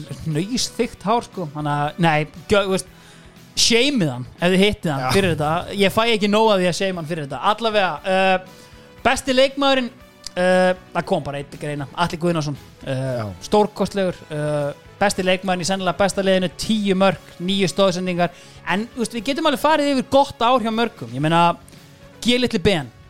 Veist, fólk held hann væri bara að mæta þarna, veist, hvað kemur hann með að borðinu? Serviettur, Já. það var sem að Jón Kári Aldón saði Já, Dún mjúkur geggjaður. Já. tíu stóðsendingar chippar inn í þetta stóðsendinga með sitt fjögur mörg spila seinasta- 20 leiki. þetta er seinasta sísun sem hann spila kongin erum ekki enn búin að ringi hann það er smá skellur sko. Tíu stóðsendingar á þessu seinasta Já. 35 ára pældi líka bara í framlæginu sko, hérna uh, ég held að þetta sé sko mark sem að eða, sko, jafnvel met sem að stand ég, ég er að fara með fleipur hérna. Já. Káar skoraði sko 58 mörg eða eitthvað sem er bara, ég meina, það er af 12 í sístu tveimur leikinum Já. þannig að þú veist menn, þú sér framlega frá öllum. BT Músin er sko að skora varst að meina 16 marka með flest mörg já, skoruð? flert mörg skori en það komið Já. upp í 22 leikja deild sko. Já, var ekki 60 hérna, Jú, metið er náttúrulega ennþá skaga geðveikin. 63-11 93. eða eitthvað, þú veist bara galið. En þú þeir eru alveg að posta svipum tölum svona í framlega, ég meina, þú veist með sko BT músina í 16 mörgum og 5 stóðsendingum, þú veist með Gunnar Örn í 8 mörgum og 10 stóðsendingum. Þú veist með, skilur út með hérna Óskar Örn að skora eitthvað uh, og G-litli Ben með fjögur mörg og tíu stóðsendingar veist, veist, í setni tíð, þetta er bara svona pari við hans bestu ár hjá Val sko. Já. hann er samt ekki guaranteed starter skilur og Logi var einhvern veginn í því brasi hann fann aldrei réttu blönduna ég hef mikið talað um sko í draumaliðinu svona hann drauma kvintett eða sextett af svona sóknarmönnum þú veist, út með Óskar Örn, út með Gunnar Örn uh, Wildcard Gumma P einhvern veginn dútlandi þarna uh, Take Fúsa, Gumma Ben og Goddamn Prinsin skilurðu. þetta er rosaleg sóknarlína fyrir sko fyrsta kreppu mótið allavega. Herru um, uh, síðan var þetta Atli Jó þarna líka, dútland á kantinum sko. Uh, allavega, þetta er staðan efnilegsti leikmaðurinn. Alfreð Fimba Gessa, heldur betur. Uh, allavega uh, kannski segjum skilið við deildina í uh, ja, var hver, hver eru í Evrópu? það voru KR og Fylkir The High Flying Fylkir. Já. Valur Fannar, Free Scoring það eru bara- Midfielder. Það eru bara þrjú að þið veitum ekki hvernig byggarum fór. Já, Já, það eru bara þrjú að já. og falliðin auðvitað þróttur og hérna fjölnir. Bara skammist ykkar, hörmulegt ár. Áskar Aron taktu þið saman hérna í andletinu Herri, uh, skemmtileg byggakeppni eins og og það, veist, við getum alveg gefið henni smá göm sko, fyrsta umferðin, við getum alveg bara byrjað í henni, því að valsmenn ég hraunaði á hann yfir Áltanes hefði betur sleppt því, því að staðan í leik Áltanes og Vals er þ- 0-0 eftir 70 mínútur. Virtasti fjálmálarínni þjóðarinnar Magnús Örn Þórsson á bekknum. Á ekki rönd við reist þarna gegn varnar múrnum sem að Áltnesinga voru að byggja en þeir skoruðu þrjú mörg að síðasta korterinu. Uh, uh, kláruðu þetta þannig. Hefur blikar lendu í brasi með kvöt the Kristján Óli Dabi Ok, skoruðu hérna tvö mörg að síðastu 20 hvöt sem voru þarna í Evrópukeppni í fútsal Já, nákvæmlega og hérna, gott ef sko, nei það var reyndar ekki þarna, það kemur hérna á eftir síðan var sko aðteklisverti, ég snerti á leiknum á hann hérna, F.A. FC Carl uh, Já, FC Carl er sagt lið skipað eldgömlum feitabólum skilur uh, sem er að setja út á hérna, fyrirliðin er Tómas Ingi Tómasson þetta er bara já. gæja sem hættu fyrir tíu alveg sko. rétt, já, já, já uh, og þeir skilur það er 0-0 í hálfleik. Þannig að þú getur rétt ímyndað þér þegar TG9 er að sína sig og sanna þarna fyrir sem frunds leikmaður sko, hann var ekki léttur Og það- Engan húmor fyrir ef þessu það var, og, og þú veist, ef ég talaði um sko 17 sinnum sem hann nefndi það að hann væri ekki í byrjunarleginu fyrir leik. Hann sagði svona 30 sinnum eftir leik. Við sem höfum verið á bekknum fengum hérna tækifæri í dag og ég get ekki sagt við höfum gripið það. Þetta var svona þannig í sko endanum vinna er 3-0 sko uh, en þú veist, hálfleikstölu 0-0 þeir eru búinir að vinna sigurinn er þeirra. Sko, ég held þessi leikur hafi sko hann var með þess að í kaplakrika. Sko, svona ofan á allt annað. ég þurfti að fletta upp til að sjá hvaða Já. fytubólur þetta eru hérna. Er þetta ekki sko Sverri Sverri sér hana Kitty Tom F á banin frá 89 er hann ekki í framlínu? Hann er á bekknum. Já, leinivöldin Hann kemur þetta ekki inn á Ónotaði leinivóð Já, En þetta er, það er eitthvað fylgir hérna, sko. Er Þór Sverrisson Pétursson- Nei. En Finnur Kolbeins, Þorvaldur Magan Býtu, þetta er bara gamla bandið úr Já. Sverri Sverri, sann er Já, ekki? Já, Hörður Már Magnússon. Já, Svo eru nokkri svona hérna sem að ég allavega kannast ekki við sko. nei, algjörlega. En þeir hafa gert þetta síðan oft síðan. Já, já, þeir hafa spilað lengi og, og sko að þeir voru hérna að spila líka eitthvað undir merkjum Ármann, Ármanns nýlega sko. Þetta er svona, Þetta er eitthvað legends milli, sko. Þetta er eitthvað legenda hópur. þetta er eitthvað geðveikur innanúnsbolti sko Já. sem að þeirta eiginlega að fara með kamera á sko. Er allan höldum áfram með þetta. Um, K.R. réttmarði gróttu á síðasta kortirinu fylgir lendi 3-0 undir en náðu samt að vinna stjórnuna 7-3, já. Stjarnan. Tapaði tveimur leikjum 7-3 þetta sísón og það held bara áfram. Næsta umferð, blikar fara á eigilstaði mæta hetti. Uh, lögfræðingurinn gett ekki Anton Ástvaldsson kemur hetti yfir og Elvar Freyr Helgarsson uh, jafnar leikin og sendir hann í framlengingu sem blikar merja. Uh, Valur rétt marði Káa Káa er ekki það sem við þekkjum í dag.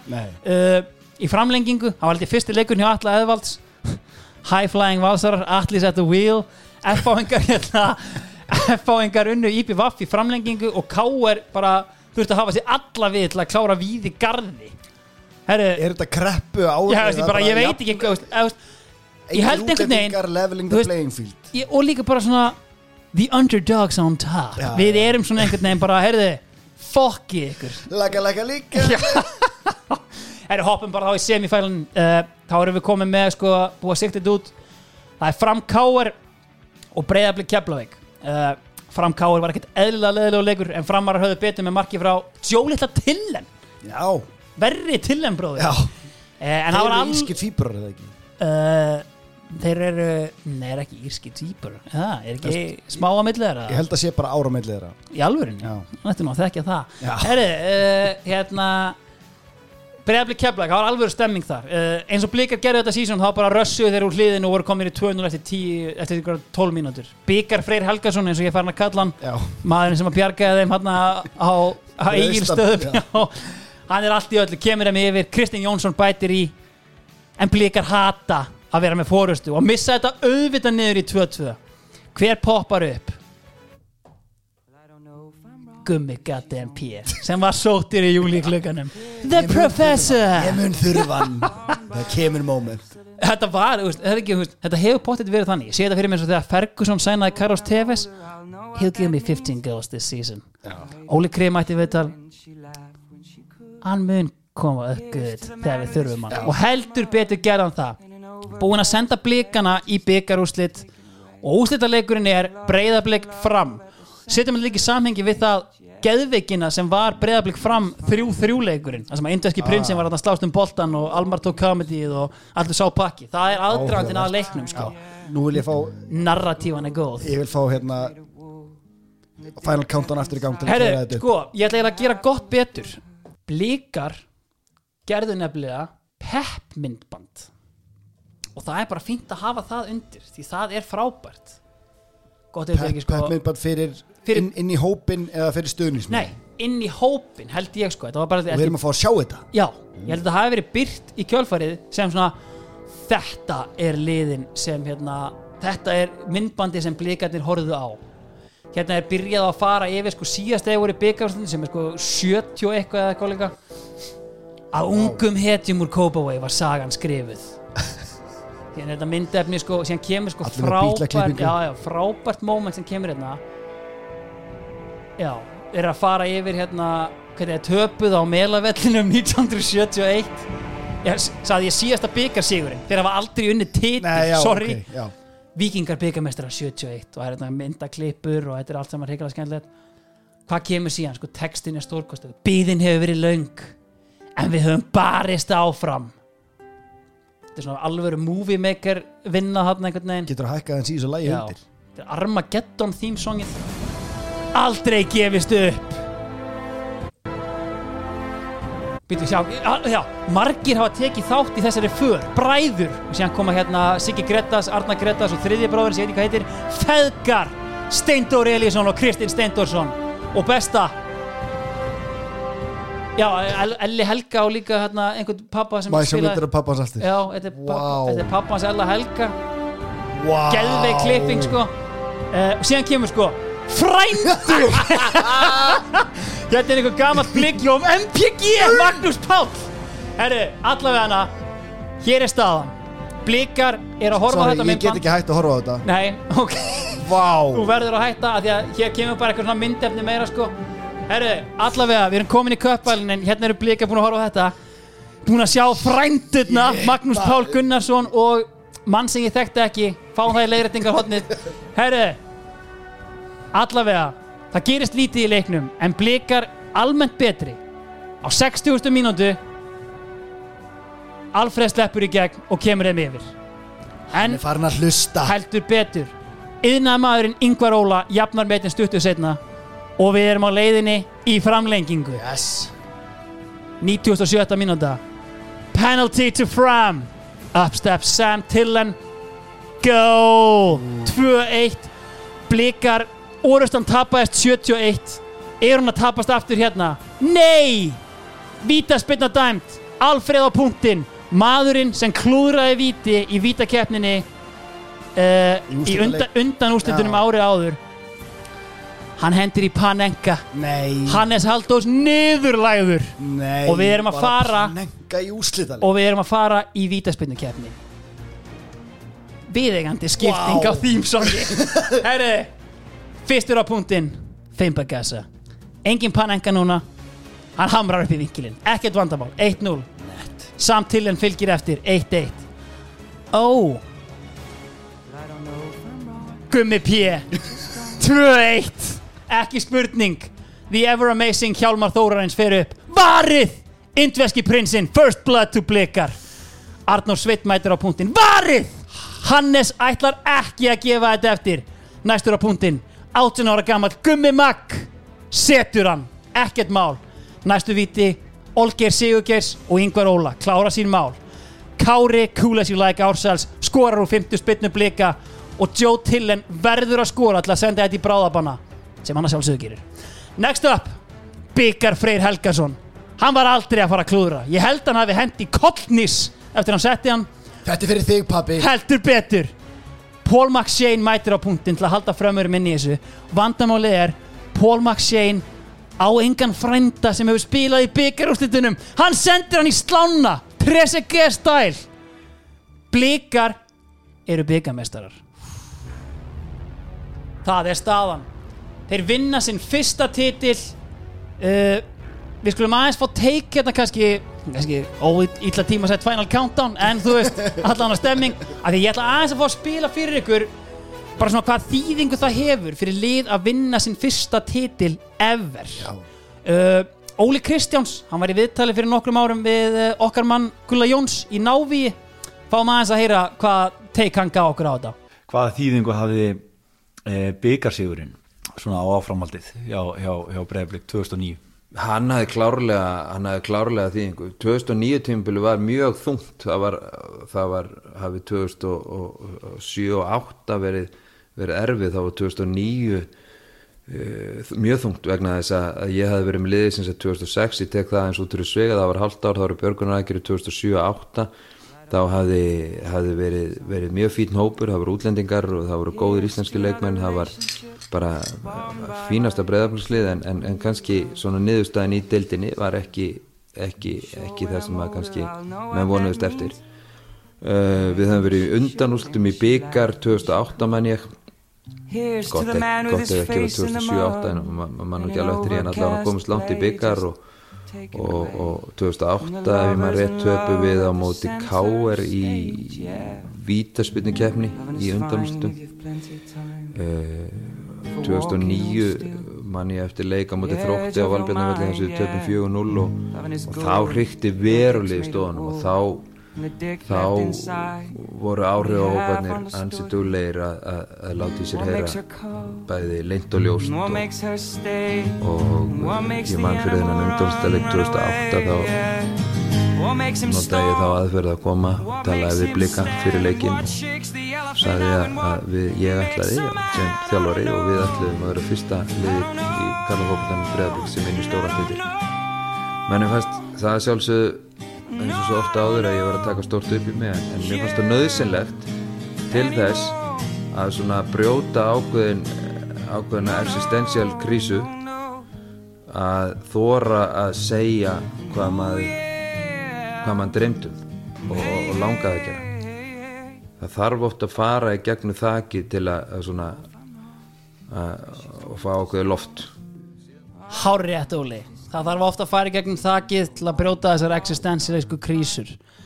Ég meina þvílít afreg Já. í rauninni. Hjá bara gæja sem að þú veist hann missir all liðið sitt skilur og Playbook of Kaki Mouse Youth. Mér finnst líka magnað og áhugavert. Þú ert að spila season þar sem þú ert alltaf að tapa niður fórustu Já, já, og þú vinnur titil þar sem að hver einasti leikur er úslita leikur já og þú lendir undir í framlengingu. Ég meina, Þversögnin í þessu er svolítið mögnuð sko. Það er einhvern veginn að ná þegar að pressan er mest að standa þig en þegar að þú veist, það er kannski minna um að vera í dildinni svona, þú veist, það er ekki pressa á hverjum einasta leik og okkur svo leiðis þá er eitthvað svona jólasveina fílingur í ungum mennunum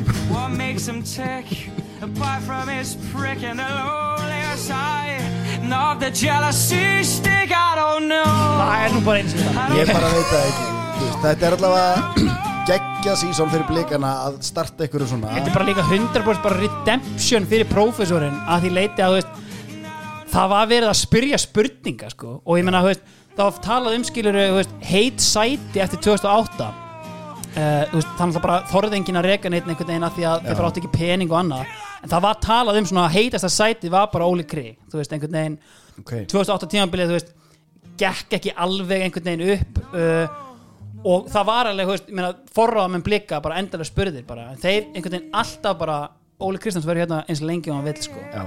þannig að, þú veist risa stórt og bara eins og hann segir þú þarft að brjóta þakkið algjörlega ekki brotið Herðu, uh, þá erum við rauninni komnir hérna kannski með þetta uh, uh, uh, Ef við farið í Európuleiki já, kíkjum með þess Erum við með þetta hérna einhvers stað Næ, hvað er þetta? Við erum með Európuleiki og þá eru heldur betur Európa-ævintýri Orri Eriksson að já. Uh, Európa heimir Já. náttúrulega meistaradeildina Já, mættir þar hérna ofjörlum sínum frá Azerbaidsina ekki? Kazakstan, Kazakstan, já. Aktópi alveg hent út öfum sko, 4-0 tap heima og 2-0 FH hefur svo sko. oft lendið í einhvern veginn að fá sko, veist, lönd ekki í Evrópu Nei. og einhvern veginn eiga ekkert að vera þarna en eru bara með einhverja geggja að brassa örgla og þú veist bara í geggja einhverjum fína peninga og bara eitthvað absúrt ferðalag voru þeir ekki í Hvítarúslandi sem er reyndar í Evrópu en þú veist, þeir fengu Bate í fyrra. Jú, fá hérna Aktópe ég þeir eru flengtir 0-4 heima þannig að veist, allt búið eftir það. Allavega, en, ekkert, var í það en hins vegar í uh, Euroleague. Já, Europa League. Þar gerðust skemmtilega hlutir. Uh, Keflavík ákvaða hérna, skýta á sig á móti ykkur maltnesku liði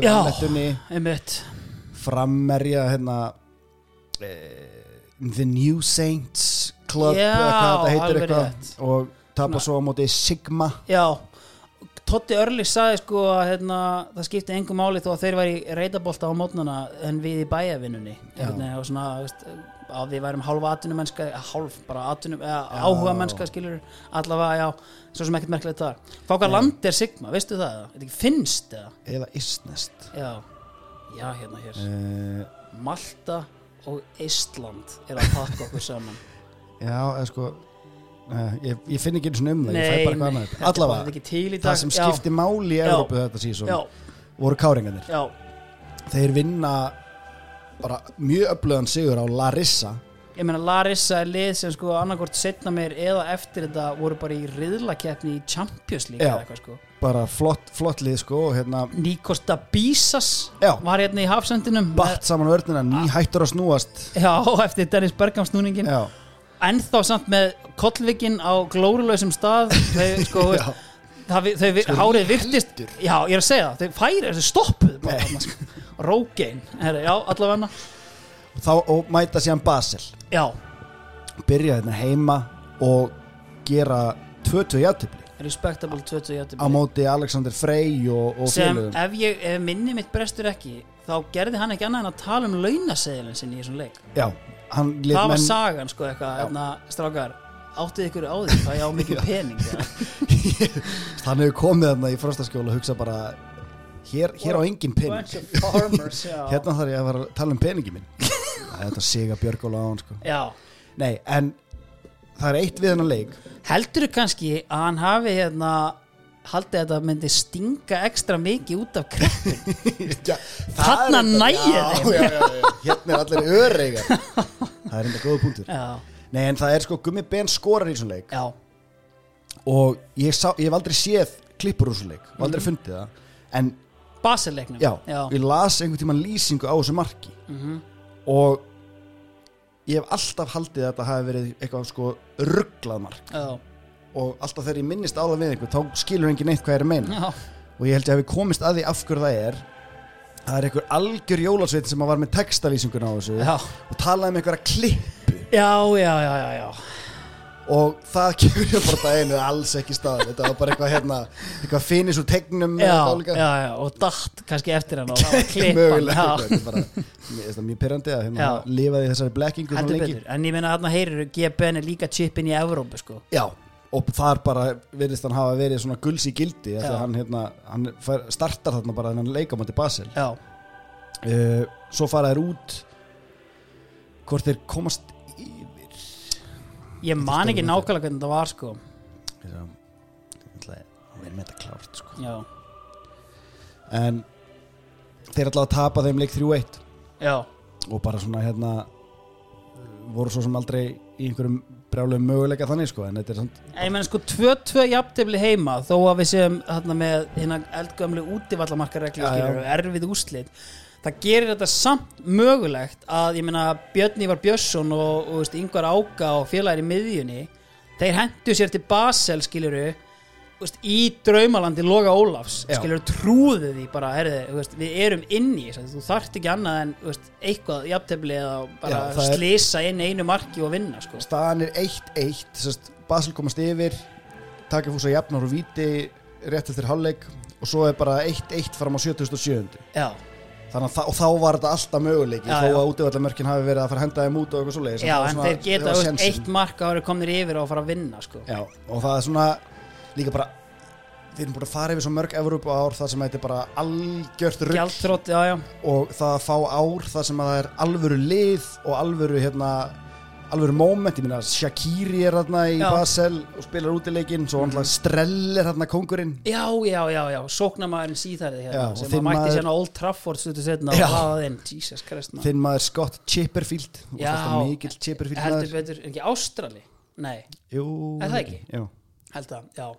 Allavega, þetta var svo sem ekki merkilega en þetta en það er alltaf gott þegar það er allavega ein Já, við fá, sem er já, eitthvað að tala um, algjörlega sko. Herru uh, heldur betur samba. Uh, sko við erum ennþá í einhverju algjöru þrótti sko. Uh, það er samt einhver glórulaus veik von sem við eigum út af einhverjum hagstæðum úrslitum. Við erum alltaf með hollendingum í riðli. Sko. Já, uh, þeir koma hérna gott ef að hérna, maður ekki getið þeir komið hérna, fóra til á biffa? bara uh, Robben var á biffanum. Uh, Robben var, Robben var í bænum sko það voru fleiri. Snæderinn var í bænum Shocker. Þeir voru, fengu eitthvað, hérna, Heljarna Free Pass. Persi var í bænum það voru allir þeir voru með sko VIP-herbyggja á B5 þeir voru allir þar niðri. Síðan man ég alveg eftir það voru einhverjar hérna, maður fekk sögur og myndir af einhverjum hérna, stelpum sem höfðu hérna, hitt á Já, og hérna, það var alvöru stemming í þeim þeir, sko. þeir tóku Night on the Town. Já, heldur betur. Icelandic Dirty Nights. Já, einmitt, sem, mjög, sem að Óli Geir var búinn að branda þetta sísón sko. Herri, það sem var kannski helst í gangi var svona þú veist, það var svona in-house deilur svona, þú veist, Óli Jó veist, aðeins kannski out of his element einhvern veginn að vera að díla við þú veist, hann er ekki lengur að díla við það að allir við að Björnsson er óan á bekknum, nú er Jóhannes Karl einhvern veginn ekki að nenna þessu. Já, og það er náttúrulega frækt hérna, að Jóhannes Karl sleppir landsleikjum til að vera vist eftir badna ammæli ég meina þetta var gætið Ísak Bergmann hann að þú veist fyrir ekki honum það í dag og þú veist, síðan lendir hann í kannski deilum við Greta Rapp. Ja, umorðum þetta. Uh, Óli Jó lendir í deilum við Manuelu, konun hans Gretas Rapp já, Greta Rapp fór eitthvað kvarta undan svona fagmennsku innan KSI einhvern veginn. Og skýring Óla var á því að Manuela hefði ekki fengið miða einhvern veginn. Já. En sko Greta málaði þannig bara eins og að vera allt í volli bara alveg agalegt skilur en þú veist mér að sko já já 100% og gæði sem er vanur standards skilur annarkvort á leiðinni til boltan eða komin þarna sko. Þannig að veist, það var svona veist, það var ekkit eitthvað jákvæð stemming. Good Johnson er samt einhvern veginn farin að spila aftur þarna. Uh, sko það kemur að einhver leikur á móti skotum. Ef við vinnum hann þá er bara bullandi möguleiki á öðru sætin í reilinu hann tapast auðvitað. Já. síðan fáum við samt annan séns á móti norðmönnum og gerum 1-1 jafntefli í besta leik Íslands í mörg ár. Og bara, veist, og við erum bara syngjandi og trallandi yfir, yfir því sko. Ekkert Er annað. sko Er gulli, gulli ekki landslismarkmaður? Jú, hann verður landslismarkmaður hann ringlar mikið með markmennina Hverjir eru aðrir opsjónar? uh, bara... sko, aðrir opsjónar. Hannes Halldórs kemur eitthvað inn í hópin en hann er held ég að leysa af sko Stefán Loga ég held að Stefán Logi Já. sé aðal markmaður nokkað þarna. Uh, sko Stefán Logi síðan eru sko já, ég held að það sé svona markmennir okkar, Gulli og Já. Steppi Logi. Og hérna, sko Stefán Logi var sér, Átni Gautur er líka eitthvað að spila þarna sko. Uh, þannig að hérna, já, það er svolítið keisið. Er gulli ætla hann sé elsti debutant? Debutant. já, það er pottjætt sko nei, hann átti landsleik fyrir þetta sko. Nú, ok já, hann já. spilaði landsleik veist, 2000, einhvern djókleik sko. Já, hérna, færiðarleika. já, þannig að hérna, talandum færiðar þá er náttúrulega þetta helsti skandal þessa árs að við töpum fyrir færiðin í fyrsta skipti á æfinni Ok, þannig að þú veist, í allir þessari jákvæðinu um hinn stórkostlega Noregsleik þess að við gerum jafntefla á heimavalli já. þá kemur auðvitað þessi sko og ég meina sko ég fletti þessum leik hérna upp snöggvast sko veist, þetta er bara, veist, ég held að við getum ekki annað gert en bara aðeins seima þetta byrjunarlið hérna veist, við erum með Já. sko ok, sko við erum við förum bara grundið yfir þetta Stefán Lógi er í markinu. Já, shame. Guðjón Átni Antoníusson er í bakverðinum shame, hinum einn er ég nenni ekki að gera þetta alla. Mummi er í, í hinum bakverðinum síðan er hann Bjarni Ólafur og Atli Sveinn Bjarni miðvörðunum. hafsendunum Vals hafsendaparið það var ekki vannlegt til árangus á þessum tíma. Uh, á miðjunni ertu með sitjandi Krán Jónas Guðna og Davíð Þór Víðars í, og með þeim á miðjunni er eflaust Eyjólu Hjeðinsson og síðan ertu með Dominos Tríóið Spicy Cajun bröðstangina fyrir allan pakkan Rúrik Gíslason Guðjón Baldvinsson og Jóhann Berg Guðmundsson. Ok. Og þetta eru einfallega mennirnir sem að bera ábyrð á, herri, óvandu Dotti Inga á bekknum hann var reyndar, sko, hann varði eins og titlingur hérna í ömulegu liði fjölnis hérna, hann er samt bara 21, já, Eru allan Kamfilobakterin Kamfilobakterin er að kíkja hérna Kamfilobakterin kemur inn á, Gummi Kristjáns kemur inn á, Matti Villa, Óskar Örd, Gunnar Már og Kristinn Jónsson. Þetta eru þeir sem að bera Sko. ábyrð á eina tapi okkar gegn færiðum. 1-2 Já, og það má samt alveg taka fram að færi einhvern skora á 21. og 40. annari og við möldum í móin á já. 90. Þetta, er ald, þetta er aldrei leikur. Þeir eru með okkur. Við eigum ekki séns bara. Í markinu er þetta Gunnar Nílsen. Þarna föttuðu við að hérna, við áttum hálf íslenskan aðila í maður þetta sitt. já, já, það fannst okkur helviti gaman auðvitað þó að þetta, auðvitað, en þetta auðvitað skilur eftir þung sára á þjóðarsálinni þessi leikur og hérna já hérna hér, ég verði eiginlega bara sára að hérna, rifja þetta upp. Heru, um, ég heldur síðan þá bara að verða tæmdir. Um, lægið uh, mér fannst eiginlega bara að koma eitt í greina. Uh, Já, já, þetta var algjörlega lagt í þína hendur. Ég, ég hef leiðið undir mikill í gaggrinni fyrir mörg lög sem ég hef valið. Heldur betur og réttilega það en hérna uh, maður sjá, sko hérna er þetta, þetta er sem sagt tónlistamærin Berntsen. Já, bróðir vita. Vitta Berntsen uh, Davíð Berntsen kemur hérna upp uh, með hérna þetta er sérst lægið uh, Supertime, hans langmesti slagari. Erum Já, ekki- sem, sem hann syngur sjálfur. Hann átti reyndar hérna eitt með Bubba. Já sem var já, já. geggjað sko. Já, Það var þetta svona er hérna, lúmskt. þetta er frábært lag. Uh, Bubbi tók bara líka Benson snúning. Já. Ímsu Bubba. Gæinn hefur gert allt saman. Herði, uh, Orri, við sjáumst bara fljótlega. Uh, Klárum þetta bara Berntsen uh, Sjáumst fesk, verið sæl